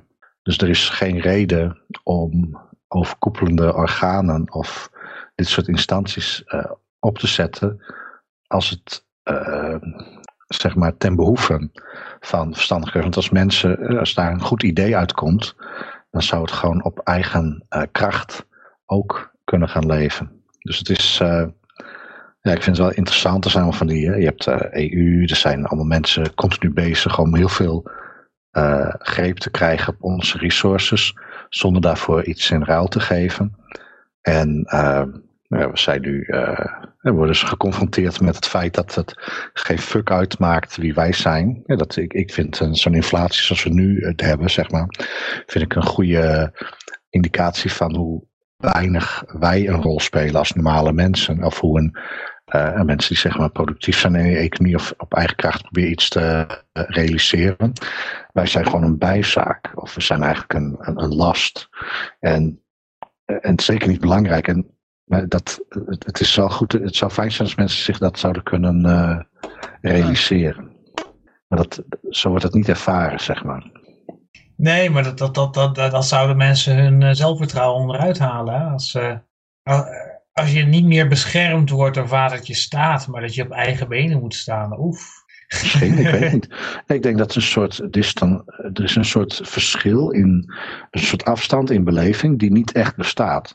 Dus als zeg maar in een ander land waar een conflict is, mensen dood worden gemaakt, dat is dat die mensen verschillen niet van jou. Jij bent niet anders dan die mensen. En jouw rol ten opzichte van machthebbers is niet anders. Dus als het, je, je, kan wel gaan staan klappen. Het is zeg maar de, ja, het is alsof je uh, uh, gaat klappen voor de, voor de, voor de moordenaar of de inbreker. Ik denk, dat, ik denk dat, het, dat, het, dat het gaat om een soort van primitief gevoel. Als je kijkt naar de natuurlijke structuur van de mens, een stam, heb je een stammenhoofd, heb je ouderen, heb je de sterkste vechters in de stam en jij groeit daarin op. En misschien word je op een gegeven moment ook een hele sterke vechter of een hele belangrijke persoon binnen die stam. Maar ja, het stammenhoofd heeft daadwerkelijk jouw, jouw belang uh, voor zich. Hè? Want een stam is nooit groter dan, dan een paar families. Hè? 100 man, 200 man. Uh, de oorspronkelijke stam van jager-verzamelaars heb ik het dan over. En niet over wat er later Ja, ik, zou, ik snap wat je zegt. en ik denk ook dat als, op die schaal werkt het ook. En ik denk dat dat is precies wat ik bedoel met die, dat, dat foute sens van nabij en afstand. dus dat dat ver weg gebeurt. Mhm. Ze beschouwen zeg maar die de macht hebben nog als dichtbij. En dan dat slachtoffer in dat andere land als ver weg. Maar het is allebei ver weg. De, zit, of het is allebei dichtbij. Het is net hoe je het wil bekijken. Maar het is, het is hetzelfde. Jij, bent, jij staat in dezelfde relatie tot die machthebber als die andere persoon die, ja, waarvan wordt besloten dat, die, dat zijn leven eh, of haar leven eh, dat dat mag aflopen op dat moment. Om wat voor reden ook. en uh, in zekere zin werkt het wel. Hè? Er zijn wel structuren in de samenleving waarvoor je kunt beslissen. één iemand representeert ons in deze kwestie. Het is, eh, ik kan me heel goed voorstellen dat er projecten zijn. En zo organiseren vrije organisaties zich ook. Het is niet zo dat als er op een gegeven moment iets met een bedrijf moet. Er zullen vast bedrijven zijn waar het zo gaat. Maar heel vaak gaat het zo dat één iemand of een groepje mensen beslist dat er op bepaalde vlakken binnen een bedrijf gebeurt. En de rest heeft die rol mhm. niet, wordt ook niet voor gevraagd. Je wordt gevraagd om jouw rol in dat bedrijf te uh, vervullen. Als je dat doet, word je daarvoor beloond. En anders, maar je hebt ook de mogelijkheid om zelf je route te bepalen. Je, natuurlijk is dat niet zo eenvoudig, dat is moeilijk, even makkelijk gezegd dan gedaan. Maar in, in, in ideale situatie zou je ook gewoon zelf je eigen route kunnen uitzetten. En dan zien of mensen liever met jou in zee gaan. Maar het werkt heel goed. Dus als jij zeg maar in een kleine maatschappij hebt, iemand beslist iets voor jou. Dus iemand gaat bijvoorbeeld, uh, er moet een bepaald uh, uh, gebouw worden opgezet voor zaken die misschien niet eenvoudig te bekostigen zijn. Dus er zit een beetje goodwill bij. En, mhm. Of ik noem maar even iets. Als dat een kleine schaal is, degene zegt die dat beheert, ook degene is die bij jou in de winkel komt en je kinderen spelen met elkaar, je komt elkaar tegen op straat, dan is er nog een enige stimulans om niet alles gewoon in je eigen zak te steken. En uh, dus de, er, is, er is enige stimulans om ja, te leveren wat van je wat wordt verwacht. En ik denk ook dat in die kleine schaal uh, zou het ook wel uh, werken. In bedrijven werkt het gewoon vanwege de rollenverdeling en resources en bedrijven waar het, uh, die daar slechter in zijn, ja, die, gaan, die worden uitgeconcurreerd door bedrijven die daar beter in zijn om ver verantwoordelijkheden en zo onderling beter te verdelen. Nou, en ook ja, bij meer vrijwillig of zaken die worden opgezet zonder direct uh, bedrijfsstructuur, is het ook mogelijk om dat goed voor elkaar te krijgen. Maar heel, heel snel, en ik, ik, want een stam mensen was ook nooit uh, zo iedereen. Ik denk dat de stam ook werkt dat je elkaar kent. Hè? De, wat, ik denk wat de normale stammers. Ja, en dat je, dat, dat je altijd een prijs betaalt als je. Ja, precies. Dan had je ook al snel dat je niet meer bij de stam hoorde als je er een potje van maakte. En uh, dan was ook. Uh, ik denk ook dat het heel normaal is dat iemand, een, stamhoofd, iemand die dat zeg maar, uh, ja, zeg maar een, een uh, hoe noem je dat, een, uh, iemand die dat, die dat doet, iemand die zeg maar een, een leider, niet een, een, een machthebber. Ja, daar, daar die, hm. dat zijn begrippen waar je anders over kunt denken. Een leider kan iemand zijn die door zijn werk die verantwoordelijkheid neemt, omdat hij dat kan, omdat hij dat aan, En wij hebben, dat hebben wij niet meer. Wij hebben niet een soort stam waarin degene die ergens het beste in is dan uh, ons mag voorstaan en het goede voorbeeld mag geven. Wij hebben, uh, wij hebben lamzakken die nog nooit iets hebben geproduceerd. Ik denk dat ik denk dat we dat met die afstand en die kleine schaal, dat gaan we nooit meer terugkrijgen. Maar ik, ik, in theorie heb ik wel eens gedacht, het zou heel fijn zijn als, als je in de politiek in wilt. En je hebt die immers die ene film, dat je Starship Troopers of zo, en dat een boek had wel zo'nzelfde concept. Dat je alleen maar stemrecht hebt als je je land hebt gediend. Maar ik heb wel zitten denken, dat zou je ook kunnen omdraaien. Dat je alleen maar de politiek in mag als je, als je productief bent geweest. Dus dat je minstens tien jaar productief Ja. moet zijn geweest voordat jij Ja. een Dat volksvertegenwoordigingsfunctie... Je, je kan ook denken aan census kiesrecht, waar je alleen, eh, alleen belastingbetalers mogen stemmen. ook, ja, dat, Netto dat, belastingbetalers. dat, dat hoeft elkaar niet eens eh, Maar, uit te sluiten. Ja, Ja, dat kan prima naast Eh. elkaar. Hè. In, in een zekere zin. maar ik zie niet, ik- kijk, mijn, mijn, mijn idee is van, ik zie niet in waarom dat niet per se op kleinere schaal zou kunnen. Er bestaan nog Oh, steeds landen die, die bijzonder klein zijn, hè, zoals Ik- ik- bedoel dat puur in de- In de zin van de agenda. Er is, er is geen Of dat één. am- ambtenaren niet mogen stemmen. Die, dat kleinschalige, wat in theorie denk ik het beste zou werken. Niemand is daarmee bezig om dat te realiseren. Er zijn eigenlijk alleen maar eh, publiek geld. Eh, als, als het al ergens wordt gebruikt, wordt het gebruikt om grotere, overkoepelendere organisaties op te zetten.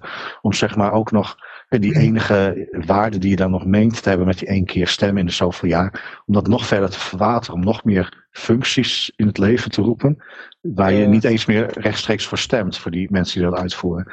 En Eh, dat, in die zin bedoelde ik die, die stap naar die kleinere schaal, wat in theorie beter zou zijn. Dat, er is geen één kracht, tenminste niet in het politieke landschap, is daarmee bezig. ja. Dus in die zin denk ik niet Nee, dat maar het... in, eh, in het politieke landschap kan je dat niet verwachten. Hè? Nee, nee, daar, precies. daar, daar, daar, daar, daar- die hebben allemaal, Ja. eh, ongeacht partij, hebben allemaal belang bij eh, de schaal ja, ja, die is. schaalvergroting. Maar dus in, dat, in, dat, Ja. in die concept bedoelde ik dat we daarvan wegbewegen. Maar ik denk zeker dat een kleine schaal, dat zou het beste werken. dat komt ook met... En je hebt dus een tegenbeweging in Nederland. Hè? Er is ook, ook mensen eh, die, die ja, een beetje tegen de groep aanhangen, of, hè, tegen mijn groep aanhangen. Die zijn bezig in Nederland eh, met projecten, eh, met ja, eh, intentional communities, agorisme, woongemeenschappen, woongroepen. Dat is misschien wat bekender. Eh. Ehm, en eh, ik denk dat dat ook, eh, als je het over hebt van ja, het heeft niet zo heel veel zin om de hele tijd op internet te zitten en alles maar te lezen en mening van te, te vormen. Het heeft meer zin om te kijken van ja, waar is de dichtstbijzijnde woongroep bij mij in de buurt waar ik mij zou kunnen aansluiten. Ehm, dat heeft denk ik meer zin, want dan kan je op je persoonlijke leven kan je veel meer invloed Mhm. hebben. En eh, ja, we hadden het nu over eh Rishi Sunak. Ja, iets gepost, hè? Maar, Wat- wacht even, vo- eh, voordat we hierover eh, verder gaan. eh, ik heb natuurlijk het Rad van Fortuin en... eh, Nou, dan eh, Ik ga ik er eh, tussenuit, Johan. Ik ga ja, slapen. ja, je, mag het je mag nog even... Ja, goed, ja, oké. Wat? Ik, ik, wou, ik, wou, ik wou je even helpen afsluiten, Johan. Ik had nog één dingetje gevonden over Rishi Sunak. Oké. Ik had Oké, niet de dan doe ik bestrijding. daarna wel even de, de 40 egels weggeven. Nee, doe, je, doe gewoon je, doe Ja, gewoon je, je, je, je ja, rad. de, de, de- ja, ja, ja, goed. Ik, ja. moet, eh, ik moet morgen weer vroeg eruit, dus ik ga. Ik ook, ga ik slapen. eigenlijk ook. Ik ook, eigenlijk ook. Dus, eh, Oké. ja. Hey, bedankt voor jullie tijd. Wel Tristan. Oké. Hey, ciao, ciao. Hoi, leuk dat je er was. Hoi, hoi. doei, dag Dan, Klaas. ga- dan ga ik even naar de 40 eh, egels toe. En dan gaan we het daarna over eh, die uh, Surak hebben. Eh, oh ja, dan moest ik even eh, wachten voor. Dat ik even, shit, dat heb ik even nog niet gedaan. Ik had de rad tevoorschijn toveren, dat doe ik nu even. Eh, zo houden. Oké, show wheel. Oké, daar komt ie. Ja, oké. Eh, als je nog eh, even erbij wil zijn, typ even wat in de chat. Dan eh, kan je nog even erbij komen. En dan kan je 40 egels winnen. En eh, ja, doe het even snel, want eh, heel snel op eh, spin drukken. En dan ben je te laat. Ja. Als die op eh, Prism komt of op eh Vrijheid Radio, dan gaat de prijs door naar volgende week. Dus eh, ja. Dus uitroepteken Ron Paul in de chat of eh, typ gewoon wat in de chat, dat kan ook. Dus 3, 2, 1. Nu ben je te laat. Zo gaat dat. En hij gaat naar, eh, oh, is dat, eh, ja, Ja, Garfield Scorpio. die krijgt weer 40 uh, e-guldens. Zou het zijn als die dingen echt de lucht in vliegen, hè? Dan worden hier mensen ja, gewoon rijk het, gemaakt. Het is, uh, bij de vorige boeren is hij aardig hoog geweest, e-gulden. Dus uh, ja. ja. Nee, ik, ik, was, ik was eigenlijk al klaar over Rishi Sunak, uh, Goldman Sachs banker, bla bla bla. Ik kon niks vinden over de tekst die bij het World Economic Forum daarbij zijn okay. naam stond. Um, maar wat ik wel vond, was dan wel weer grappig, ja, is dat zijn schoonvader is een miljardair is een miljardair met een techbedrijf in India. Ja. Dat nauwe banden onderhoudt met Rusland. En zo nauw zelfs dat Poetin op bezoek is geweest in India. uh, al een tijdje terug. uh, en de handjes heeft geschud met zijn schoonpa. Dus uh, ja, of het zijn politiek zal beïnvloeden, geen idee. Mhm. maar ja, het is wel grappig om, om in gedachten te houden. Ja, ja. Ja, ik denk dat het, ja, je hebt van die mensen die, die zeggen van ja, Trump en Trump is onze held en uh, ja, ja, Poetin is ook onze held en uh, nee, dat zijn fucking politi politici en dat zijn nooit onze helden. nee, uiteindelijk gaan ze over lijken. Ja. Maar het is natuurlijk wel fijn als, als een politicus ja, in ieder geval tijdelijk aan jouw kant staat. En ongeacht... ja, maar dan nog staan ze niet aan jouw kant. Dus je moet ze altijd wantrouwen, ja. Ja, je moet ze altijd wantrouwen. Maar ja. ik, bedoel, ja, ik bedoel te zeggen van, uh, je, je, kan, je kan, ja, je kan beter bijvoorbeeld geen Jood zijn op het moment dat Hitler aan de nee, macht nee, is. Nee. Maar het ene punt gaat om al die geweren die tegen jou staan. Ongeacht wie er aan de andere kant van die geweren staan.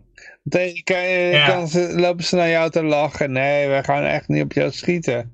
Maar de wind kan net iets anders waaien en dan lopen ze wel op jou te schieten, weet je wel. Dat is Ja, punt, precies, weet je wel. Ja, Ja, je, maar je ziet het natuurlijk ook in Nederland. Hè? Al die groepen eh, die de, het afgelopen jaar te voortduren kregen. ja. Van, eh, van mensen die gevaccineerd waren. Mensen in Groningen wiens huis verzakt is. Mensen die kinderen zijn afgenomen bij de toeslagenaffaire. De boeren die onder druk staan. En iedere keer is het een andere groep. Ja. En, eh, en, en de volgende keer kan jij aan de beurt zijn omdat je in een bepaalde Er kan een valt. moment komen dat die, eh, hoe heet die nou, die, eh, oh, dan ben ik weer van het CDA die weggegaan is. Die, Omtzigt? ja. Omzicht die wordt nou als een held gezien. Ja, ja want die, die nam het op voor de, de mensen aan de toeslagenaffaire. Maar ja, dan wordt hij misschien minister-president en dan staat hij achter al die geweren. Ja, eh, eh, eh, eh, ik vertrouw geen enkele politici, maar in het geval omzicht, ik vertrouw hem ook eh, niet. Omdat ik heb gezien hoe hij in debatten met, met Thierry Baudet zo echt zo van die vliegen probeert af te vangen. In plaats van gewoon eh, af en toe toe te geven van, hé hey, eh, Thierry, hier heb je een punt. Maar eh, ja, als je, als je telkens weer dat spelletje gaat, gaat spelen, dat je iemand op, op kleine woordjes probeert te vangen, eh, dan speel je het, het spel van de grote machthebbers. dan speel je ik- de in Ik heb al eens een lange, heel lang betoog van hem gehoord. Maar hij gelooft gewoon in de staat, hè? Ja, ja. En eh, ja, het is helemaal het verhaaltje van Hobbes en eh, ja, de staat. En ja, het is gewoon, die, die man is geen, geen libertariër. Nee, nee, nee. Absoluut niet. Nee, nee, maar, nee en, maar goed, als je dan ook nog ziet van ja, dat karaktertrekje van, eh, van vliegen afvangen. eh, eh, ja, dan heb ik zoiets van, ja, die man is ook weer niet volwassen bezig. Nee. Eh, dus ja, heb je niks aan uiteindelijk. Hij zei iets. Nou ja, kijk, je hebt er iets aan. Bijvoorbeeld, als je een ouder bent in de Ja. toeslagenaffaire, dan heb je even dus dat omzicht aan jouw kant staat. Dan heb je er even Nee, wat je hebt aan. er nog steeds niks aan, want die mensen zijn nog steeds niet geholpen. Nou je ja, maar erkenning bedoel, van, eh, van een politicus, wat heb je eraan? Je bent op dit moment nog steeds niet geholpen als iemand van de toeslagenaffaire. Je bent nog steeds een Dat slachtoffer. is, dat ja. is waar, Ja. dat is waar. Maar ik denk dat het misschien nog minder, eh, eh, nog erger zou zijn Je als... hebt een schouderklopje van Pieter Omzicht. Ja. Nou ja, daar moet je het mee doen. Wat, wat, wat de fuck Maar, heb je daaraan? Nou ja, precies. Dat, daar kom ik weer terug op het punt van agressie. Je moet als ouder gewoon voor er zelf, eh, in ieder geval voor je kinderen Ja, staan. ja. Hè? Voor, wat je voor de rest doet. Je hoeft niet per se eh, de barricade op eh, tegen corona of weet ik voor wat voor ons in, in Nederland zijn. Maar als het om je kinderen gaat, dat is wel, dat is, dat is wel de uiterste grens waarop je in actie Ja, moet het komen. enige wat je hebt is dat uh, Omzicht die helpt op dat moment even met je mee. Niet eens Mhm. echt, denk ik. Maar ja. Ja, maar die gast is absoluut geen, eh, absoluut geen libertariër. Iemand die had een analyse gedaan, die, die, die ik ken, die had een analyse gedaan, die had zich er helemaal in verdiept. En die zegt, die man is gewoon, eh, hij hoort eigenlijk bij de PvdA thuis. Politiek gezien, van waar hij daadwerkelijk voor staat, eh, hoort hij eigenlijk bij de PvdA thuis. Nou ja, ja, kijk, Ja. misschien is zo iemand, eh, zo- zo'n oude inderdaad van het linkse stempel, PvdA van Drees, die in sprookjes gelooft dat als iedereen inderdaad integer is en Ja, niet hypocriet, iemand, zo, dan kan je goed staat hebben zoiets. die... Ja.